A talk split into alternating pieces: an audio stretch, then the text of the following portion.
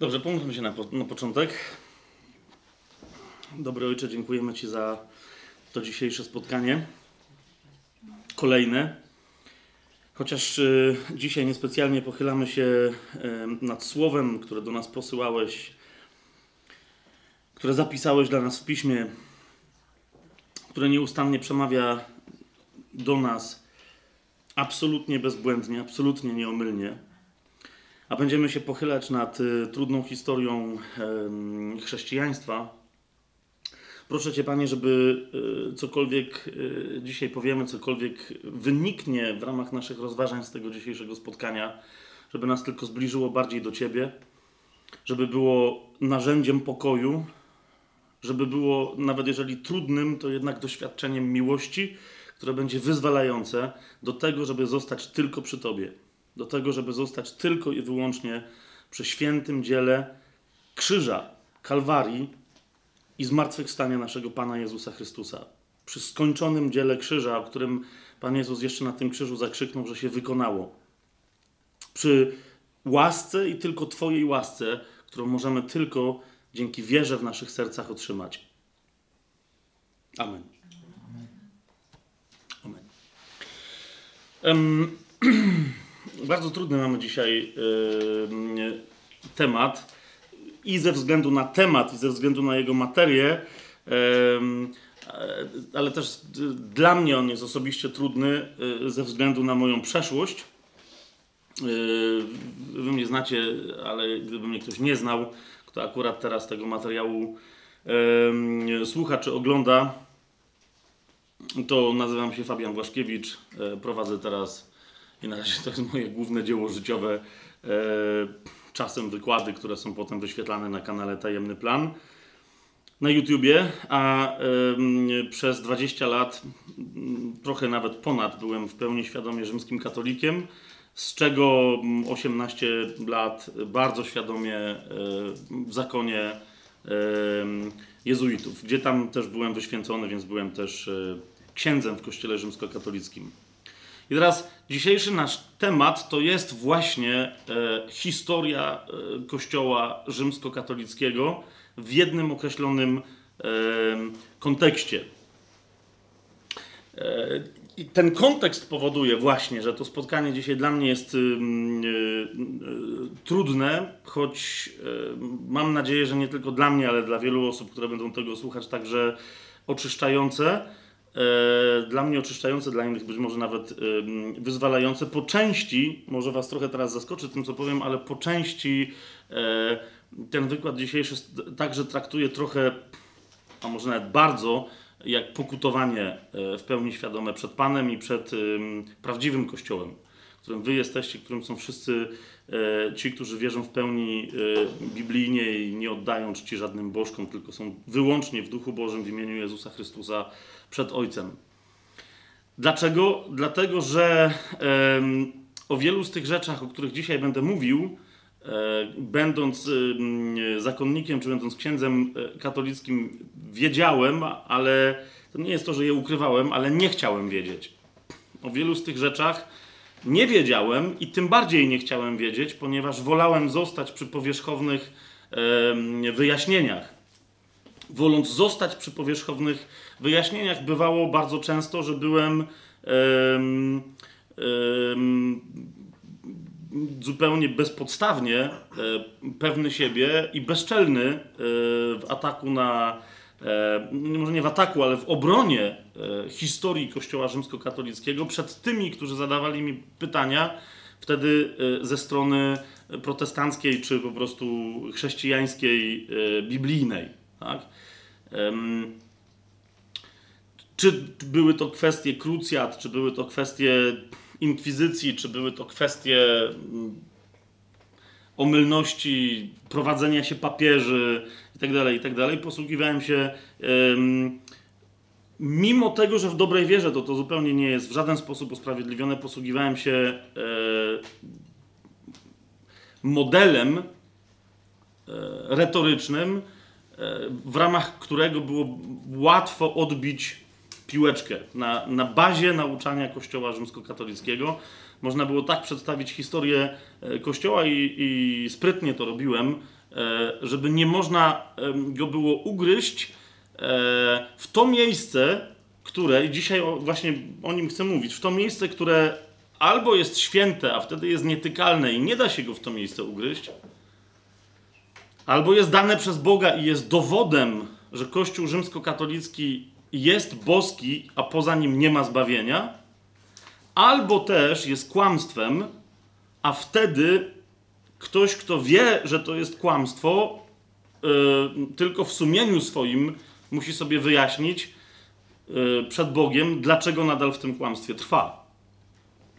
Ja rozumiem rzymskich katolików yy, bardzo dobrze, ponieważ, ponieważ w życiu nie myślałem o tym, że, że to jest kłamstwo. Miałem, będąc dotknięty Duchem Bożym, też nawróciłem się i przyjąłem Pana Jezusa do swojego serca przed czymś, co wydawało mi się konsekwentnym potem krokiem jako młody człowiek, czyli przed powrotem do kościoła rzymskokatolickiego, ponieważ od niego jako młody człowiek odszedłem. No myślałem sobie, dotknął mnie Bóg, Bóg mieszka tylko i wyłącznie w kościele rzymskokatolickim. E, to jest Polska, tak? To, to był naturalny krok, e, a później okazało się, że no właśnie, nawet argumenty rozumowe, nawet rzeczy, o których się dowiadywałem w trakcie studiów itd., tak itd., tak e, nie były wystarczające wobec tego ducha e, religii rzymskokatolickiej, który był mocniejszy nawet niż, niż argumenty rozumowe. I teraz o co mi chodzi? Jakie jest to miejsce, którym zwykle Kościół rzymskokatolicki się zasłania i udowadnia, że cała reszta jego nauczania musi być boska? Jakie jest to miejsce, które jest kluczowe dla e, przyjęcia albo odrzucenia wszystkich innych kwestii związanych z byciem rzymskim katolikiem, albo, bo nie tylko do rzymskich katolików mówię, może nawet głównie nie do rzymskich katolików, ale do tych, którzy z nimi rozmawiają, a więc co, jest, co to za miejsce, kiedy się rozmawia, kiedy się głosi Ewangelię rzymskim katolikom. E, po części niektórzy z Was e, tego trochę e, doświadczyli, czy to bezpośrednio, tak, czy na przykład w internecie po tym, jak się pojawił ostatni nasz odcinek poświęcony temu, jak bardzo Biblia jest przeciwna kultowi maryjnemu. Tak? I potem, jak się pojawił ten odcinek, który myślę, że dosyć klarownie, jeżeli ktoś po prostu chce podejść do sprawy ucz uczciwie, pokazał, że nie da się pogodzić tego, jak Bóg przedstawia się w Biblii i jak w Biblii twierdzi, że chce być chwalony i czczony i jak, jaką chce mieć relację z, z ludźmi, nie da się tego pogodzić absolutnie i pod żadnym pozorem z tym, jak wygląda e, kult e, maryjny w kościele rzymskokatolickim. I teraz o co mi idzie, że, że nawet wtedy tam się pojawiły, ja pomijam jakieś tam. Yy, yy, bo ja tych komentarzy tam nie czytam, ale, ale e, czasem ktoś do mnie z mm, ekipy tajemnego planu przychodził i, tam pytał, czy tam na coś odpowiadać, czy nie. to, bo pomijam jakieś tam y, hejterskie z różnych stron wypowiedzi, bo to nigdy y, taki, to nie jest żaden dialog i to nigdy nie ma sensu, ale y, pojawiały, po, pojawiał się bardzo często argument, że dobra, dobra, i właśnie to jest argument, którym się najczęściej spotykamy z Kościołem rzymskokatolickim. To jest zresztą świetny argument, właśnie którym ja się przez całe lata posługiwałem w kontaktach z, nazwijmy to w cudzysłowie, protestantami wszelkiej maści, tak? E, żeby bronić siebie jako katolika, który jest rzekomo biblijny. Otóż pojawił się argument, dobra, dobra, może nawet i tak to wygląda, że kult maryjny się kompletnie nie zgadza z Biblią, ale przecież w kościele rzymskokatolickim ten kult trwa od początku. Tak? Teraz co to oznacza automatycznie, bo niektórzy jeszcze rozwijają ten, ten argument. A przecież skoro tylko Kościół rzymskokatolicki e, trwa od początku i jest w stanie udowodnić istnienie swoją i ciągłość, e, wyrażoną zwłaszcza w tak zwanej sukcesji apostolskiej, ale nie tylko, tak? Tylko Kościół rzymskokatolicki jest w stanie udowodnić swoją ciągłość od Pana Jezusa aż do dzisiaj. I dwa, Kościół rzymskokatolicki naucza w sposób nieomylny, a ta nieomylność również tylko Kościół rzymskokatolicki jest w stanie udowodnić, że ciągnie się od Pana Jezusa aż do dzisiaj. To, skoro Kościół rzymskokatolicki mówi, że wolno czcić Maryję, świętych i robić wszystkie inne dziwne rzeczy, to znaczy, że ma rację. Bo kto mu się postawi? Kto może Kościołowi rzymskokatolickiemu przeciwstawić się, gdy chodzi o ciągłość od Pana Jezusa do dzisiaj przez 2000 lat? Kto może przeciwstawić się Kościołowi katolickiemu, gdy chodzi o jedność nauczania od Pana Jezusa aż do dzisiaj? Rozumiecie o co chodzi? Ciągłość nauczania, która jest nieprzerwana, która jest udowodniona, to jest argument w Kościele rzymskokatolickim. Dwa, nauczanie i ciągłość nauczania, które jest takie same przez 2000 lat. Jest to jasne? Ok. Teraz, ym, zanim pójdziemy dalej i się tym zajmiemy, yy, bo, bo rozumiecie o co mi idzie? Yy, my, yy, my, mówimy, w sensie nie, nie, że nagle my wymyśliliśmy coś, tak? Ale wszyscy ludzie biblijnie wierzący mówią, że to są cechy, które są przynależne tylko i wyłącznie Słowu Bożemu.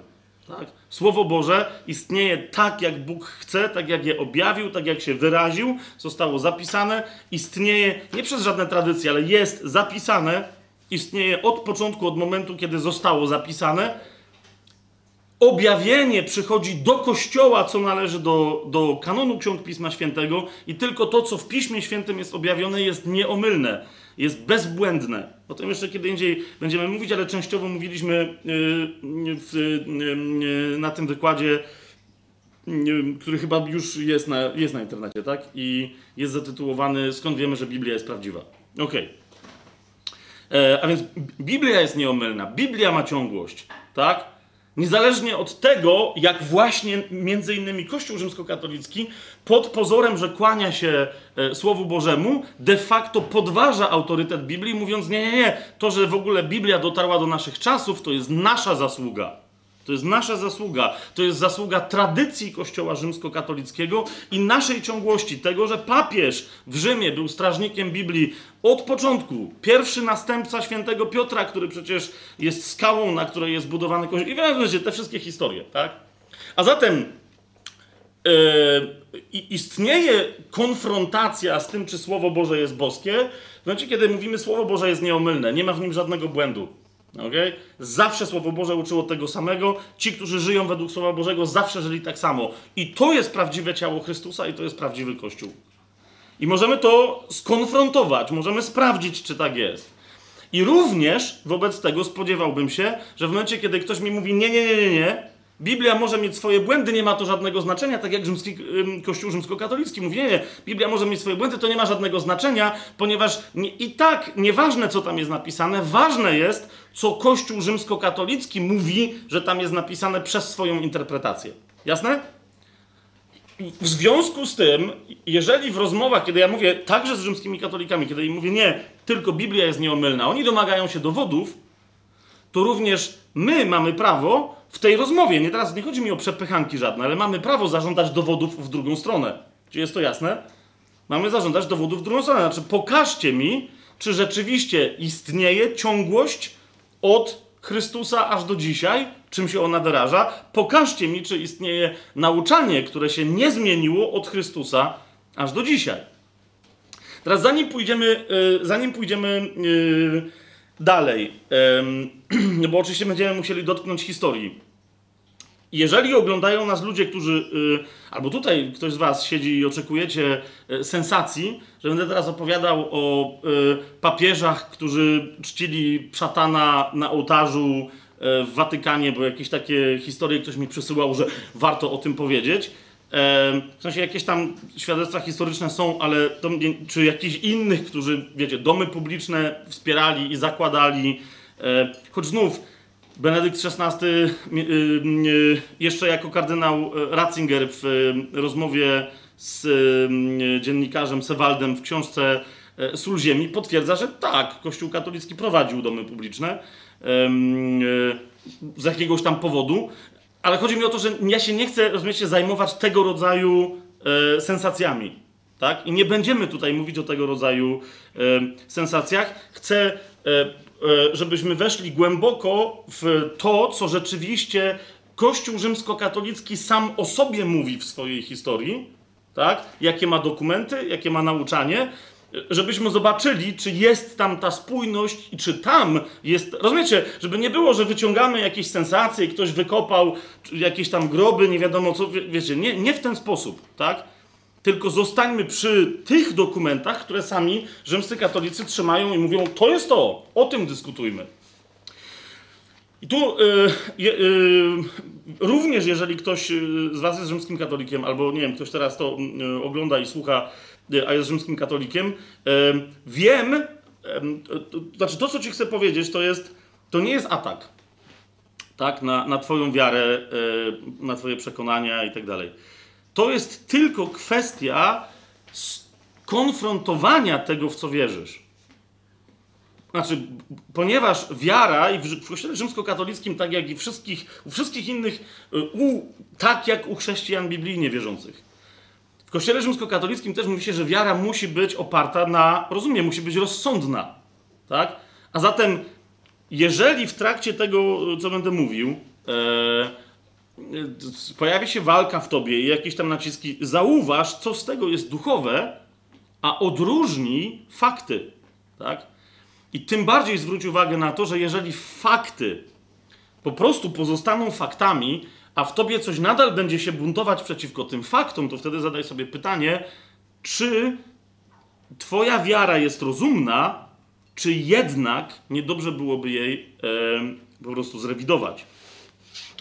E, I jednocześnie to ma być też pomoc dla. E, ponieważ niektórzy w ogóle przysyłali nam pytania, że skąd się w ogóle wzięło e, coś takiego dziwnego jak Kościół rzymskokatolicki. E, mamy sporo ludzi, dzisiaj nawet w Polsce, tak, którzy już są wychowani w sposób mm, niereligijny, jeżeli wiecie o co mi chodzi. Niby tam gdzieś byli w kościele y, takim rzymskokatolickim klasycznym parę razy, ale nie byli w tym wychowywani. Spotkali się z Biblią, Pan przemówił do nich przez Biblię, E, I potem dopiero odkryli, odkryli, że istnieje coś takiego jak Kościół rzymskokatolicki i nie mogą się połapać, jakim cudem, a niektórzy wręcz mówią, jakim prawem Kościół rzymskokatolicki mówi, że ma jakiekolwiek związki z Biblią. Tak? Więc oni się pytają, skąd się w ogóle wziął Kościół rzymskokatolicki, jakim cudem coś takiego mogło wyrosnąć. E, no i też oczywiście pojawia się pytanie, no, gdzie był ten prawdziwy Kościół? Czy my mamy jakieś ślady w historii na jego temat? O co chodzi? Czy Pan Jezus go opuścił i on się nagle obudził w momencie, kiedy Luther się pojawił na scenie z Kalwinem? Co się działo? Okej, okay. zanim jeszcze pójdziemy dalej, o jeszcze jednej kwestii chcę Wam powiedzieć, tak? Yy, mówię znów, jeżeli jesteś katolikiem rzymskim, to, wy, to tylko wysłuchaj tego, tak? Yy, zauważ, czy nie, jest, czy, czy nie jest to prawda, ponieważ mnóstwo, wielu, wielu znam rzymskich katolików, którzy, którzy nigdy y, o tym, o czym teraz powiem, w ten sposób nie pomyśleli. E, ale też wy w momencie, kiedy, kiedy rozmawiacie z rzymskimi katolikami o, o, o, o Biblii, o Słowie Bożym, zawsze de facto pada słowo wiara. Chciałbym, żebyście zrozumieli jedną konkretną kwestię, która się tyczy y, Kościoła rzymskokatolickiego i tego, jak wiara jest tam przedstawiana w tym kościele, żeby, bo, bo, często widzę, że biblijni chrześcijanie myślą, że ta kwestia przynajmniej jest zrozumiała, a, a potem dochodzi do jakichś debat, kłótni, jakichś tam szarpań e, słownych, mm, e, bez zrozumienia, że po prostu na wstępie e, jedna i druga osoba mówiły o dwóch różnych rzeczach. Mianowicie, kochani, w momencie, kiedy, kiedy ty, ja mówię wiara, to, to ty myślisz o czym? List do Efezjan, tak? Drugi rozdział, ósmy werset. Łaską jesteście zbawieni przez wiarę, nie z uczynków, żeby się nikt nie chlubił, tak? Jeżeli ciebie jako chrześcijankę, czy jako chrześcijanina biblijnego zapytam, ale co to znaczy? Jaka to, jaka wiara sprowadza łaskę do mojego serca? To odpowiadasz list do Rzymian, dziesiąty rozdział, tak? Jeżeli w sercu swoim uwierzysz, że Bóg Jezusa wskrzesił z martwych, a ustami wyznasz, że Jezus jest Panem, będziesz zbawiony, bo sercem przyjęta wiara prowadzi do usprawiedliwienia, a wyznawanie jej ustami do zbawienia. To jest wiara w co? Wiara w dzieło Boże. Rozumiecie o co mi chodzi? To jest. Bóg wskrzesił Jezusa z martwych, aby potwierdzić to, co on robił jako wcielony Bóg, człowiek na ziemi. Tak? Bóg go wskrzesił, żeby potwierdzić, że jego dzieło, kiedy krzyknął, wykonało się, oddał ducha i umarł na krzyżu, jest wykonane. Łapiecie o co mi idzie? To jest pierwsze, od czego mamy uwierzyć w Boże dzieło, tak? Potem wiara e, otwiera nas na relację z Chrystusem, na zakorzenienie się w Chrystusie, na przyjęcie daru Ducha Świętego, który w nas woła Abba, Ojcze. Tak? On w nas woła Abba, Ojcze e, i uczy nas miłości e, e, nie naszej do Ojca, ale najpierw tego, że, że On kocha nas, że On ma miłość do nas. Jasne to jest? Krótko mówiąc, wiara powoduje przepływ łaski, ale jest związana, na, przynajmniej w początkowych okresach, tylko i wyłącznie, powiedziałbym, z osobistą relacją z Bogiem. I teraz uważajcie, to jest szoker, tak? Yy, mówię, jeżeli ktoś jest rzymskim katolikiem, yy, niech się skonfrontuje z tym, co teraz powiem, ponieważ powiem trudną rzecz. To jedna z pierwszych rzeczy, jaką ja sobie uświadomiłem, w momencie, kiedy przyszedłem do kościoła rzymskiego, wszedłem do zakonu i tam się zaczęły dziać jakieś rzeczy, ponieważ ja miałem doświadczenie e, kogoś, kto odpadł od kościoła, łaził po jakichś dziwnych e, rzeczach, e, a następnie spotkałem żywego, zmartwychwstałego Chrystusa i zaprosiłem go do swojego życia. Tak? A potem, wchodząc do e, klasztoru, pracując z różnymi ludźmi, chciałem dać im to doświadczenie, ale jednocześnie cały czas byłem konfrontowany dosłownie, tak? To było takie przypomnienie, ej, ale zaraz, powoli. Wiara w kościele rzymskokatolickim jest wiarą w przekaz. W kościele rzymskokatolickim człowiek w pewnym sensie, nie chodzi o to, żeby nie miał osobistej relacji z Bogiem, tak? Ale w pewnym sensie może mieć jakąkolwiek i do pewnego stopnia Kościół katolicki tego nie sprawdza, dopóty, dopóki ten wierzący wierzy w to, w co Kościół każe mu wierzyć. Rozumiecie o co mi chodzi? A więc rozumie doktrynę, w ramach tej doktryny e, nie szkodzi Kościołowi, a wręcz przyczynia się do jego, uwaga, materialnego dobra i po trzecie jest posłuszny autorytetowi Kościoła w wielu kwestiach. Wiara w Kościele rzymskokatolickim wiąże się y, z instytucją, jest wiarą w instytucję i dopiero dzięki wierze w instytucję ta wiara obiecuje, że człowiek może się spotkać, może się spotkać z Bogiem. Zawsze pomiędzy człowiekiem w kościele rzymskokatolickim a Bogiem stoi ludzki pośrednik, stoi instytucja reprezentowana przez diakona, kapłana, tak zwanego, tak zwanego biskupa tak tak dalej, i tak dalej. Tak? Teraz ja wiem, że dzisiaj w kościele rzymskokatolickim jest masa ludzi, którzy przyjmują dobrą nowinę na sposób biblijny. Odnowa yy, charyzmatyczna zwana odnową w Duchu Świętym, neokatechumenat, inne ruchy, tak? Teraz oni mówią, no widzisz, Kościół katolicki na to pozwala. Kościół katolicki pozwala na to, ponieważ Kościół katolicki pozwala na wiele brewerii. Tak? Siostra Faustyna Kowalska, yy, ta, której wiecie, tu sanktuarium jest yy, tak zwanego miłosierdzia Bożego tutaj w Krakowie, yy, miała objawienia jakiegoś ducha, który jej się przedstawiał, że jest Jezusem i, i y, jak poczytacie, nie, nie, nie, czytajcie, tak, ale jakbyście nie chcieli sprawdzić, w dzienniczku siostry y, Faustyny Kowalskiej y, jest, jest parę dziesiąt, nie wiem, może paręset, w zależności od wydania kartek, w których ten duch tłumaczy jej, że ma założyć zakon, że ma wystąpić z tego zakonu, w którym jest i ma założyć inny zakon. Ok?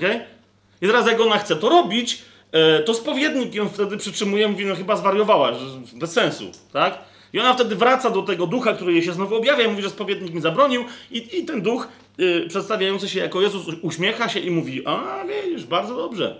Chociażbym nie wiem, co ci powiedział, to musisz słuchać spowiednika. Rozumiecie, o co mi chodzi? I teraz to jest takie, a, to to jest prawdziwy Pan Jezus. Dlaczego? Bo potwierdził autorytet spowiednika. I teraz wy kiwacie głowami, że what? Ale, e, a katolicy kiwają głowami, że co ty, gościu, gadasz?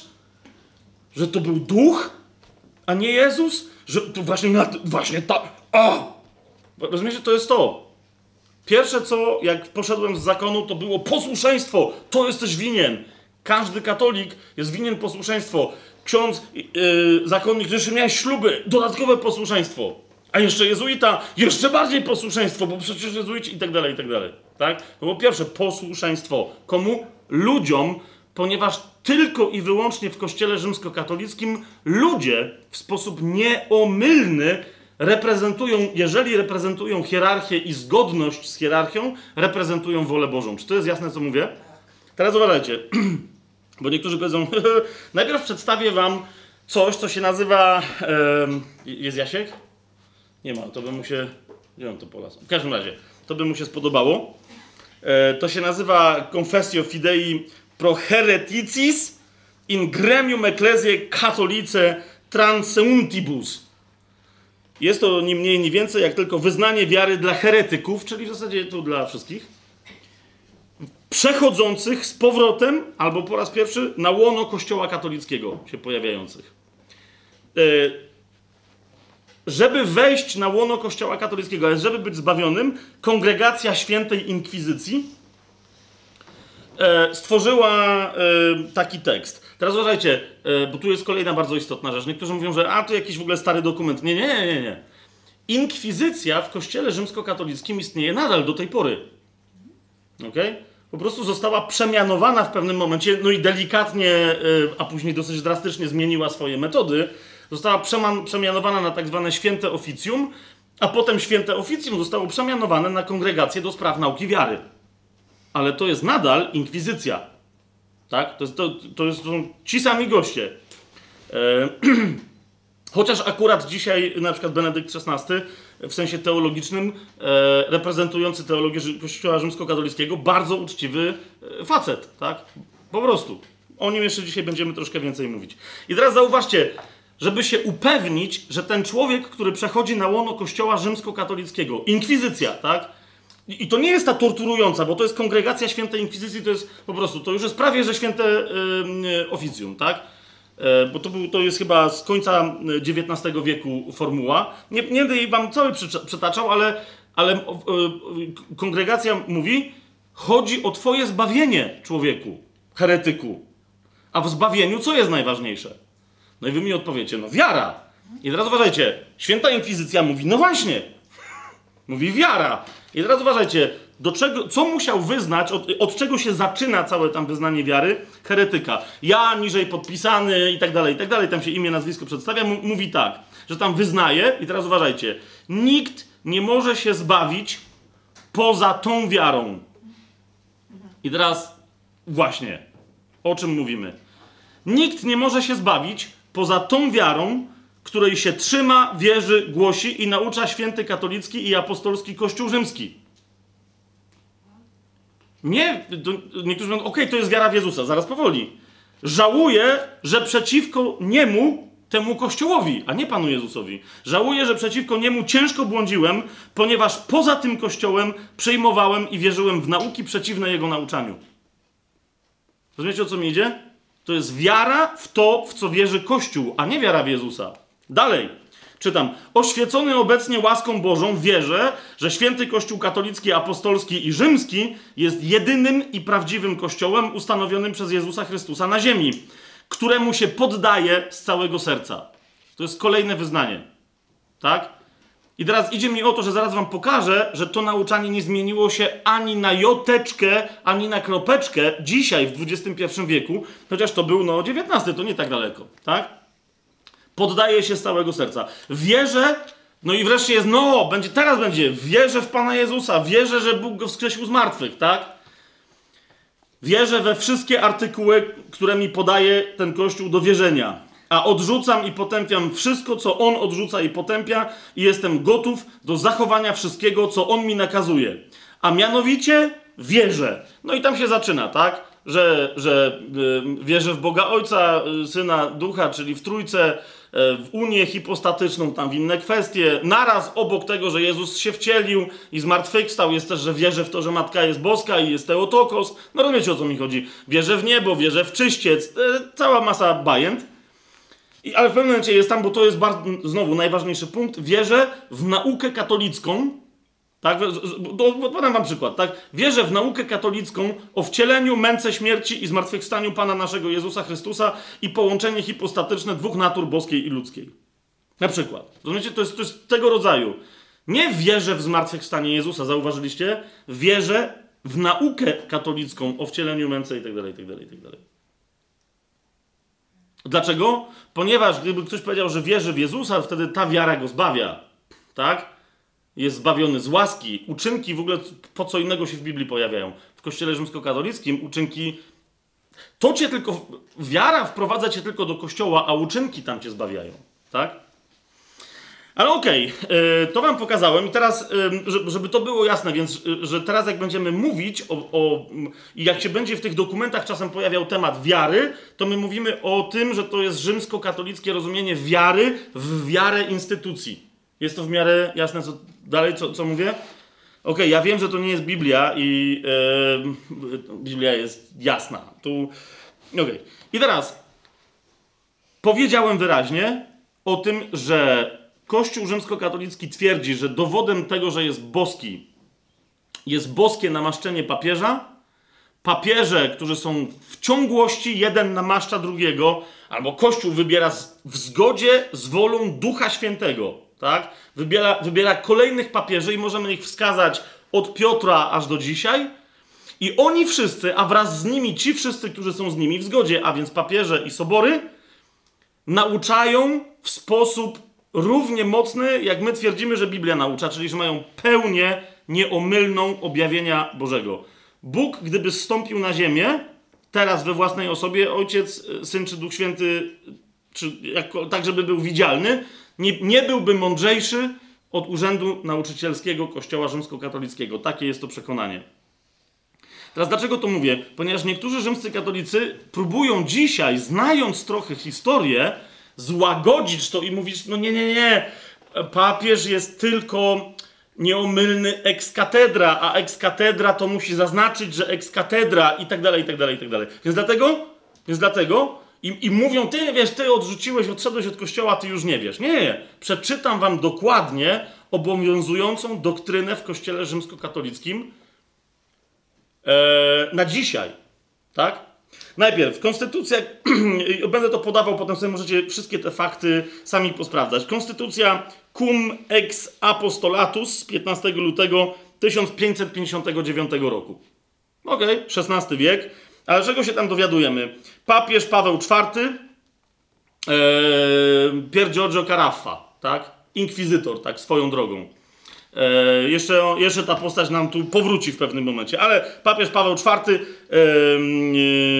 biskup, sługa sług bożych, e, no po tym, co za chwilę powiedział, to rzeczywiście mógł sobie pozwolić na taką skromność. Na wieczną rzeczy pamiątkę. W paragrafie pierwszym stwierdza, e, tam jakiś był tekst, ale wciąż to, co nas najbardziej interesuje, uważajcie, nieomylne nauczanie Kościoła Rzymskiego, papieżowi, że coś tam przysługuje papieżowi, który pełni władzę Boga i Pana naszego Jezusa Chrystusa na ziemi.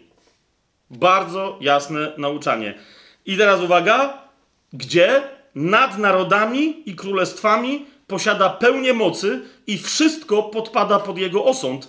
On sam zaś na tym świecie przez nikogo nie może być sądzony. Teraz niektórzy mówią, nie, on tam Paweł IV a, troszkę przesadził. To nie było dogmatyczne.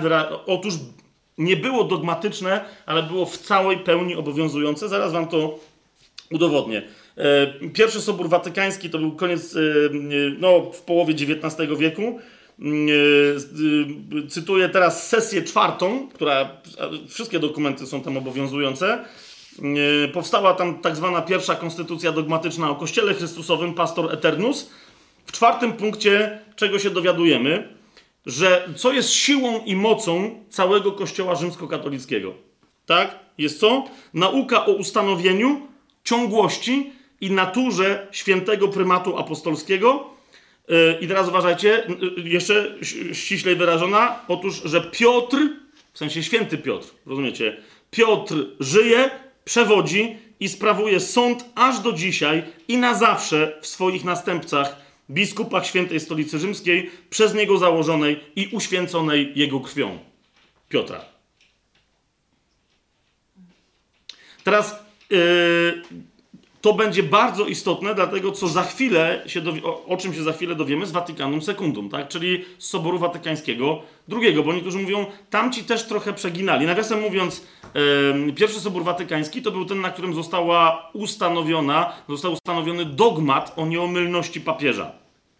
Tak? I, I e, on był sformułowany, niektórzy mówią, że ekstremalnie, i że później Sobór Watykański II go złagodził. Według mnie jest wręcz przeciwnie.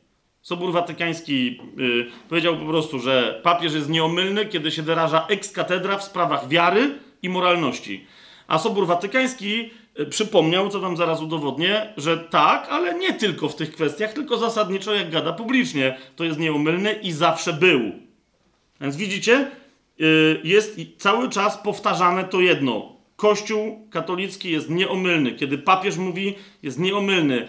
Dlaczego? Bo zawsze gadał tak samo. To jest dowód na działanie Ducha Świętego. Wszyscy papieże byli wybierani przez Ducha Świętego, kiedy mówili publicznie, osobiście mogli być najgorszymi dziadami. Ale to nie ma znaczenia, ponieważ Duch Święty nawet przez najgorszego dziada na stolicy apostolskiej może działać w sposób cudowny, bezbłędny, nieomylny i tak. Tak? Uważajcie. Sobór Watykański II, konstytucja dogmatyczna o kościele Lumen Gentium. To jest nie po Soborze Watykańskim II, dla tych, którzy nie rozumieją o co chodzi, to jest XX wiek. Po nim nie było żadnego następnego soboru. Tak? To jest najświeższa, najbardziej nowoczesna nauka w kościele rzymskokatolickim. Rozumiecie o co mi idzie? I pozajcie, punkt 14. Teraz dla tych, którzy potem chcą sprawdzać ten y, materiał, Kościół rzymski ma dziwaczny zwyczaj pisania w tak kwiecisty sposób, że ludzie w baroku czasem by się nie połapali o co chodzi. Tak? Więc tak, tnę ten tekst, ponieważ nie mamy 60 godzin tutaj, żebym przeczytał całe poszczególne punkty, tylko docieram do sedna. Ale możecie mnie sprawdzić, czy, y, że, że nie przeinaczam żadnych faktów, bo, y, bo zupełnie nie o to chodzi, szukamy prawdy. Tak? Więc tnę pewne zdania, ale docieramy do tego, co w nich jest, y, o, co, o co w nich rzeczywiście chodzi. Niektórych nie, tylko zostawiam całości. Czternasty punkt. Dla dzisiaj żyjącego rzymskiego katolika mówi tak. Kościół, i wiadomo, że chodzi o Kościół rzymskokatolicki, jest do, konieczny jest do zbawienia. Teraz uważajcie, co to oznacza? Do społeczności Kościoła wcieleni są w pełni ci, co w całości przyjmują przepisy Kościoła i wszystkie ustanowione w nim środki zbawienia, i w jego widzialnym organizmie pozostają w łączności z Chrystusem, rządzącym Kościołem przez papieża i biskupów. W łączności mianowicie polegającej na więzach wyznania wiary, sakramentów i zwierzchnictwa kościelnego. Słyszycie? Yy, pa, pa, tu gdzieś yy, pojawiło się Słowo Boże. Idziemy dalej. Bo teraz uwaga, bo niektórzy mówią, no okej, okay, ale jeżeli ktoś jest rzymskim katolikiem, a nie zna tego tekstu, to niech sobie uświadomi, w co wierzy. Nie dostępuje jednak zbawienia. To jest interesujące, kto nie dostępuje zbawienia. Nie dostępuje jednak zbawienia, chociażby był wcielony do kościoła ten, kto nie trwając w miłości, pozostaje wprawdzie w łonie kościoła ciałem, ale nie sercem. Nie, nie możesz tylko być w kościele rzymskim, chodzić raz na jakiś czas na pasterkę, nawet co niedziela yy, na mszę. Nie! A potem się na przykład nie zgadzać z tym, co Kościół, czego Kościół naucza w jakichś tam kwestiach. Nie, ponieważ wtedy pozostajesz tylko ciałem. I co wtedy? Uważajcie, wszyscy synowie Kościoła powinni y, pamiętać winni o tym, że jeśli z łaską tą nie współdziałają myślą, słowem i uczynkiem, nie tylko zbawieni nie będą, ale surowiej jeszcze będą sądzeni. Sobór Watykański II to jest XX wiek. To, to, to jest nadal, tak? To, to nadal tak, to, to jest nadal to samo budzenie strachu. Się upewni, czy słuchasz księdza proboszcza. Jeżeli twój proboszcz gada głupoty, to się upewni, bo może dlatego, że on nie słucha biskupa. Biskup czasem może gadać głupoty, się upewni, ponieważ może nie słucha papieża. Wiecie o co mi idzie? To, ale to jest zawsze nie ktoś kogoś nie słucha, upewnij się, czy masz dostęp do odpowiednich ludzi, do odpowiedniej grupy ludzi w kościele, do odpowiedniego nauczania, bo tylko o to cię może zbawić. Jak nie wiesz o co chodzi, będziesz gorzej sądzony jak diabły. Osiemnasty punkt tej samej konstytucji, uwaga, dogmatycznej o kościele Lumen Gentium. Obecny Sobór Święty, idąc w ślady pierwszego Soboru Watykańskiego, a więc widzicie, nie odchodzi od tamtych tematów, zgodnie z nim poucza i oświadcza, że Jezus Chrystus założył Kościół, posławszy apostołów, chciał, aby ich następcy, mianowicie biskupi, byli w Kościele Jego pasterzami aż do, skończenia świata. Widzicie, to, to nauczanie jest kontynuowane, tak? Ale teraz uwaga, postawił nad innymi y, apostołami, żeby później biskupi robili to samo, świętego Piotra. I teraz uwaga, tę naukę o ustanowieniu wiecznej trwałości znaczeniu i naturze świętego prymatu biskupa rzymskiego i o jego nieomylnym urzędzie nauczycielskim Sobór Święty na nowo wszystkim wiernym do wierzenia podaje. Nie, mówi Sobór Watykański II. To nieważne, że Sobór Watykański I był w XIX wieku, była wojna, e, pojawiły się telefony, jeszcze nie było internetu, e, e, macie dostęp do gazet? Nie. Tu nic się nie zmieniło. Dalej, ponieważ tu się zaczynają naprawdę dziwactwa. Dwudziesty punkt tej samej konstytucji. Boskie posłannictwo powierzone przez Chrystusa apostołom trwać będzie do końca wieków.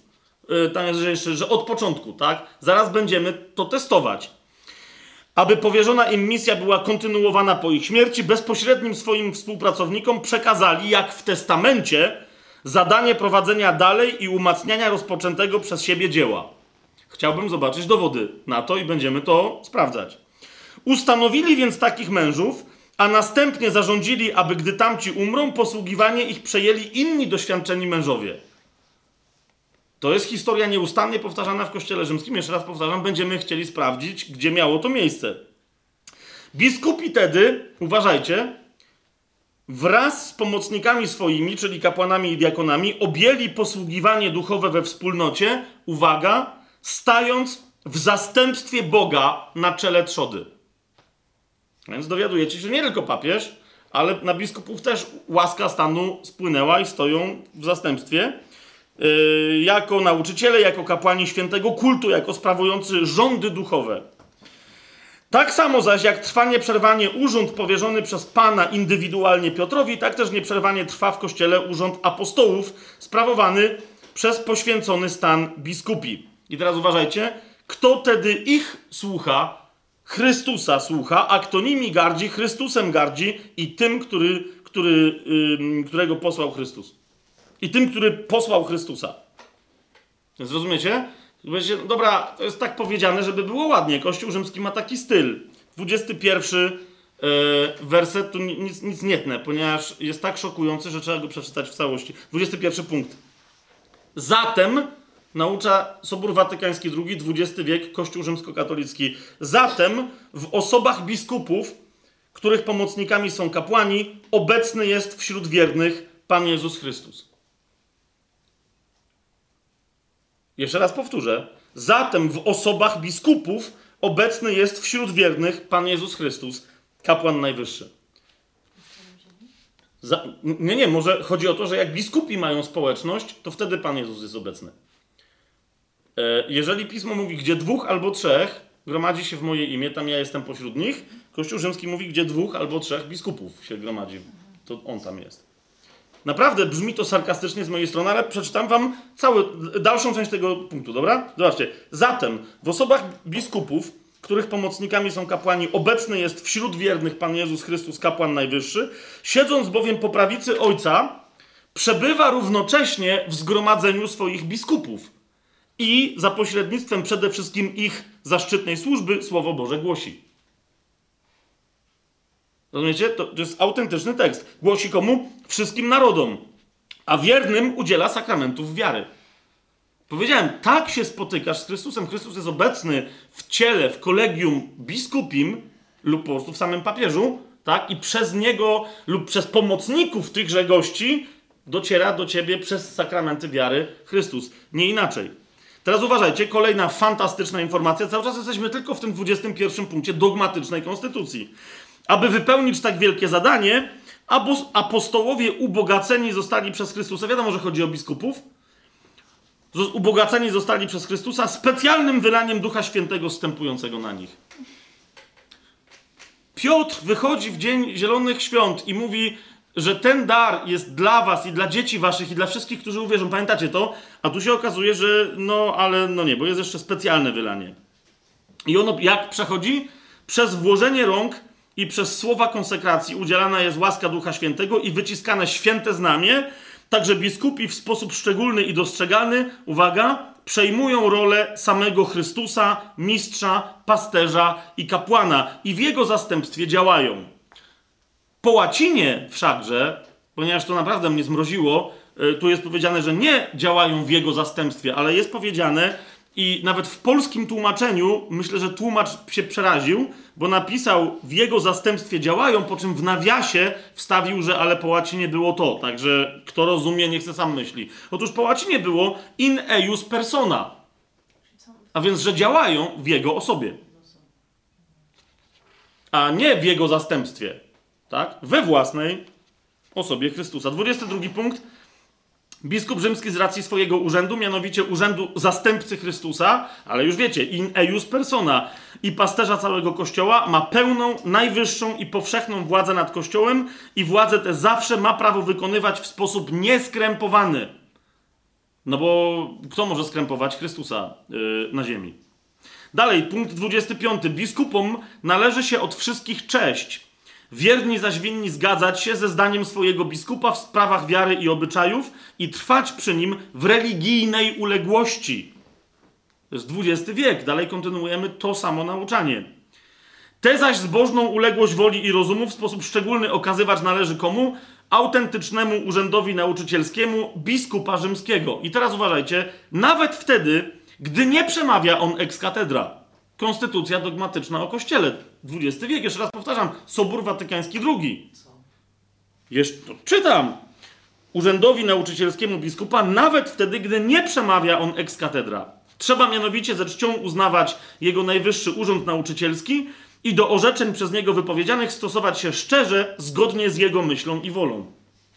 Tutaj wycinam, bo to mniejsza. I teraz mamy następne stwierdzenie, bo to dalej tam idzie, ale to mniejsza. To ta nieomylność w którą boski odkupiciel zechciał wyposażyć Kościół swój w określaniu nauki wiary lub obyczajów, ma taki zakres, uważajcie, jak i depozyt boskiego objawienia.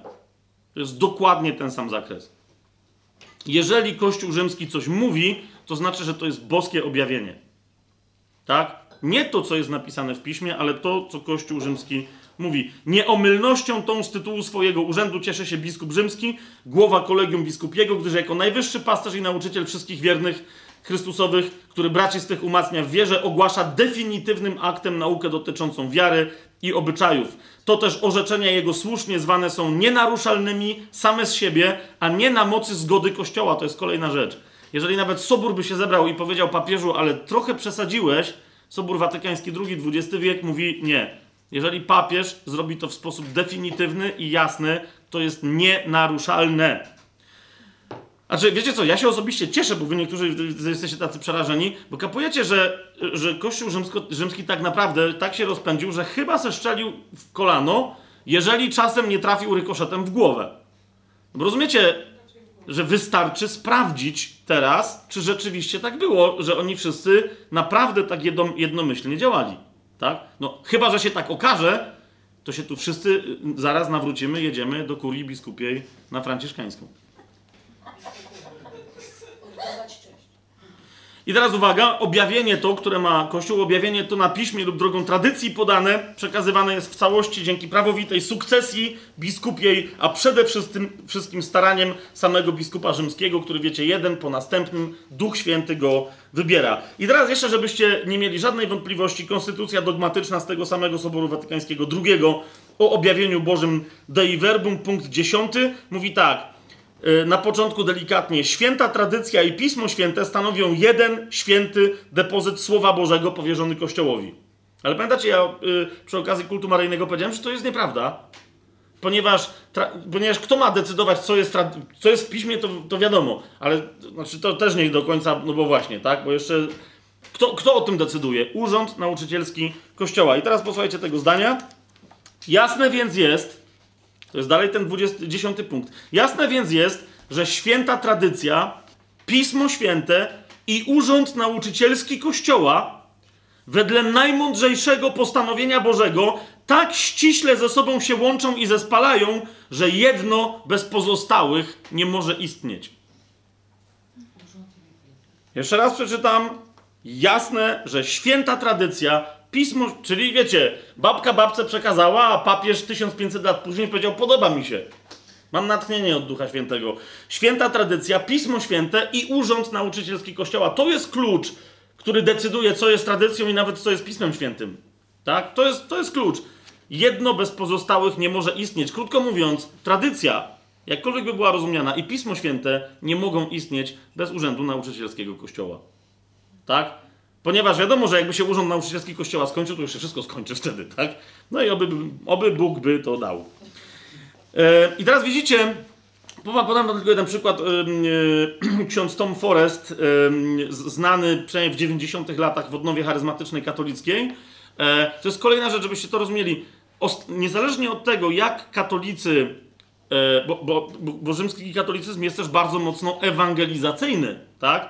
I bywa też, że ewangelizuje, i dobrze, bo przynajmniej testuje wiarę protestantów, różnych tam ludzi, tak? I oni czasem mówią, że e, to wiesz, w porządku, w zasadzie, wiesz, przyszedł chłopak, przyszła dziewczyna, gadali to samo.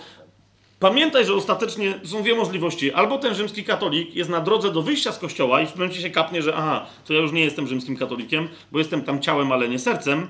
Albo on jest dalej rzymskim katolikiem, a wtedy co się stanie? A wtedy będziecie ewangelizować w kościół rzymski. Cytuję. Yy, cytuję to za Roman Catholic Double Talk at Indianapolis 90. Yy, to jest jakaś tam fundacja lipiec, sierpień 1990 rok było 10 lat do 2000 roku i powstawały szkoły nowej ewangelizacji wszędzie na świecie rzymskokatolickiej i tak dalej, tak? Ja to sam przetłumaczyłem, bo nie, nie znalazłem tego tekstu po polsku, ale w każdym razie potem e, Tom Forrest chyba nawet pamiętam, że, że był tam raz czy drugi w Polsce i te same rzeczy dokładnie tutaj mówił. Naszym zadaniem jest ewangelizować ludzi w kościół. Zaczął. Nie! Nie zapraszacie kogoś, żeby się stał chrześcijaninem. Zapraszacie, żeby został rzymskim katolikiem. Znaczy, nie chodzi o to, żeby nie był chrześcijaninem, tak? Ale mówi, że to nie jest koniec. On ma, jeżeli zostanie chrześcijaninem, przyjmie Pana Jezusa i to mówi, fajnie, ale musi tu przyjść. Dlaczego miałoby to, to być aż tak ważne? I teraz odpowiedź Foresta jest prosta. Przede wszystkim jest siedem sakramentów, a Kościół rzymskokatolicki ma wszystkie siedem. To rozumiesz, tak my byśmy się teraz umówili, e, szuruburu. Umawiamy się, że jest szuruburu. Jak zrobimy tak, to jest szuruburu. I umawiamy się, że ile to jest osób? Że, no to sporo osób, że jest 68 szuruburu, tak? I teraz jest 68 szuruburu, a my mamy wszystkie 68. Co? Ale to jest, no, jest 7 sakramentów, Kościół rzymskokatolicki ma wszystkie 7. Jako katolicy mamy Maryję. Haha! Jako katolicy mamy papiestwo. I, uwaga, historię papieży od Piotra do Jana Pawła II, bo wtedy był jeszcze Jan Paweł II, tak? I teraz uwaga, mamy skałę, na której Chrystus zbudował swój kościół. Bo jak rozmawiacie ze rzymskimi katolikami, mówią, no jak, ale papież, ty jesteś Piotr i na tej skale zbuduje mój kościół. Do tego jeszcze się odniesiemy, tak? Ja na razie to zostawię. My mamy, mamy papieży od początku, mamy Maryję, mamy siedem sakramentów. To jest odwołanie się, że to jest ta sama nauka. Jezus ją zostawił, Kościół rzymski tego uczy. Mamy czyściec. Tak więc jako katolicy mamy ewangelizować kogo się da w Kościół rzymskokatolicki. Jeszcze raz. Bardzo jasny przekaz. Podsumowując, jeszcze ostatni tylko raz powtórzę, żebyście to, to zrozumieli. Ciągłość sukcesji apostolskiej wyraża się, jest nawet taka nauka, ja teraz nie pamiętam jak ona się nazywa w teologii, kto na kogo położył ręce i ten mu podstawił głowę i został biskupem, z tym, że akurat gdy chodzi o biskupów, to się im kończy y, w XVI wieku. Ale, żeby pokazać, że no ale zawsze był papież, to istnieje ciągłość od Piotra, tak twierdzi Kościół rzymskokatolicki i to jest dowód. I od Piotra cały czas uczyliśmy tego samego. Tak? Rozważmy te, jest, widzicie, że to jest w tym nauczaniu, rozważmy teraz te, te dwa nurty. Mianowicie, jak wygląda sprawa najpierw tej ciągłości na stolicy apostolskiej. Jeszcze jeden dokument wam przeczytam. Kongregacja Nauki Wiary, kiedy nią rządził e, e, e, biskup kardynał Ratzinger, wydała w pewnym momencie tak zwaną deklarację Dominus Jezus, czyli Pan Jezus, w której między innymi, jakbyście ją przeczytali, to byście się dowiedzieli, że skoro nie macie takich obrzędów, w ramach których ktoś by uwierzył, że Pan Jezus naprawdę fizycznie znajduje się na stole jako chleb i wino, no to nie możecie się nawet nazywać kościołem.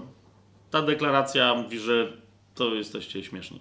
Kościół musi mieć pewne rzeczy, musi mieć biskupów, musi mieć różne kwestie.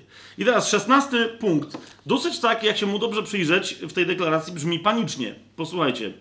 Należy stanowczo wyznawać, jako prawdę wiary katolickiej, jedyność założonego przez Pana Jezusa Kościoła. Wierni zobowiązani są wyznawać Teraz nie jak nie wierzą, to lepiej, żeby uwierzyli. Wierni zobowiązani są wyznawać, że istnieje historyczna ciągłość zakorzeniona w sukcesji apostolskiej pomiędzy Kościołem założonym przez Chrystusa i Kościołem katolickim. Myślę, że już yy, Ratzinger był, był, świadom tego, że to będzie trudne do. Yy, ale liczył chyba na to, że ludzie nie będą sprawdzać i po prostu stwierdzą, no chyba jest. No jak trzeba wierzyć, to przecież będziemy srożej sądzeni. Krótkiej historii religii, yy, pochwalanej, bardzo zalecanej przez przesławnej w pewnych kręgach yy, pamięci Ojca Świętego Piusa X, yy, taki tekst znajdziecie. Szczery katolik powinien się zaopatrzyć w dobry, czyli napisany przez autora katolickiego, podręcznik historii kościelnej, a zobaczy, jak hierarchia kościelna złożona z tylu tysięcy biskupów i kapłanów pozostawała zawsze w ścisłej jedności z sobą przez to, że się jednoczyła ze stolicą apostolską i była posłuszną papieżowi. Zobaczy także, jak Kościół jaśniał zawsze świętością. No to fajnie. Tylko, e, jak na przykład chcemy sprawdzić, i tu już sprawdzamy, tak? Jak chcemy sprawdzić, E, który to papież był po którym papieżu, to wyobraźcie sobie, że e, ta przesławna stolica apostolska, która mówi, że należy ją sprawdzić, e, ma coś takiego, co się nazywa oficjalnym pocztem papieży. Tak, to jest oficjalna lista, że to są ci goście. Z tym, że i ona jest też nazywana listą Mercatiego, dlatego że ją ułożył kardynał Giovanni Mercati w 1942 roku. Nie chodzi mi teraz o to, że, yy, że kardynał Mercati teraz dopiero wymyślił, kto był po kim papieżem, ale chcę wyraźnie powiedzieć, że istniały dosyć poważne problemy w historii papiestwa i w 1942 roku dopiero tak się udało poukładać pewne rzeczy i posprawdzać, czy na kogoś papierów nie ma, żeby ustalić, dobra, to są papieże. Nadal, z całym szacunkiem dla kardynała Mercatiego, uważam, że pominął parę istotnych faktów. Na przykład to, że istnieją tak zwane anu, y, taki, taki periody, który się nazywa Annuario Pontificio, i, y, czyli taki an, rocznik pontyfikalny, y, i to Watykan od pewnego czasu wydaje co roku, tak? I tam też co roku podają, jak aktualnie wygląda stan przekonania Kościoła katolickiego, kto jest papieżem, a kto był. I okazuje się, że co rocznik to czasem tam się zmieniały pewne kwestie, w zależności od tego, jakie dokumenty się znalazły. I się okazywało, że ten był albo nie był. Ten raz był antypapieżem, raz był trzecim antypapieżem. Okej. Okay. Podam wam tylko taki, takie fakty, które myślę, że powinny być zastanawiające. Teraz jak y, papieżem jest Franciszek, który jest Argentyńczykiem, wyobrażacie sobie, że jest pierwszym nieeuropejczykiem kościoła, który twierdzi, że od y, wiecie, 2000 lat jest, jest po prostu na wszystkich prawie kontynentach. Jest pierwszym nieeuropejczykiem od 1272 lat. Duch Święty uważał, że najlepsi na świecie przez 1272 lata byli od 741 roku tylko Europejczycy. Ale okej, okay, jest to możliwe, bo w Europie było, wiecie, centrum sporo nacji, tak? Niemniej wydaje mi się to trochę mniej prawdopodobne, yy, że przez pół tysiąca lat Duch Święty uważał, że najlepszymi na świecie katolikami nadającymi się na papierze są Włosi. Tymczasem okazało się, że dosłownie, jak policzyłem, 455 albo 6 lat, w zależności od tego, jak liczyć, sami tylko Włosi byli papieżami.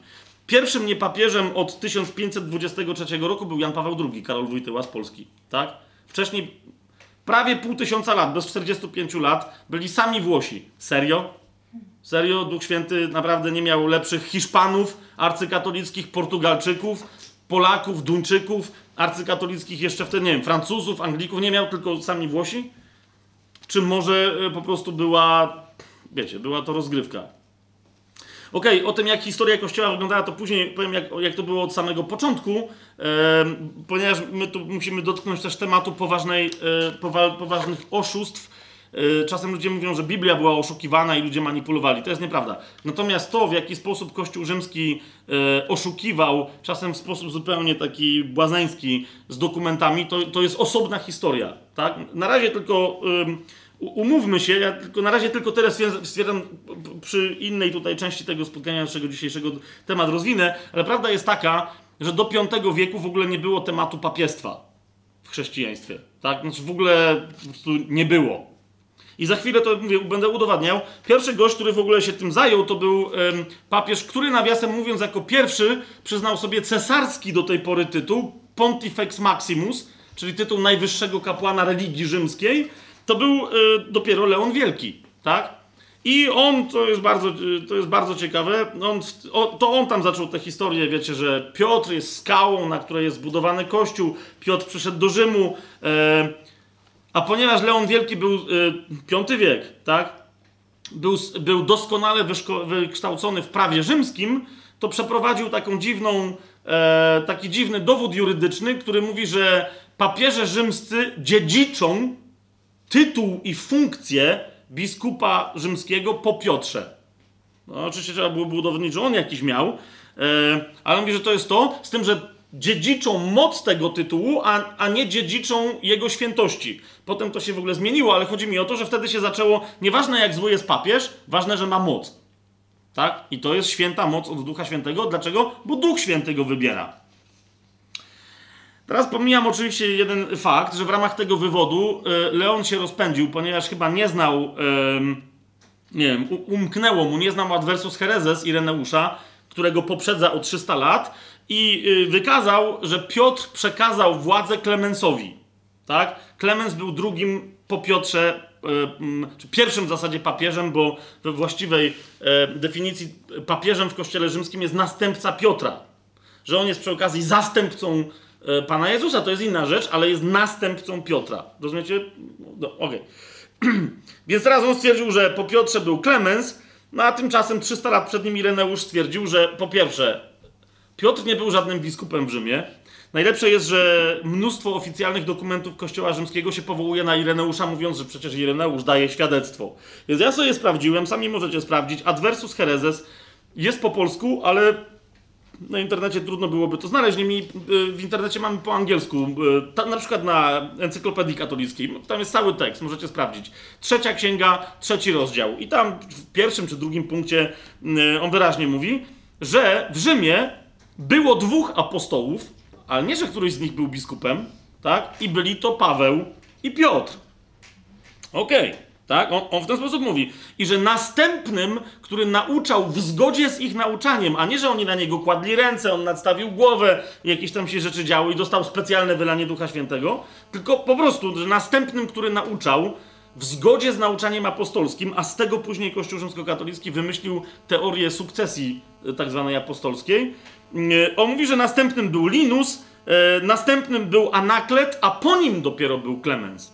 Tak? Więc sami widzicie, że już w tych pierwszych wiekach oni tam nie bardzo mogli dojść, kto był po kim. Tyle tylko, że e, Ireneusz to udowadniał, żeby pokazywać gnostykom, że wiara powszechna, czyli katolicka, tak? Że wiara powszechna jest biblijna, jest jedna, a oni wymyślają historie, których nikt w kościele nie zna, tak?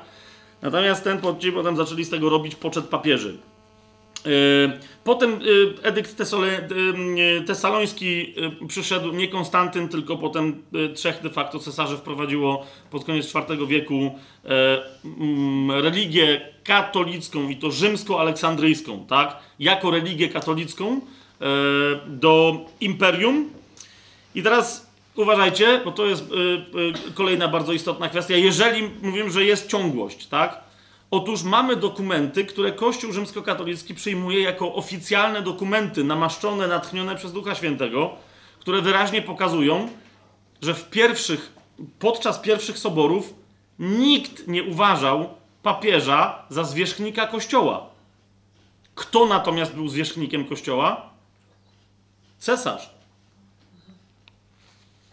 Cesarz jest zwierzchnikiem yy, po prostu, ponieważ on se założył Kościół, no to ma tak? Cytuję, Sobór Nicejski to jest pierwszy sobór, jaki się zebrał, pierwszy y, właśnie zdradziecki sobór ludzi, którzy woleli władzę niż trzymanie się Pisma Świętego. E, e, w tym liście tego soboru do Egipcjan jest wyjaśnione, dzięki łasce Boga i umiłowanemu przez Boga cesarzowi Konstantynowi zebraliśmy się. Czy e, papież zwołał jakieś zgromadzenie? Nie. Dzięki czyjej łasce się zebrali?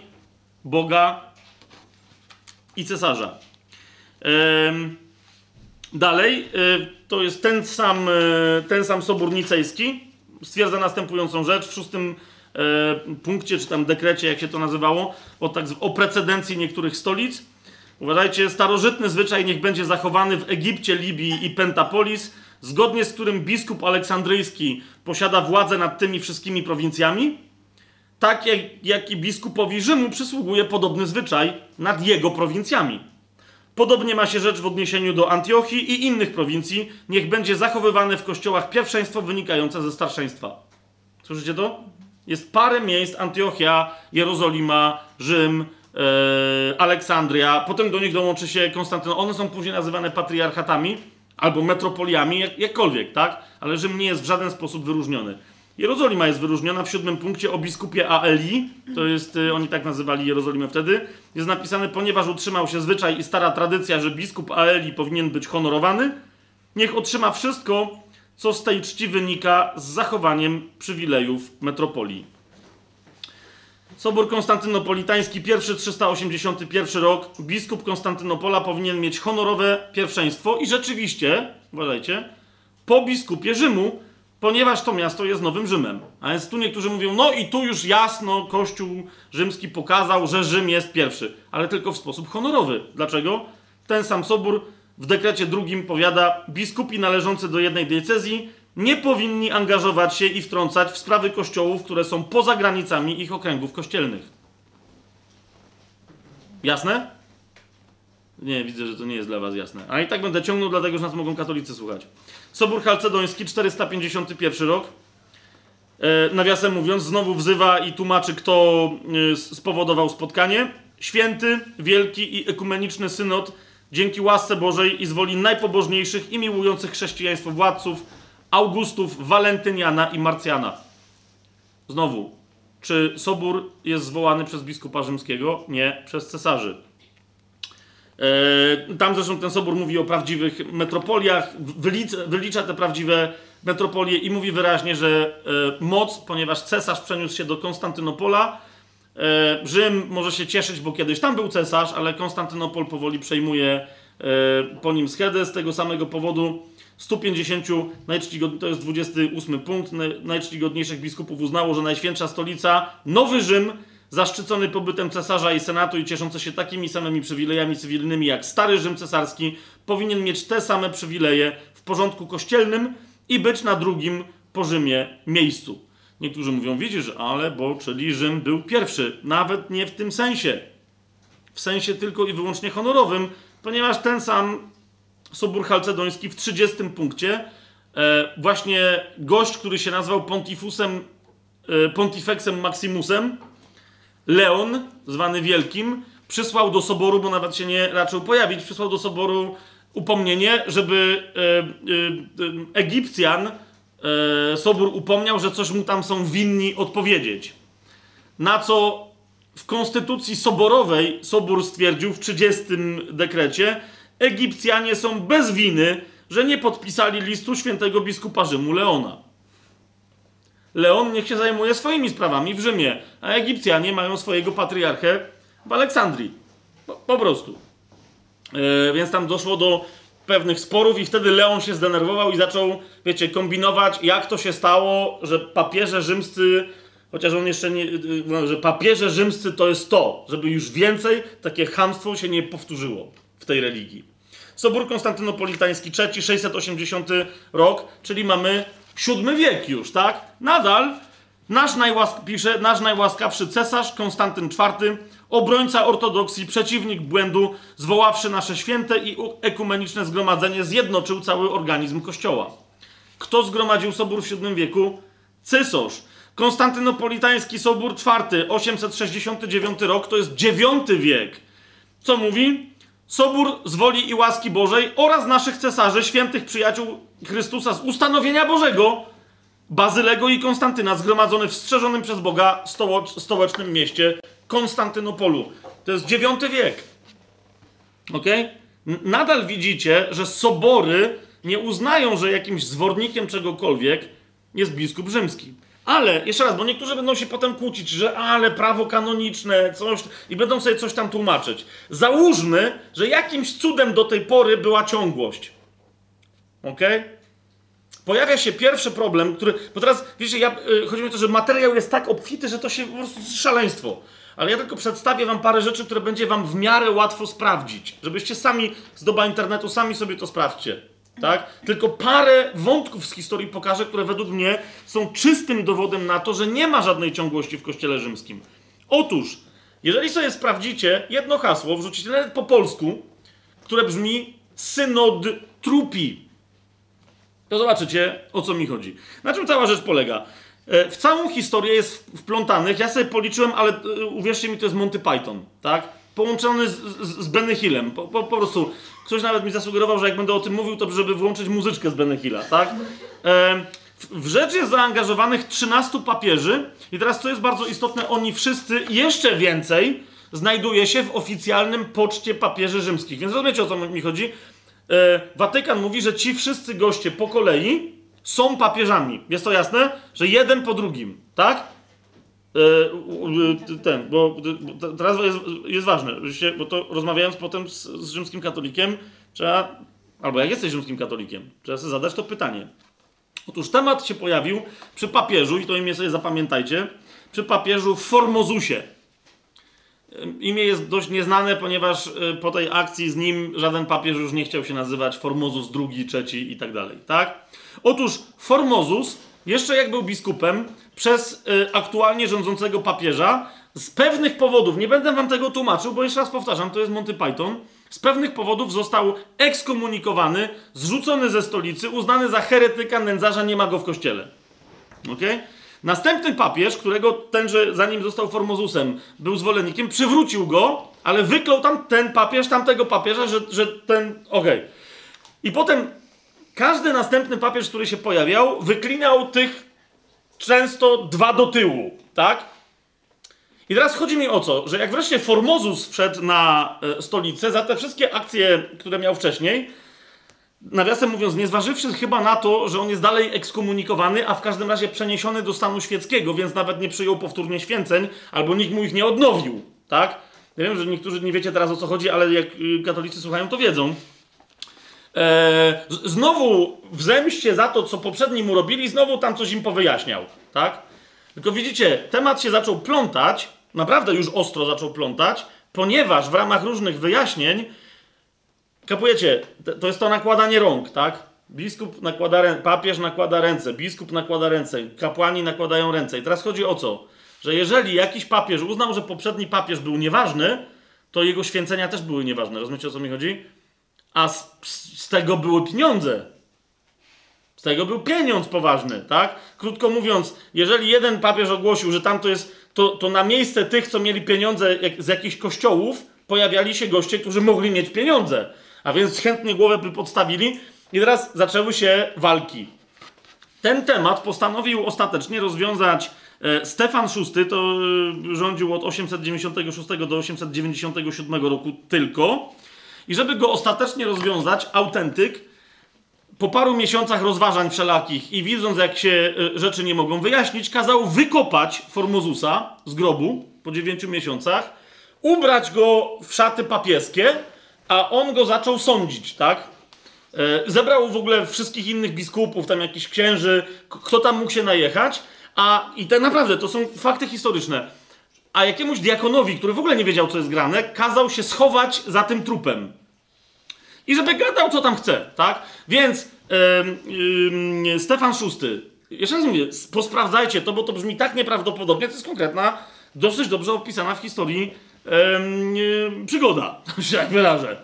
Więc Stefan VI atakował yy, trupa Formozusa, a za niego pytany diakon coś tam ględził, ale nie wiedział o co chodzi. Tyle tylko, że wszyscy mu kiwali, że dobrze mówisz, dobrze mówisz. Im głupiej gadał, tym bardziej wychodziło, że Formozus był kretynem. I na samym końcu Stefan VI stwierdził, że to wyraźnie potwierdza, że jeżeli taki głupi papież który takie głupie rzeczy gada, heretyckie, niepojęte, to jest jasne, że cała ta linia tych papieży y, jest do kitu i koniec, raz na zawsze. I kazał go wyrzucić w ogóle, kazał mu uciąć palce. Ten, ten jeden palec, którym ponoć pokazywał, jak nauczał, drugi, który namaszczał w oleju i namaszczał. W każdym razie, rozumiecie, żeby kogo, komukolwiek on dał jakieś prawa, cokolwiek nie, nie, nie ogłosił, żeby, że to wszystko jest nieważne. ten gość nie był papieżem, bo nie może być heretyk papieżem, a on był heretykiem od początku, co sam wyznał jako trup ustami yy, diakona, który siedział za nim. I teraz, jak już mu ucięli te palce, stwierdzili, że to jest tak nędzny człowiek, ten, ten, ten Formozus, że go wrzucili do rzeki. E, I on się, ten, to truchło jego zaplątało e, tam w zarośla i uznali, że bardzo dobrze i niech będzie widać, że pff, nawet go rzeka nie porwała. Taki, taki nędzarz. Okay? Z tym, że wszyscy znowu księża i inni tam biskupi wyświęceni przez tego Formozusa no wiecie, okazało się, że oni znowu tracą jakieś beneficja, zaczęli rozruchy i te rozruchy trwały w Rzymie przez chyba 7 miesięcy. Nie pamiętam, możecie to sobie sprawdzić, tak? 7 miesięcy się lali. Aż wreszcie dorwali tego Stefana, co sądził na, y, co sądził Formozusa, e, uwięzili go, zadusili go. No i chodzi, to rozumiecie, to właśnie to jest to, Benny Hill z Monty Pythonem, no nie? Potem jego wyrzucili, tego Formozusa z powrotem z tej rzeki ściągnęli, bo on tam dalej kapuje się przez te wszystkie zamieszki plątał w tych ślinach. Więc go wzięli, zrobili mu drugi uroczysty pogrzeb. Ale chodzi o to, że potem następni, yy, mi się, yy, nie wiem czy teraz dobrze powiem, w każdym razie aż do Sergiusza III każdy następny papież nadal ogłaszał, że ten dwa do tyłu to był w ogóle szmaciarz. Teraz chodzi mi o to, kapujecie, jeżeli urząd kościoła, e, nauczycielski kościoła jest nieomylny, e, to oni, któryś z nich miał rację. Rozumiecie o co mi chodzi? Któraś linia miała rację. Jeżeli któraś linia miała rację, znaczy, że któraś druga linia to nie była linia papieży, to znaczy, że są nieważni. Tak? No ale chodzi o to, że w poczcie papieży rzymskich i na liście Mercatiego są wszyscy. Tak? Sprawdźcie sobie od Jana VIII mniej więcej, 13 papieży, e, do Sergiusza III. Nawzajem obrzucających się błotem, wyklinających. Nie wiadomo, czy w ogóle któryś z nich był ważny, bo może. Dobra, nie, nie, nie, nie wdaje się w to. Więc to jest jed, jeden przynajmniej taki okres, kiedy macie 13 papieży, e, którzy, rozumiecie, przynajmniej połowa z nich została przez inną połowę uznana za niepapieży. I nie było żadnego antypapieża. Należy ich powyrywać z pocztu, tylko nie wiadomo których. Tak? Kolejna rzecz. X wiek. To jest nawiasem mówiąc ten wiek, kiedy Polska się zgłosiła, e, Mieszko zgłosił e, Polskę, że ją oddaje w lenno papieżowi. Ok? E, jak sobie sprawdzicie, e, e, Paula zadaje wszystkim pytanie, bo niektórzy tam nie widzą, zadaje, żeby nie przeszkadzać e, tym, co słuchają teraz nagrania, zadaje pytanie, co oni brali. Uwaga, to, bo, za, bo się dopiero zaczęło, a nie, nie, nie skończyło. Więc Mieszko I, 966 rok, wszyscy mówią, że chrzest polski. Wiecie, że nie ma w Watykanie żadnych w ogóle papierów na ten temat.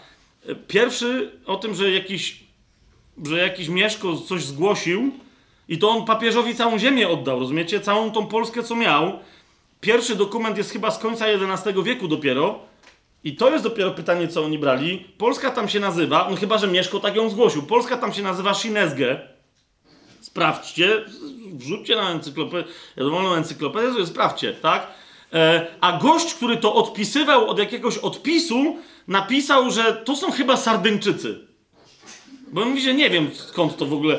Rozumiecie, e, dlaczego? Ponieważ w X wieku, tuż przed tym jak e, Mieszko I zgłaszał Polskę do, do Watykanu, papieżowi oddawał jako lenno wieczyste, że będzie Polska płacić, e, czy ten jego kraj, że będzie płacić e, świętopietrze i wszystkie inne historie, będzie się opiekować księżmi, w tym czasie, tuż przed tym, tak? W Watykanie e, przez parę dziesiąt bardzo długich lat też tych papieży było, ja mam tu ich wypisanych wszystkich raz, dwa, trzy, cztery, pięć, sześć, siedem, osiem, dziewięć, dziesięć, dziesięć. Tych było dwunastu. E, w tym czasie w Watykanie e, panowało coś, co w historii dzisiaj nazywa się pornokracją. Naprawdę, to, nie chodzi mi o to, że oni oglądali porno, chociaż ja nie wiem, co oni tam robili, ale e, chodzi o to, po, czasem po polsku nazywa się też ten okres E, żąda, to mi się podoba po polsku, rządami nierządnic. Teraz najciekawsze jest, że nierządnic, jak sobie policzyłem, było dwie. Tak? Niejaka e, Marozja i chyba Teodoria, czy, czy Teodora, czy Teodor, dwie. Ale teraz chodzi o to, że były tak bardzo wpływowe te panie w Rzymie, nazywane były senatorkami i w ogóle kapłankami i wszystkim naraz, że to one decydowały, kto będzie papieżem. I znowu jest pytanie, yy, serio Duch Święty tak wybierał papieży? Na, naprawdę. Chodzi mi o to, że najpierw Sergiusz III, właśnie ten, wiecie, co jeszcze tam wyklinał tych poprzednich, co tam y, trupi synod, tak? Y, właśnie sobie wziął jako kochankę tą Marozję. Prawdopodobnie y, Jan XI, to jest tam jakiś siódmy papież po nim, był ich synem, ale po drodze, wiecie, kto z kim co zrobił i kto jest czyim wnukiem, to jest yy, trudne do, zupełnie do wyjaśnienia. Chodzi o to, że te dwie panie wiedziały z kim się yy, ustawić, z kim nie, wrzucały na tron papieży. Zresztą jak sobie sprawdzicie, to tam niektórzy tam, wiecie, tam miesiąc, dwa, rok, bach, następny. Yy, takie było konklawę. No nie? Takie było konklawę. I stąd nawet przez długie lata w annałach y, rzymskich po prostu y, wiek X był pomijany.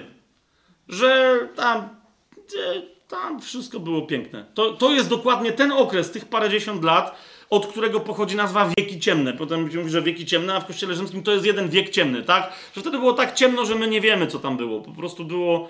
Wiemy, który papież następował po którym, ale było ciemno. Na oficjalnych katolickich encyklopediach zobaczycie na przykład na New Advencie, która jest bardzo rzetelna. E, jednak, e, jak wszystkich piszą, kiedy się papież urodził, o co chodzi, gdzie, z kim był spokrewniony, tutaj jest, że nie wiadomo. Nie, no, nie, no, ciemny wiek był, jest bardzo mroczno, nie wiadomo. Jeszcze raz sprawdźcie sobie sami dokładnie, jak chcecie to, na to popatrzeć. Według mnie to jest farsa. ok? Cały X wiek to jest farsa. Pornokracja to jest farsa. E, to jest po prostu ustawianie się do rządów e, nowego Rzymu, ale to nie ma nic, nic, wspólnego z Duchem Świętym i z jakimikolwiek mm, e, wyborami. Nawiasem mówiąc, ta pornokracja zakończyła się w taki dosyć interesujący sposób, ponieważ w 964 roku skończył e, tę pornokrację Leon VIII, który chyba z nikim tam nie był za bardzo spokrewniony, Dlaczego? Ponieważ został wybrany na papieża zupełnie świecki człowiek. Po prostu przyjechał cysarz, znowu, e, tylko tym razem z Niemiec, e, zdenerwowany. E, Otton I, ten Otton, którego my też z historii Polski tam, pamiętacie, on tam potem z Mieszkiem coś tam się ustawiał i tak dalej, w różne historie. No i on po prostu stwierdził, to jest gość, ten, to jest dobry zawodnik. On tu w nic nie był utopiony, a znał się na działalności kuriej kurii rzymskiej, ponieważ był tak zwanym protoskrinariusem i tam po prostu papiera, papierami rządził, tak? I to jest świetny gość, nie miał żadnych dzikich układów, nie ma żadnych dzieci na boku, ani z lewej, ani z prawej strony. Wszystko gra. Wybrali go na papieża i wtedy się zorientowali, że on nawet nic, nie ma nawet, wtedy było 7 stopni święceń w kościele i nie ma żadnych, tak?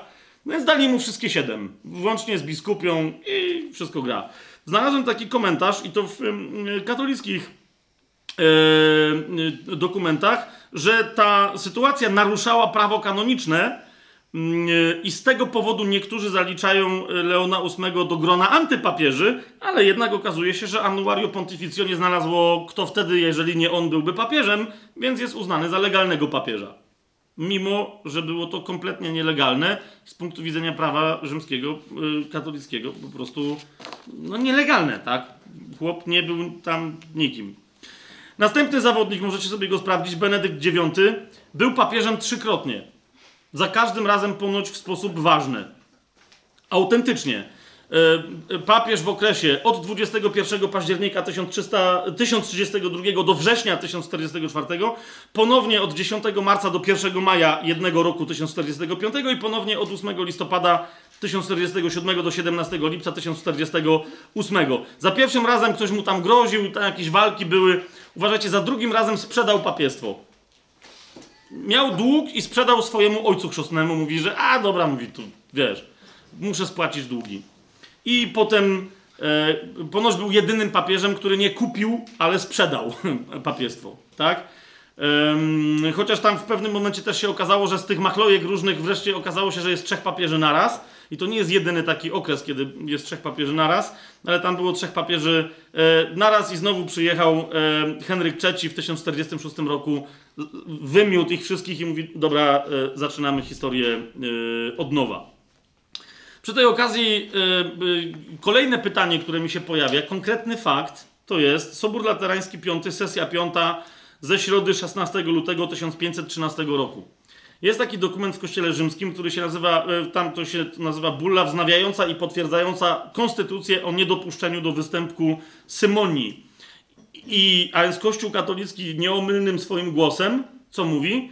Jeśli zdarzyłoby się, do czego Bóg w swojej łaskawości i dobroci względem wszystkich niech nie dopuści, no ale jednak gdyby się zdarzyło, że będzie się odbywać wybór papieża biskupa Rzymu i ten, kto będzie wybrany, lub kto inny, albo jacyś kardynałowie ze zgromadzenia, w jakikolwiek sposób oddający głos, dopuszczą się herezji Symonii, co to jest?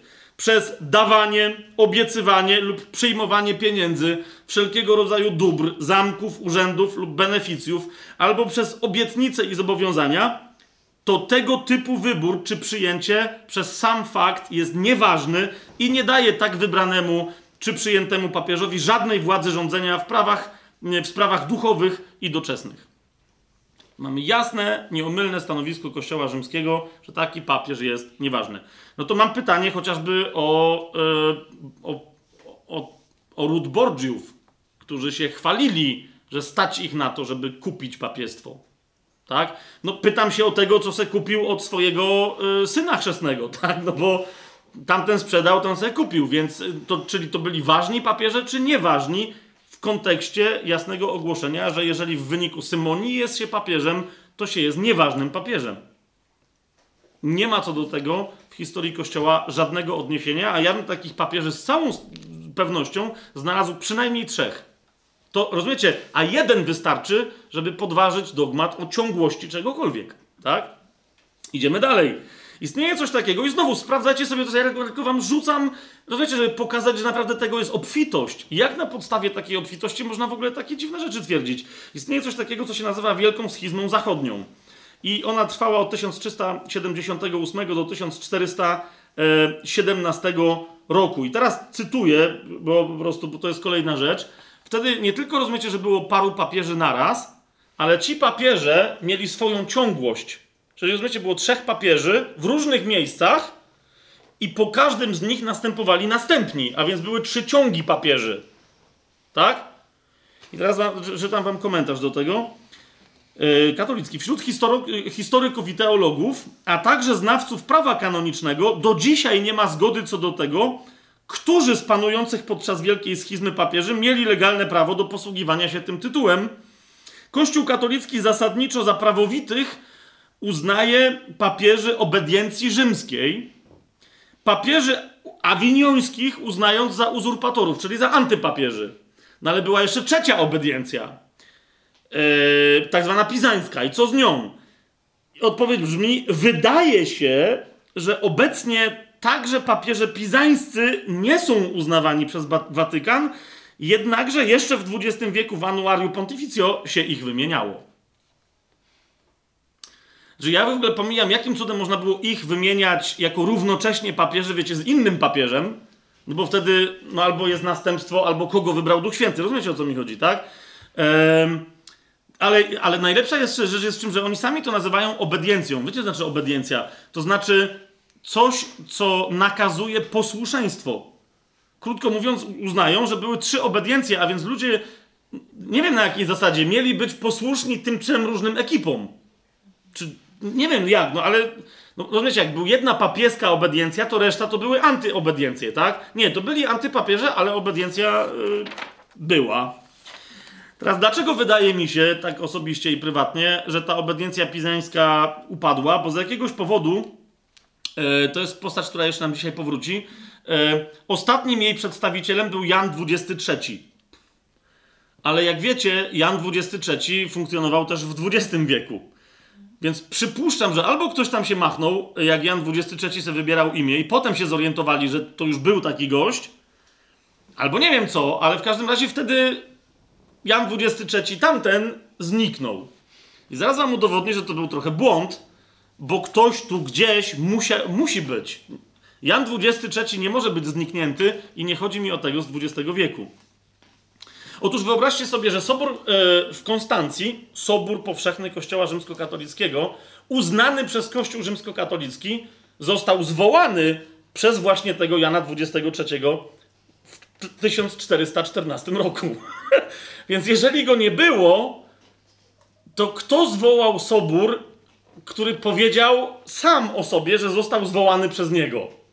Rozumiecie? I nazywa go papieżem. Teraz najlepsza akcja jest w ogóle ten sobór jest ważny też dla Polski. Rozumiecie, to jest je, chyba jedyny sobór, który rozważa w ogóle sprawy narodowe, ale tam, była, tam był taki bałagan, że chyba im przez przypadek to zostało. W każdym razie wyobraźcie sobie, że do soboru, do oficjalnego nauczania Kościoła katolickiego weszły między innymi e, list e, Władysława Jagieły, bo to wiecie, 1414 to były akcje z krzyżakami po Grunwaldzie, tak? Więc między innymi w nauczaniu oficjalnym Kościoła Rzymskiego znajduje się list Władysława Jagieły, równocześnie z listem od wielkiego mistrza zakonu krzyżackiego i równocześnie z listem, który się z tamtymi zasadniczo w jednej albo w drugiej kwestii nie zgadzał, rektora Uniwersytetu Jagiellońskiego, który chciał zostać sam papieżem. Okay?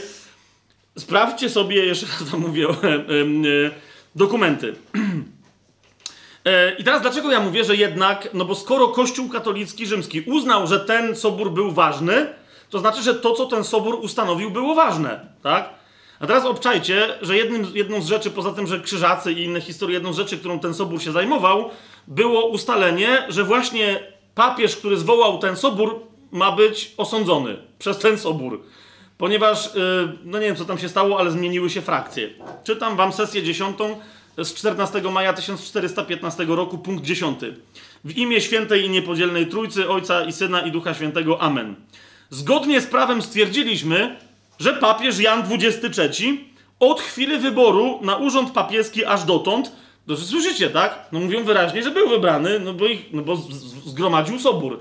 Nie zmienia to jednak faktu, że jak sobór się przyzna, przy, przyjrzał, kto ich zgromadził, to uznał, że tenże papież aż dotąd źle zarządzał, źle panował i źle kierował urzędem papieskim i państwem kościelnym ku ustawicznemu zgorszeniu siebie i kościoła.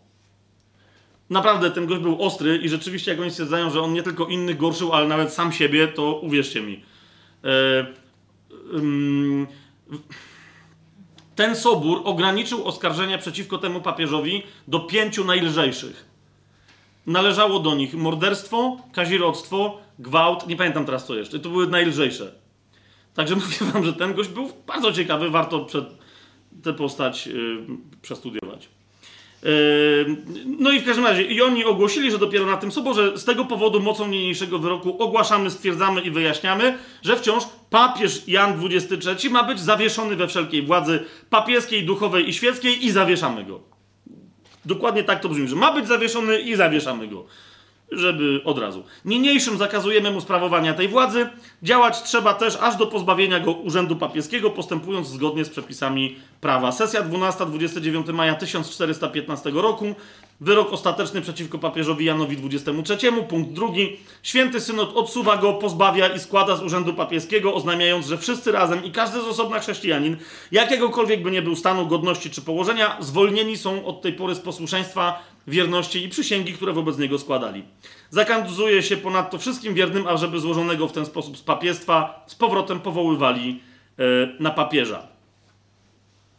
Jeszcze raz. E, po pierwsze, jeżeli w XX wieku pojawił się jakiś Jan XXIII, to znaczy, że w XX wieku Kościół uznał, że tamten Jan XXIII nie był papieżem, ale to znaczy, że nie uznaje dokumentów, które uznał, że są oficjalnymi dokumentami Soboru, a poza tym nawet nieważne, chodzi o to, że tak czy siak sam ten sobór, skoro jest uznany za prawdziwy, sam uznaje, że to był papież, tylko którego zdjęli.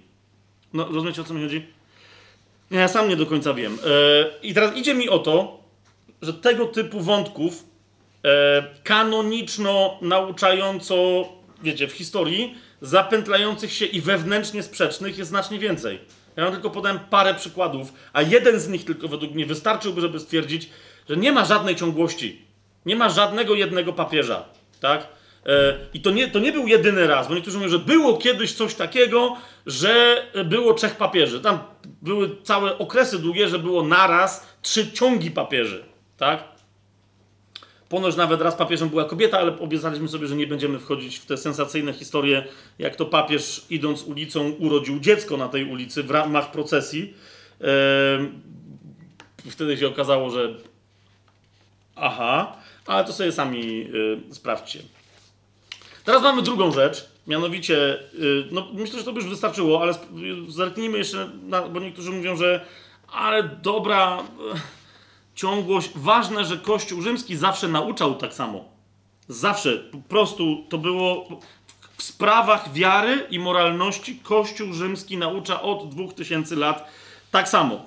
E, istnieje coś takiego jak młodzieżowa wersja katechizmu Kościoła katolickiego. Teraz nazywa się UCAT. Ktoś z Was to widział? Taki, taki żółty? Okej.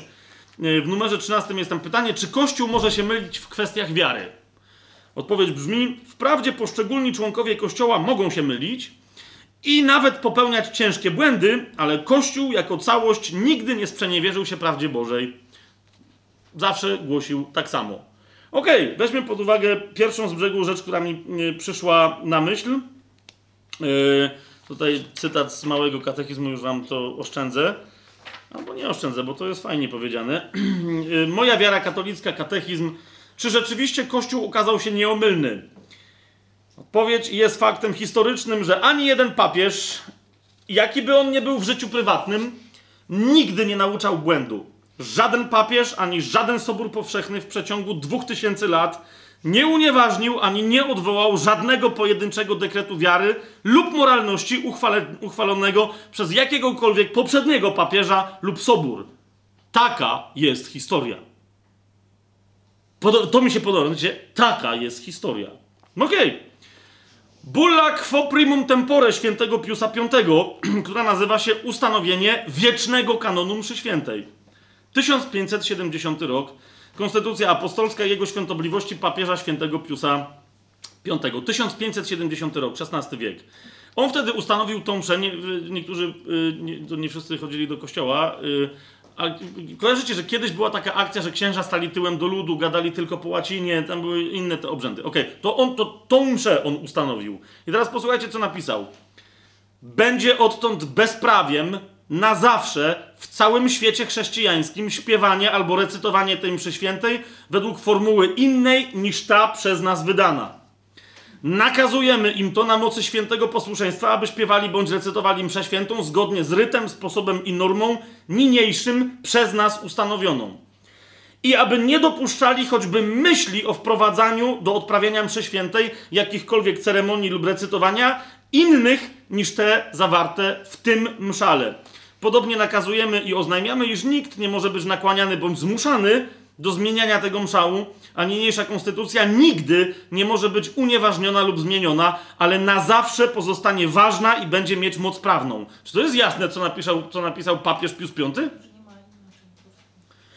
Ale on jeszcze dalej, bo, bo on wiedział, że o, znam sprawę, wiem jaką mamy ciągłość, więc jeszcze stwierdził podobnie. Nikomu nie wolno naruszyć lub nierozważnie zmienić tego tekstu naszego zezwolenia, ustanowienia, nakazania, polecenia, skierowania, przyznania, indultu, deklaracji, woli, dekretu i zakazu. Ktokolwiek by się ośmielił tak uczynić, niech wie, iż naraża się na gniew Boga Wszechmogącego oraz błogosławionych apostołów Piotra i Pawła. Po czym w XX wieku jest nowa msza? Teraz to nie jest nauczanie w kwestii wiary i moralności, jak ma msza wyglądać. No według mnie jest, tak? Teraz widzicie, nie, nie dziwcie się, jak spotkacie katolików, który, którzy będą, jak to niektórzy ich pieszczotliwie nazywają, naprawdę pieszczotliwie, pomponiarzami, czyli na przykład będą tak zwanymi katolikami integralnymi, e, sedewakantystami, ultramontanistami itd., tak itd., tak no, że oni mówią, że no, nie ma. Jeżeli Kościół rzymski się sprzeciwił temu tak jasno, wyrażonemu, tak jasno wyrażonej woli nieomylnego papieża, to znaczy, że przesadził, to znaczy, że już nie jest tym kościołem. Rozumiecie o co chodzi? I są tacy, którzy uważają, że nie ma papieża od Piusa XII. Niektórzy, że nawet wcześniej i tak. Sobór Watykański II, zapomnij. Ale Kościół rzymski cały czas e, co chwila coś zmienia, tak jak tutaj, a potem mówi, my nic nie zmieniamy. A ci ludzie, którzy mówią, ej, bo my wierzymy w to, co było wcześniej. Kościół mówi, nie, wy jesteście heretykami, nie rozumiecie, że my cały czas głosimy to samo. Jak e, w XIX wieku został ogłoszony dogmat o nieomylności papieża, to jacyś tam ludzie się podnieśli i mówią, ej, bo to będzie trochę dogięcie, bo naprawdę wystarczy spojrzeć wstecz. Nie! Papież jest nieomylny. To część ludzi się oddzieliła, mówi, nie, nie, bo to będzie bez sensu. I oni są nazywani starokatolikami, i tak dalej, i tak dalej. Tak można sięgać, co chwila Kościół rzymski coś zmienia, co było jego własną tradycją, A ci ludzie, którzy mówią, ej, ej, ale my się chcemy trzymać starych tematów, to wtedy nowy kościół, po już po tej zmianie, mówi, my zawsze nauczymy, nauczamy tego samego. To wy jesteście heretykami i schizmatykami, oddzielacie się, nie słuchacie papieża, który od dwóch tysięcy lat głosi to samo. Takich tematów byłoby mnóstwo, ale jest jeden, y, który trzeba poruszyć, gdyż y, po prostu pokazuje, bo wiecie, jak, jak jest msza taka czy inna, to co mnie to obchodzi. Ale to jest poważny temat, ponieważ to jest temat hipokryzji tyczącej się naprawdę setek tysięcy istnień ludzkich. Chodzi mi o tortury yy, i o yy, karę śmierci związaną z wymuszaniem yy, wiary rzymskokatolickiej i posłuszeństwa papieżowi. Okay? Już Tomasz Zakwinu w sumie teologicznej musiał, no bo wiadomo, był dominikaninem, czyli oni, a później do nich jeszcze franciszkanie dołączyli, to, to była ta ekipa, która była odpowiedzialna za inkwizycję E, w sumie teologicznej pisze, co się tyczy kacerzy, czyli wszystkich właśnie heretyków, co się tyczy kacerzy, ci dopuścili się takiego grzechu, że usprawiedliwia on nie tylko wyklęcie z kościoła, ale także poprzez karę śmierci usunięcie z tego świata. Eee, usłyszycie, i zaraz wam to przeczytam, że Kościół Rzymski mówi, że nigdy w życiu, no to był, to tak, były takie głosy, ale to nie było oficjalne nauczanie Kościoła. Niektórzy powołują się, że najostrzejszy dokument, jaki powstał, to była bulla Innocentego IV, y, ad extirpanda się nazywała, czyli aby wykorzenić. I może to było najgorsze, a przeczytajcie sobie i to było wszystko, co naprawdę nic więcej się nie wydarzyło. Zawierała ona 38 reguł i zasad postępowania z heretykami. Cytuję. Ponieważ heretycy są mordercami dusz, oraz rabusiami sakramentów bożych i wiary chrześcijańskiej. E, później jeszcze dotkniemy tematu, że w większości to byli ludzie, którzy nie chcieli uznawać prymatu papieża w dużej mierze. Ci, przeciwko którym e, między innymi ten Innocenty IV występował, tak? Stwierdzili, że chcą czytać Pismo Święte i żeby im dali spokój, tak?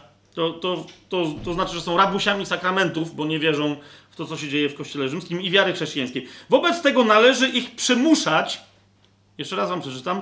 Wobec tego należy ich przymuszać, tak jak złodziei i bandytów, do wyznania swoich błędów, oskarżania innych heretyków oraz wydania osób, które udzieliły im schronienia. I teraz uwaga, jednak należy uważać, aby przy tym nie narażać na utratę ich życia lub zerwanie kończyn. Czyli wyraźnie było powiedziane, nie zabijajcie, nie wyrywajcie nóg, rąk i głowy, nie, nie wyrywajcie ale cała reszta była e, dozwolona, czyli tortury. To jest reguła 25 e, bulli e, ad extirpanda. No i niektórzy mówią, że później, zresztą następny papież zakazał tortur. Zgadza się, to był papież Pius VII w XIX wieku. Zakazał stosowania tortur. I teraz, jak się o tym dzisiaj Kościół rzymskokatolicki wypowiada? Vaticanum Secundum dignitatis humane Y, to jest o wolności religijnej, ale słyszycie, dignitatis humane, godność, o godności ludzkiej, tak? A więc co nam dwudziestowieczny Sobór mówi w punkcie 12? Kościół więc, wierny prawdzie ewangelicznej, idzie śladami Chrystusa i apostołów, kiedy uznaje i popiera zasadę wolności religijnej. Pomijam, yy, że jeszcze tuż przed Soborem niektórzy mówili wręcz przeciwnie, ale na razie to zostawmy. I teraz uważajcie, w ciągu wieków przechował i przekazał potomności naukę otrzymaną od mistrza i apostołów. I teraz, y, zdanie, gdzie, y, jak to studiowałem, y, ból serca i mam znowu. Chociaż w życiu ludu Bożego, pielgrzymującego przez zmienne koleje ludzkich dziejów, nieraz pojawiał się sposób postępowania nie dość zgodny z duchem ewangelicznym, a nawet mu przeciwny, zawsze jednak trwała w kościele nauka, że nikogo nie wolno przymuszać do wiary. No, nie wyrywając kończyn i nie odbierając życia, ale to nie jest wszystko, bo zaraz wam hipokryzja przerażająca. Okay? Katechizm Kościoła katolickiego, jeszcze świeższa rzecz, na bazie Soboru Watykańskiego II, punkt 2297. Stosowanie tortur polegające na przemocy fizycznej lub moralnej w celu uzyskania zeznań, ukarania winnych, zastraszenia przeciwników, zaspokojenia nienawiści jest sprzeczne z poszanowaniem osoby i godności ludzkiej. Wszyscy się z tym zgadzamy, prawda? No przecież jest sprzeczne, no jak możesz. Punkt 2298. w czasach minionych te okrutne praktyki były powszechnie stosowane przez legalne rządy. Po co nam jest ta informacja potrzebna? Otóż w czasach minionych te okrutne praktyki były powszechnie stosowane przez legalne rządy w celu utrzymania prawa i porządku, często bez sprzeciwu ze strony pasterzy kościoła, którzy w swoim sądownictwie przyjęli, jakby tu dodam, no jakby tak niechcący, no bo wiecie, wszystko było legalne, przyjęli przepisy prawa rzymskiego dotyczące tortur. Mimo tych godnych pożałowania faktów, Kościół zawsze pouczał o obowiązku łagodności i miłosierdzia. No, nie wyrywać kończyn. Zabraniał osobom duchownym przelewania krwi. Fakt y, jest, nawet, ja nie pamiętam teraz, który to jest sobór, ale jakby ktoś tam się bardzo naprawdę rzucał, to to znajdę. E, przypomina księżom, że jest trochę obciachem i że pod żadnym pozorem nie powinni, powinni przestać uprawiać zawód kata, rzeźnika itd., tak itd. Tak Rzeczywiście yy, w pewnym momencie yy, jeden sobór o tym przypomniał. Ale teraz nie o to mi chodzi. Więc Kościół zawsze pouczał o obowiązku łagodności i miłosierdzia. Zabraniał osobom duchownym przelewania krwi. W ostatnich czasach stało się oczywiste, w ostatnich czasach stało się oczywiste, że te okrutne praktyki nie były ani konieczne dla porządku publicznego, ani zgodne ze słusznymi prawami osoby ludzkiej. Przeciwnie, praktyki te prowadzą do jeszcze większych poniżeń. Serio?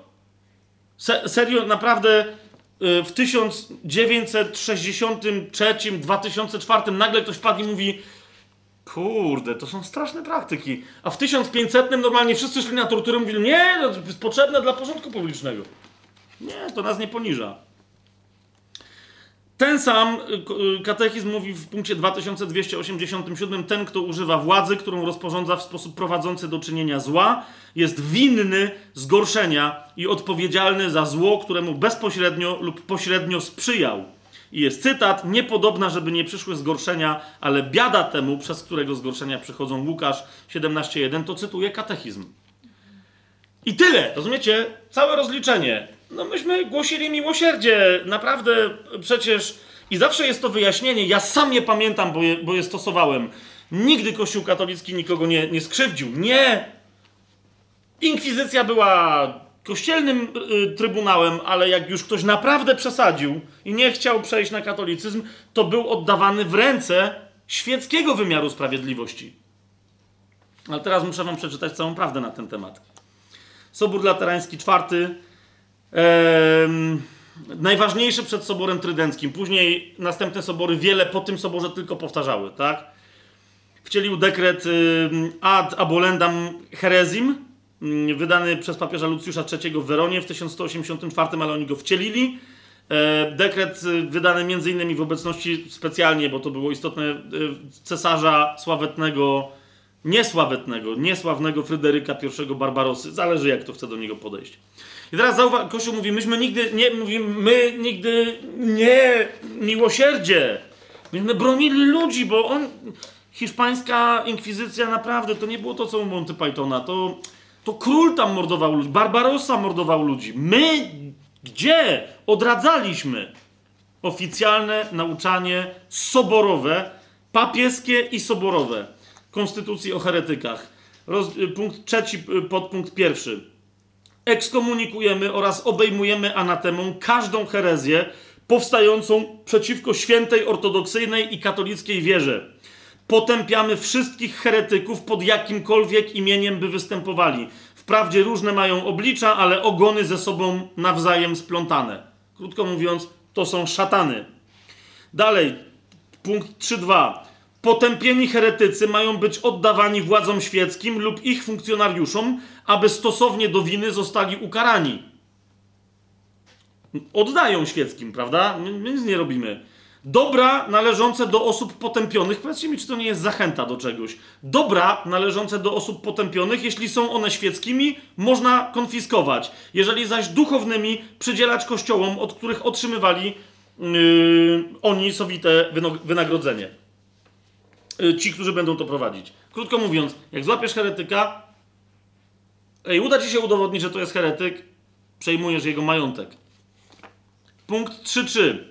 Osoby, choćby tylko podejrzane o herezję Jeżeli nie wykażą własnej niewinności przez odpowiednie oczyszczenie siebie z zarzutów, ukarani będą następnie mieczem anatemy i unikani przez wszystkich, dopóki odpowiednio nie zadośćuczynią. Jeżeli trwać tak będą przez rok i pozostaną w stanie ekskomuniki, zostaną potępieni jako heretycy. Jeżeli ktoś rzucił na ciebie podejrzenie, że jesteś heretykiem, to była twoja sprawa, żeby udowodnić, że nie jesteś. Tylko podejrzenie. Ok? Nawiasem mówiąc, wtedy, nawet jeżeli ktoś jako heretyk w niektórych regionach nie ginął, to uważajcie, czy się wam to nie kojarzy z czymś. Już myślę, że mieliście sporo skojarzeń, ale nie wolno było się z nim kontaktować. Nie mógł kupić ani sprzedać. Punkt 3.4. Napomina się zaś i nakłania władze świeckie. Aha! My nic nie robimy, oddajemy wszystkich władzom świeckim, ale co mają władze świeckie robić? Napomina się zaś i nakłania władze świeckie, niezależnie od sprawowanego urzędu, a gdyby było konieczne, przymusza się pod groźbą kary kościelnej, jeżeli chcą być uważani za wierzących, do złożenia publicznej przysięgi, że dołożą wszelkich starań dla obrony wiary i wyłapania heretyków i tak dalej. Krótko mówiąc, było my oddajemy heretyków władzy świeckiej, ale gdyby władza świecka